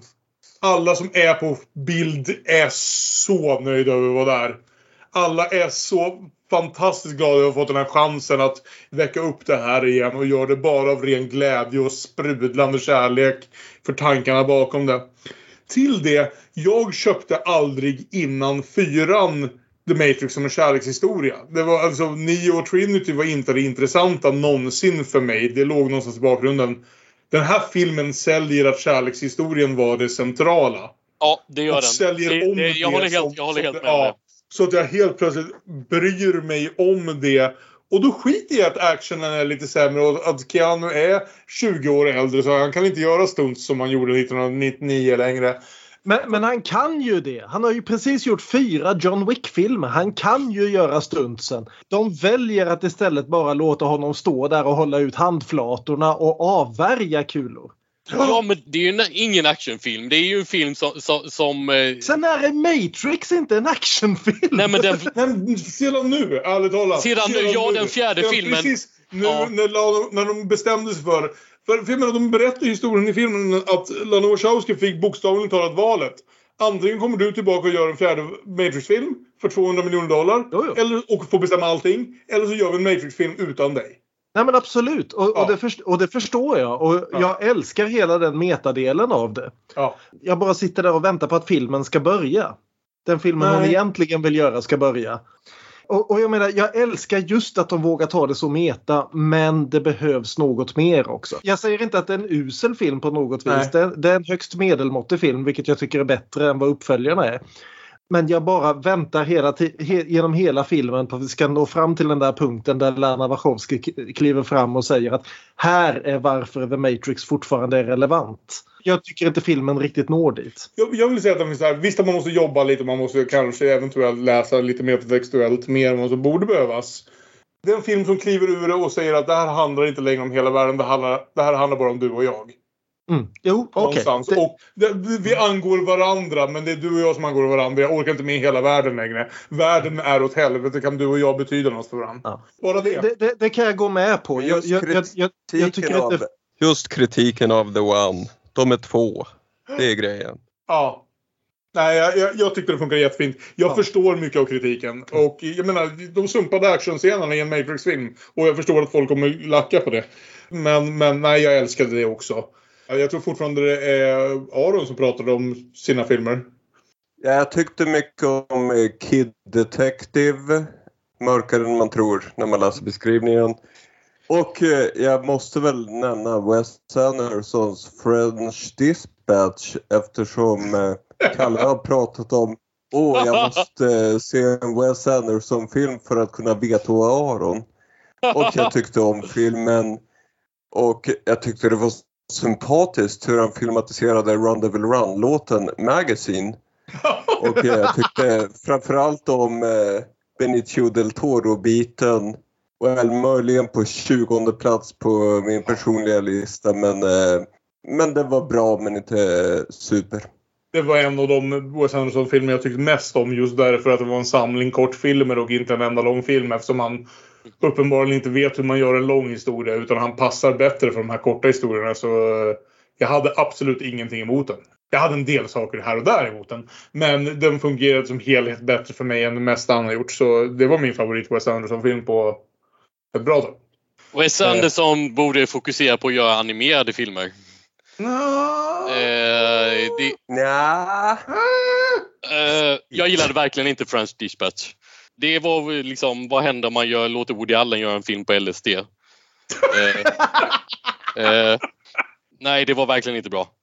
Björn, vill du nämna någonting du gillar som inte var på listan? Aron nämnde ju det här med kinesiska filmskapare och snö. Och jag tänker att den stora filmen som vi helt har hoppat över här, det är ju Nomadland. Det är sant. Som kom i Sverige i år. Chloe Zhaos film som jag tycker är riktigt jävla solid men kanske inte mer än riktigt jävla solid. Nej, den, den, den har sina brister. Det är fantastisk eh, rollinsats av, oh vad heter hon? Frances McDormand. Frances McDormand, tack. Och det finns en del helt fantastiska scener i den men det, det är en sån där film som jag känner att jag, jag vill nästan haka på alla de andra karaktärerna också och inte bara Frances McDormands karaktär. Jag, jag, jag tycker att det är en film som hade kunnat, hade, hade hon tagit det bara ett varv till så hade den Ja. kunnat öppna upp till något helt, helt fantastiskt. Det är fortfarande en väldigt bra film. Lite heder till Oscar någonstans, någonting jag sällan säger därför att eh, nu mellan det känns som det mest flytande, och ska säga, okonventionella narrativet de någonsin vågat ge en bästa film-Oscar till. För när vi tänker på typiska Oscar-filmer, vare sig det är Green Book eller Driving Miss Daisy eller så här va. Så är det just den här, det traditionella Hollywood-narrativet. Att ge det till något så okonventionellt på det sättet som Nomadland visar ändå att det var ett konstår. Eh, men också att, att vi kanske är på väg någonstans. Jo. Så jag hoppas på Power of the Dog för bästa film och bästa regissör i år så att vi inte faller tillbaka in i de här trenderna av Sen, sen har vi ju några andra som jag tyckte var riktigt bra men inte riktigt topp 20 material. Mia Hansen Löves Bergman Island. Ja! Fan, Bergman Island känns ju nästan som ett jävla extra avsnitt alltså. Passing. Om någon Ja. såg den. Som kom på Netflix. Den har jag inte hunnit se, nej, men den verkar ju Eh, intressant. Den, den, den, den, andra stora svartvita filmen är 4-3 i år. Och för det mesta jävligt snygg svartvit film och bokstavligt talat svartvit film också. Just sättet den gräver ner sig och sättet som då Tessa Thompson och eh, Ruth Negga verkligen får cirkla runt varandra. Det, det är liksom, manuset är bra, inte fantastiskt, men skådespelarinsatserna är helt fantastiska. Kommer du ihåg också att vi satt, du och jag Björn, och gnällde i den här sektionen förra året på hur Mank såg ut som en skitfilm därför Ja. att det var svartvitt i digitalt Mm. foto. Och Passing bevisar att det går att göra svartvitt Precis. eh, snyggt Det digitalt. finns, det finns en del scener som jag tycker ser platta ut men också en del som är helt otroliga. Ja. Eh, årets bästa animerade film som jag sett i alla fall, Mitchells vs. The Machines. ja, just det. Mm. Det, har varit ett bra men mellanbra år för liksom vanliga skräckfilmer. Jag har en hel grej där. Kan jag få ta skräckfilmstemat? För jag hade en hel hopbuntning och så får vi se om får du plocka upp om det, jag missar något. Okej, Thanks. jag har säkert en del du har missat. Men, ja. Absolut. Jag såg inte mindre än fem rysare i år. Där det verkar som en, en kvinna jagas antingen av vampyrer, demoner eller spöken. Eller är det bara i hennes eget huvud? Mhm. Vem vet? Och de var i olika nivå.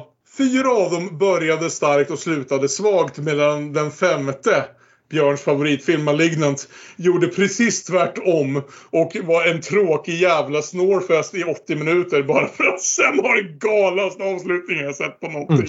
Ja, Maligna, ska vi, det kanske vi måste prata om. Ja. Kanske är Malignant dags nu. Alltså Björn har ju starka känslor om den. Jag har ljumnat en del på den. Jag tycker bara det är en dålig film. Punkt Ja. slut. Det, Alltså- det finns många dåliga skräckfilmer. jag, jag tycker om Mal- Malignant att den tar sig själv på för mycket allvar. Det, det, det, den har liksom Ja. ansatsen till att vara en ganska lyckad skräckkomedi. Den har ju lite ingredienser för det men den har fan bestämt sig för att vara så jävla allvarlig och det lyckas den inte med. Grejen är så här, och om den inte lurades och var så jävla tradigt, jävla mittemellan allvarlig American Horror Story, allvarlig i 80 minuter så jag typ nästan somnade. Så när vändningen kommer så hade jag ju...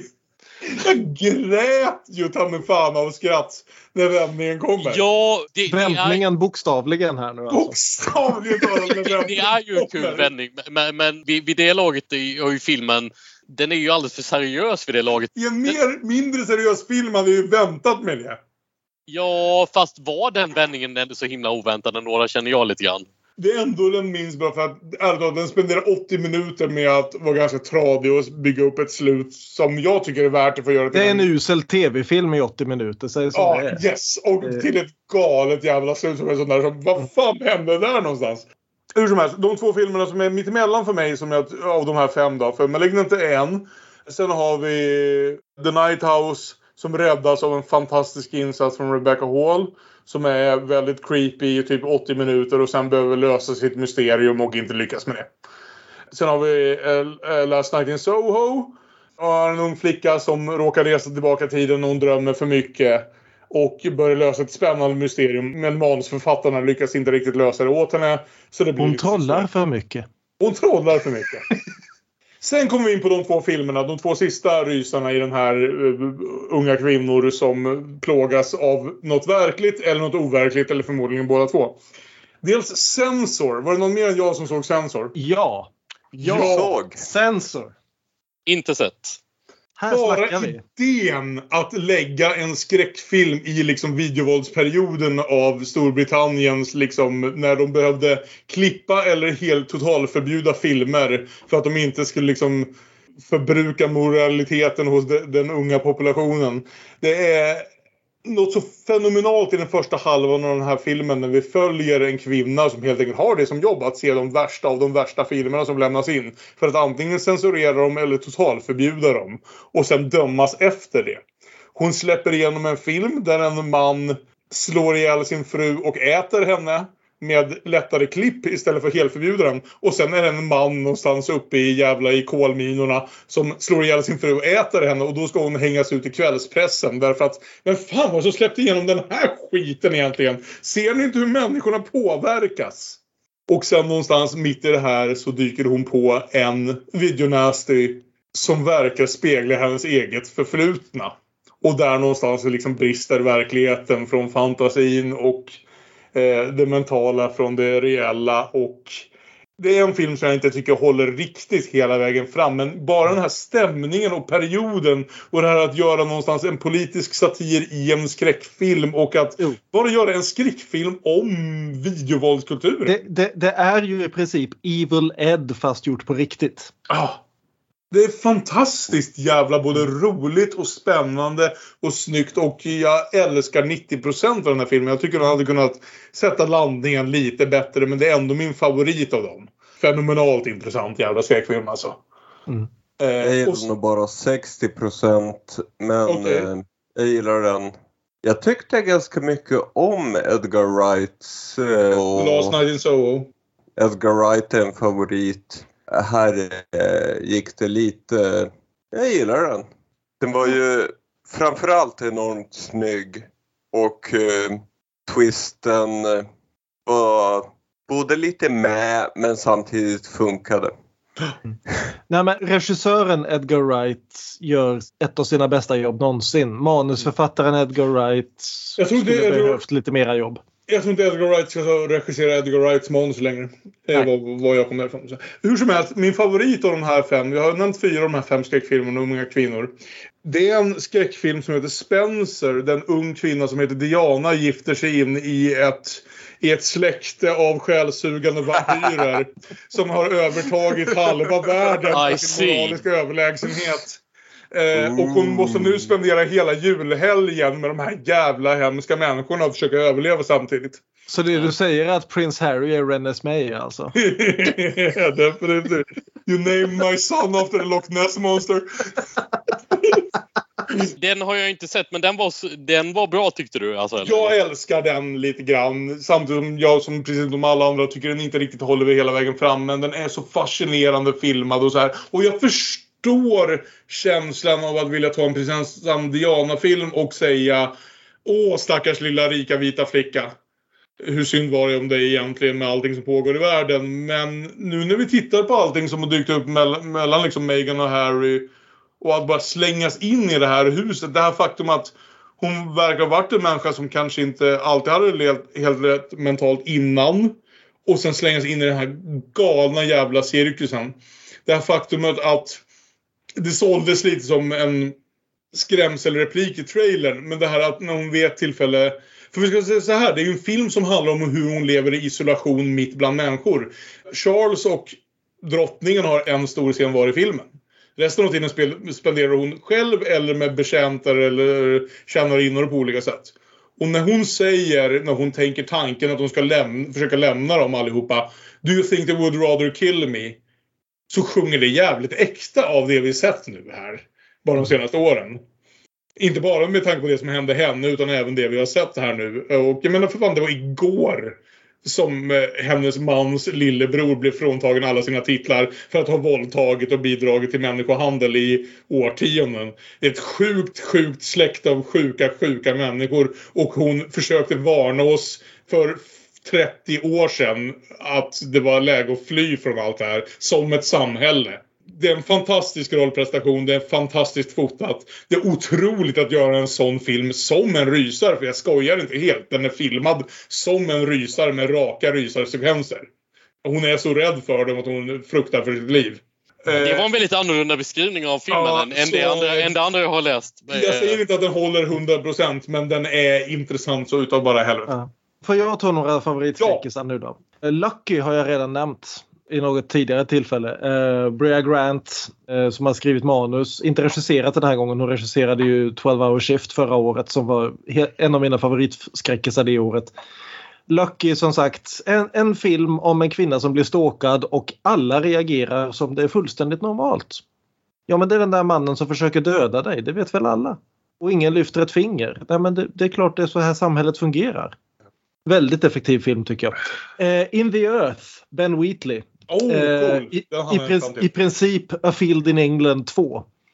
Fast nu utspelad i en framtid där en pandemi har utplånat en stor del av mänskligheten och några forskare ska ge sig in i en djup skog för att se om vad de kan hitta för möjlig botemedel där av en forskare som har gömt sig där inne någonstans.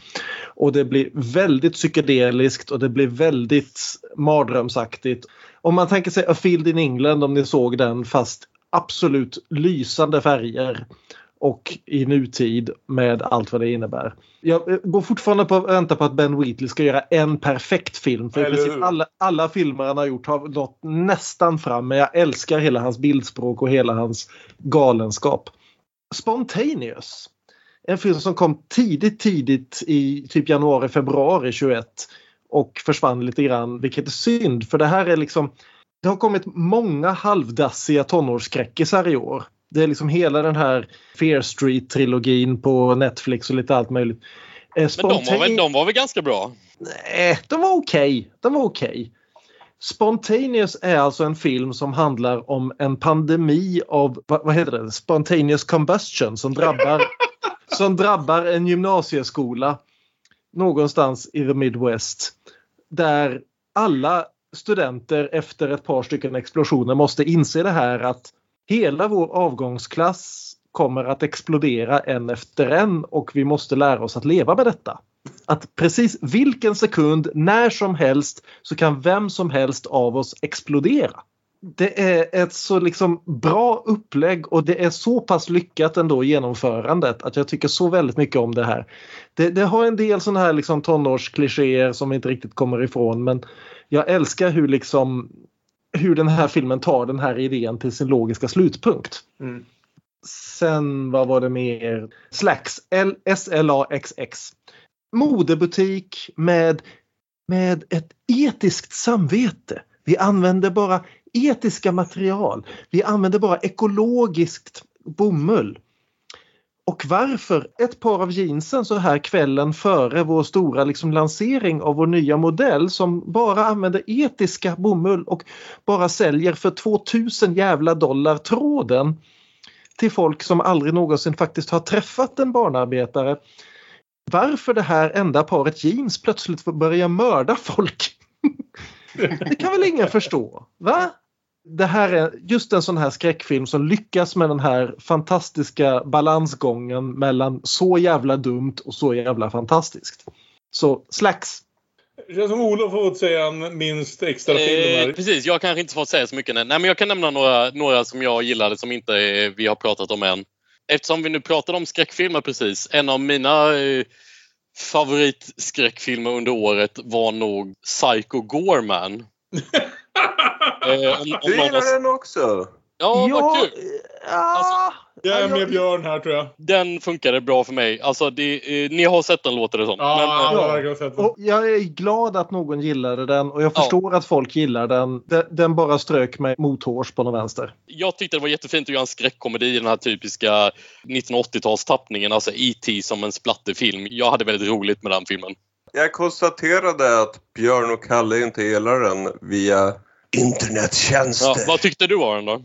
Men jag gillar den väldigt. Så jag är glad att den omnämns här. Ja. Jag, jag hade också väldigt roligt med den.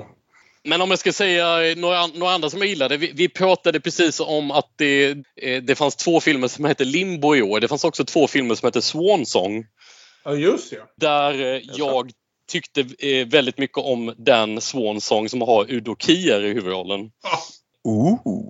Och den andra Swansong är okej, okay, men den med Udo Kier är, är jättefin. Pro problemet är kanske att det är framförallt Udo Kier som är fin och kanske att liksom manus och regi och sådär i övrigt kanske haltar lite. Men, men Udo är så, så helt otroligt bra att filmen lever väldigt mycket på det för mig. Han spelar... Eh, alltså det är lite sådär, antar jag, hundraåringen som, som, som, som rymde från sitt eh, äldreboende och försvann, även om jag inte har sett den filmen.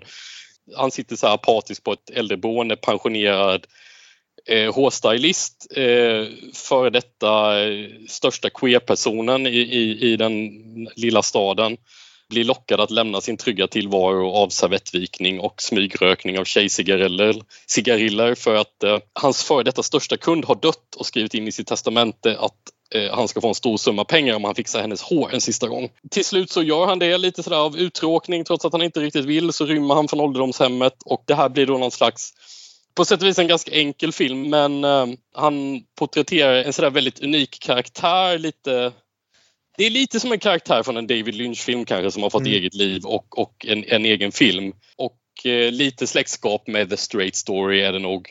Men han går längs med minnenas allé och minns högt och lågt i sitt liv och eh, det är väl inte lika bra konstruerat som om David Lynch hade gjort det. Han spelar ju den här väldigt utlevande, utåtriktade queer-personen. Han, han gör det så bra. Det, det är liksom sådär ganska utfall av eh, femininitet eller vad man ska kalla det som inte känns teatraliska ut, utan bara så naturliga. Och eh, också att det är härligt att se en film med, med en åldrad eh, bög som inte bara är sorglig och alla mina, och alla mina vänner har gått bort i aids och sådär även om den aspekten finns där. Men det är en, det, det är en ganska uppåt film ändå, även om, om den har sina små sorgliga ögonblick. Eh, jag blev lite sådär småförälskad i den filmen. Ja, Men det låter ju jättebra. Ja. Udo Kier är ju en sån ikon. Så tankarna går ju till Pig. Ja, det kanske inte är helt fel. Pigg, jag tycker att Pigg är en av man, man känner lite, ja det här är Nicolas Cage karriär och lett fram till det här. Ungefär. Jag kände lite likadant när jag såg Swan Song faktiskt. Och Udo- Udo måste ha ytterligare några år på, på Nicholas känner jag. Jag fick ju chans att säga Feathers förut när vi gjorde listan. Jag har en till afrikansk film som jag tyckte väldigt mycket om. Och nu ska vi se om det är samma som min afrikanska film. Från Senegal. Nej, Lesotho har jag. Nej okej, det är en film från Senegal som heter Saloum. Den verkade bra. Har du hört om den? Jag har hört om den, jag har inte sett Ja. Det är typ en del skräckfilm, en del heistfilm, någon del så här samurajfilm, spagettivästern typ. Det är väldigt mycket genreblandning eh, av allt möjligt men jag tycker det funkar jävligt bra. En så här, eh, ruggigt tempo hela tiden. Kanske nästan lite för kort. Det är ett gäng legosoldater som, som är på väg från ett gig till ett annat. De ska bara vila en natt eller två på, på någon resort mitt in, inne i djungeln. Eller, för det, det, det börjar krypa fram att någon av dem kanske ville att de skulle fastna där på resorten och har egna motiv. Men denne någon kanske inte har räknat med att platsen de befinner sig på är förhäxad och att det finns onda andar som inte vill låta dem lämna platsen levande. Eller hur är det med turisterna på, på resorten? Är det någon av dem som är en spion som är ute där för att sätta, sätta dit dem? Eller är det någon som redan har ringt polisen? Alldeles för många vändningar men det, det är bara jättekul. Sold! ja, det lät jävligt bra. Såg du den på bio eller? Ja, det gjorde jag. Det gick några visningar i Stockholm. F- Får jag köra min sista monolog nu? Är alla Ja. andra klara med sina bra filmer så kan jag gå in på vad vi hatade sen. Ja, det är lugnt. Hade jag blivit vetoad en gång till hade jag spelat This is not a burial, it's a resurrection. Som är en film från Lesotho, det här lilla är, kungadömet. är, är den eh, 2021-film? Det beror lite på hur man räknar, men i Sverige skulle jag säga att det är den. Ja, för, för den har jag eh, hört eh, väldigt mycket intressant om men inte hunnit se än. Yes, för det är en film från Lesotho, det här lilla kungadömet inuti Sydafrika som typ lever under ganska konstiga förhållanden tydligen. Och den handlar om en kvinna, en 80-årig kvinna, som förlorar eh, sin son i en arbetsplatsolycka vilket gör henne till den sista i sin släkt. Hennes släkt har levt på den här platsen i århundraden men nu är det slut. Hennes son är död, han har inga barn, hon har inga barnbarn. Hon är 80 år gammal. Det är över. Så hon går in i vad vi skulle kalla för en depression men vad de på den här platsen inte riktigt har ord för. Hon går och klär sig i sin finaste klänning och lägger sig i hyddan och bara väntar sig att döden ska ta henne. För att det är färdigt nu. Det finns inget mer för henne. Vi ser henne liksom göra hela de här ceremoniella hon klär sig det finaste hon har. Hon lägger sig på plats. Hon tänker "Det- det finns inget kvar här nu. Men hon vaknar ju på morgonen. Och när hon går till, till prästen, jag tror prästen är den korrekta beteckningen även för det är ju klart inte en kristen präst. Men hon har inte orden för att beskriva det som det vi skulle kalla för en depression. Men när vi hör så säger hon det ändå att när jag lägger mig på kvällen ligger jag vaken och undrar varför skulle jag spendera det lilla liv jag har kvar med att sova? Men sen vaknar jag på morgonen och jag vill bara gå och lägga mig igen. Någonstans måste hon liksom väckas upp i det här. Hon är 80 år gammal, hon har ingen familj men hon har en by kvar. Men byn ska dränkas av dammen som, som de ska försöka dra igenom. Det är slow cinema. Det är årets absolut vackrast filmade film. Jag har inte sett en film som sett ut så här på åratal. Det är 4-3. Det ser ut som det typ är 16 mm men det är det förmodligen inte. All naturen bara kommer rätt upp i ansiktet på en. Och hon går genom de här otroliga vistorna och den här naturen hon bor i. Alla försöker få en förklaring på varför den här dammen ska byggas. Varför allt de någonsin har känt ska dränkas. Och så, well, it's, it's progress. It's progress of our nation. Och någon säger, och det här är såklart översatt för de säger det på lesothoianska. Men jag fick den engelska översättningen. What they call progress is when men point their damning finger at nature and proclaim conquest. Vilket är ett av de där jävla citaten som bara sitter med mig. Vissa människor trivs betydligt bättre nära naturen. Alltså att, att vi kan bygga det bättre betyder inte att vi borde bygga det bättre. Och helt plötsligt sitter en 80-årig kvinna utan familj mittemellan framtiden och dåtiden och ser att framtiden har inget att erbjuda henne. Och om jag hade fått ett enda veto till på någon av mina filmer hade jag spelat den här istället. Den är fenomenalt vacker. Definitivt slow cinema. Så man ska ju inte komma in i den och vänta sig en tempofilm. Mm. Den kändes utav bara helvete. Hon som spelar huvudrollen som är en 82-årig kvinna som har varit i ett par andra filmer. Hon skulle spela en döende kvinna och hon dog i tiden mellan att den filmades och att den släpptes. Den, den här verkar superintressant. Ja. Jag, jag hade nog inte... eh, Jag, jag har hört en del om den och hade nog bara inte prioriterat att se den för att jag, jag tänkte att den var flera år gammal för det känns som det var länge sedan Det jag hörde känns som att den gången. förmodligen tekniskt sett, ja, jag tror den kan ha gått på filmfestivaler sedan 2019 eller något. Ja. Det är bara frågan vad vi kallar för... Den, den kom på streamingtjänster i år om vi säger så. Jag såg den Ja. på Criterion. Den fanns även på den här som heter Mubi som släpper filmer en månad åt gången. Ja. Jag känner genast jag borde lagt veto på... Vänta, var det du i den här listan? Ja, Green Knight. Den har jag inte med. Den här låter mycket bättre. Ja. Power of the dog, get the fuck out of here. Rewind. Har vi mer bra filmer att tala om? Eller ska vi prata om de dåliga filmerna istället? Vi- Det finns säkert mer bra men det kanske är roligt att prata om några dåliga. Okej, vi tar ett varv igenom. Adam, vill du börja bara för att du är först på min skärm? Jolt. Jolt? Som lät så himla bra på... Well, jag kan nästan plocka upp en plot description för att visa hur bra den lät i jämförelse med vad den var. Kate Beckinsale action-rulle. A bouncer. Redan där roligt. With a slightly murderous anger management problem that she controls with the help of an electric lined vest. She uses to shock herself back to normalcy whenever she gets homicidal och så vidare. Det låter ju hur kul som helst men fan vad det var dåligt. Är de här Resident Evil-filmer... Vänta. The. World-filmerna bra? För Nej. Kate Beckinsale funkade ju absolut inte i en action-huvudroll här. No, de, de är hemska. Ingen Beckinsale för Aron. Eh, Olof var en riktigt dålig film. Alltså en film jag känner att jag skulle vilja ha, ha tiden tillbaka till för, för när jag såg den är, är ju Cry Macho. Eh, alltså Cry Macho med Clint Eastwood. någon faktiskt såg Cry Jag, jag såg Cry Macho för att det känns som... Det, var jag en, det var någon kväll sådär, men Cry Macho det känns ju som en film som Clint Eastwood skulle kunna göra i sömnen tänkte jag. och vad fan, det visar sig som att han har gjort den i sömnen. Och det var inte alls bra. Jag kan inte tro att någon faktiskt såg Cry Macho. Jag gjorde det tyvärr. Det, det var en fruktansvärt tråkig modern western. Eh, Det är vad jag kan säga om den. Nej, men jag, jag hade nog inte direkt läst något om Cry Macho. Det bara kändes som en Clintan-kväll och så tänkte jag jag letar upp Cry Macho. Den har jag hört talas om. Den Det är aldrig- otroligt att filmen heter Cry Macho. Jag måste nästan ge dem bonuspoäng. Det är en otrolig titel. Det är en fantastisk titel. Jag har verkligen- hoppats mycket på den. Men jag har också sett Old av Shy- Shyamalan. Är det någon som har sett den? Nej. Så här vill jag säga. Shyamalan med Old är tillbaks med en av sina bättre filmer. Det är fortfarande en fruktansvärt dålig film.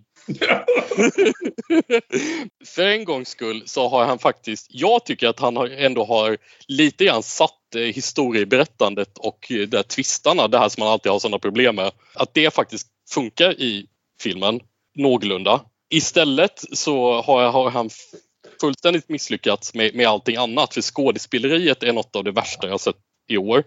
Förmodligen är det ingen regi att tala om heller för att alla, alla står och pratar sina repliker helt parallellt med varandra. Det är förmodligen ett regiproblem. Ja, man kan ju fråga sig varför jag såg den egentligen. Men, men eh, jag är också lite nyfiken på att se den bara för att se vad fan det är som pågår.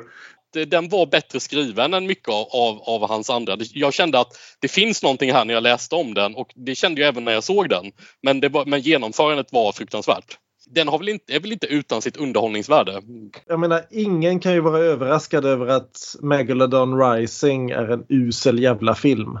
Nej, det är väl det som är frågan. Vad, vad är det vi faktiskt tycker är värt att nämna? Eller, eller att Great White inte heller var någon höjdarfilm. Jo, det kom två usla CGI-hajfilmer i år. Men, men det som jag tar med mig det är just de här. Det har kommit flera stycken såna här riktiga tonårsskräckisar 2021 som ser ut att vara bra och ser ut att vara lyckade och gör så mycket rätt men ändå landar så jävla platt. Jag menar, de är inte absolut det sämsta för i år men det stör mig just att de missar poängen så fullständigt. Fear Street-trilogin till exempel eller den här som kom på Netflix också som heter There's someone inside your house. Eller en annan som kom på Netflix. Jag tror Netflix är en ganska liksom common eh, denominator här. Som heter en italiensk film som heter A Classic Horror Story. Eller den här polska filmen som heter Nobody Sleeps in the Woods Tonight. Och, och alla gör det här. Alltså, de här filmerna låter som filmer som hon i Censor skulle behöva se. Ja, nej, nej men grejen är det att det är så många och även skulle jag räkna in remaken på Wrong Turn där.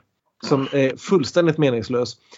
Det är det här att folk verkar inbilla sig att du kan göra en slasherfilm och göra den positiv. Göra den som kidsen säger idag wholesome. Det är liksom det här att ja, men vi ska på något vis ha ett lyckligt slut i det här. Vi ska på något vis ta med oss något positivt ur det här. Och det är inte det slasherfilmer handlar om. Jag säger inte att slasherfilmer måste vara som de värsta var på 70 och 80-talet. Enormt jävla misogyna och homofoba och rasistiska och alltihopa. Men sluta göra som en poäng att det lesbiska paret får varandra i slutet. Eller att eh, allting löser sig och att vi liksom plockar ner. Det, det är liksom hela den här grejen med eh, The Someone Inside Your House där de försöker liksom att göra det här till en fråga om klasskonflikt. Och om du sen jämför den med till exempel eh, en sån film som Assassination Nation som kom för några år sedan som är fylld av jävla helig vrede. Och så tar du den här jävla Netflix-filmen som bara säger ja men de är rika därför är de dåliga. Det, det är så försiktigt och det är så alla får en lika stor glass på slutet. Och alla ska inte ha en glass på slutet av en slasherfilm. Alla utom en ska vara döda. Jag stör mig på just detta försöket att göra om skräckfilmer till en vektor för, nu, nu låter jag som en som gnäller över jävla social justice warriors och så vidare. Hemskt gärna ha progressiv politik i dina slashers. Det är det, sla, det, är det skräckfilmer har gjort sedan 30-talet. Ännu längre än så, fan det är liksom Dr. Caligari. Men det är liksom, ta det på allvar. Gör det inte bara till att det är liksom skurken visar sig vara den rike killen och så har vi ihjäl honom och så är allting bra. Låt det göra ont. Men då undrar jag Björn, om du har sett den, vad tycker du om Coming Home in the Dark? För det var en lite favorit som jag hade av, av skräckfilm i år. Den har jag missat faktiskt. Den ska jag kolla upp. Ja. Eh, Den är väl inte speciellt lycklig kan man nog inte anklaga den för. Nej, nej, nej men så, det, det kommer absolut bra skräckfilmer också. Som sagt, vi har nämnt flera stycken. Jag kan nämna en bunt till. Det, det är liksom det här strömlinjeformandet av slasherformen.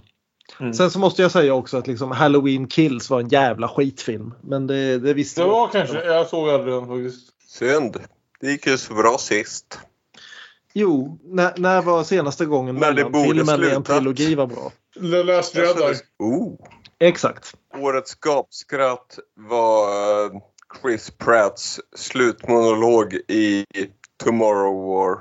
Det var det alltså? Jag vet inte om ni har sett den. Nej. Men, eh, och ni borde inte för det är en fruktansvärd film. Årets näst sämsta film som jag sett. Näst efter Jont. Men fan vad jag skrattade åt Chris Pratts helt bizarra slut voiceover. Så det var underbart. I never told her about our seven days together, nor how in a future that now will never happen. She changed me forever. I'm never gonna leave her. I'll never leave this family. Because my best future, it turns out, was always right in front of me. Vi borde också nämna Judas and the Black Messiah. Den var inte jättebra men vi borde nämna den.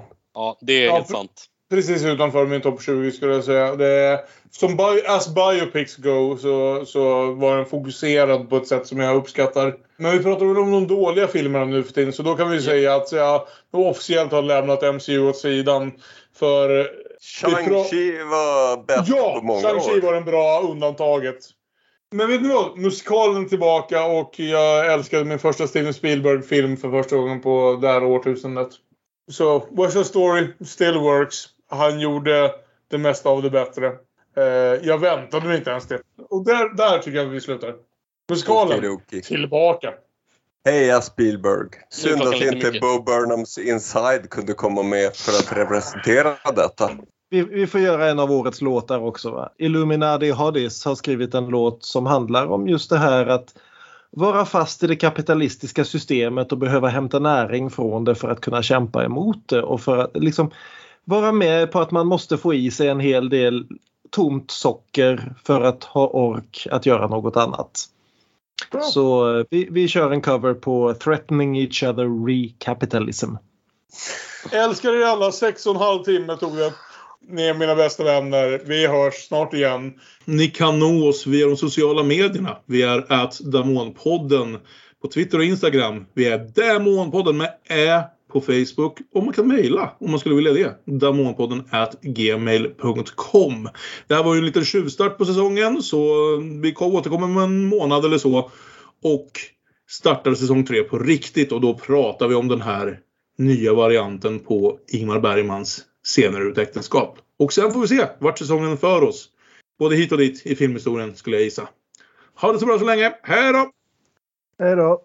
Godnatt grabbar! Fan vad kul det var! Puss och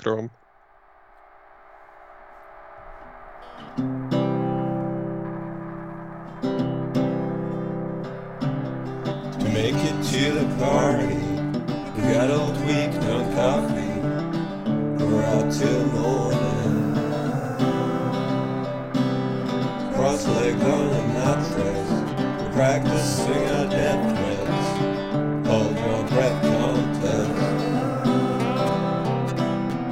Sorry about the swings. Promise I wanna do the party. Suck on air from people having fun. But even on the good trees, feel like I'm dying. So I try eating. The corner store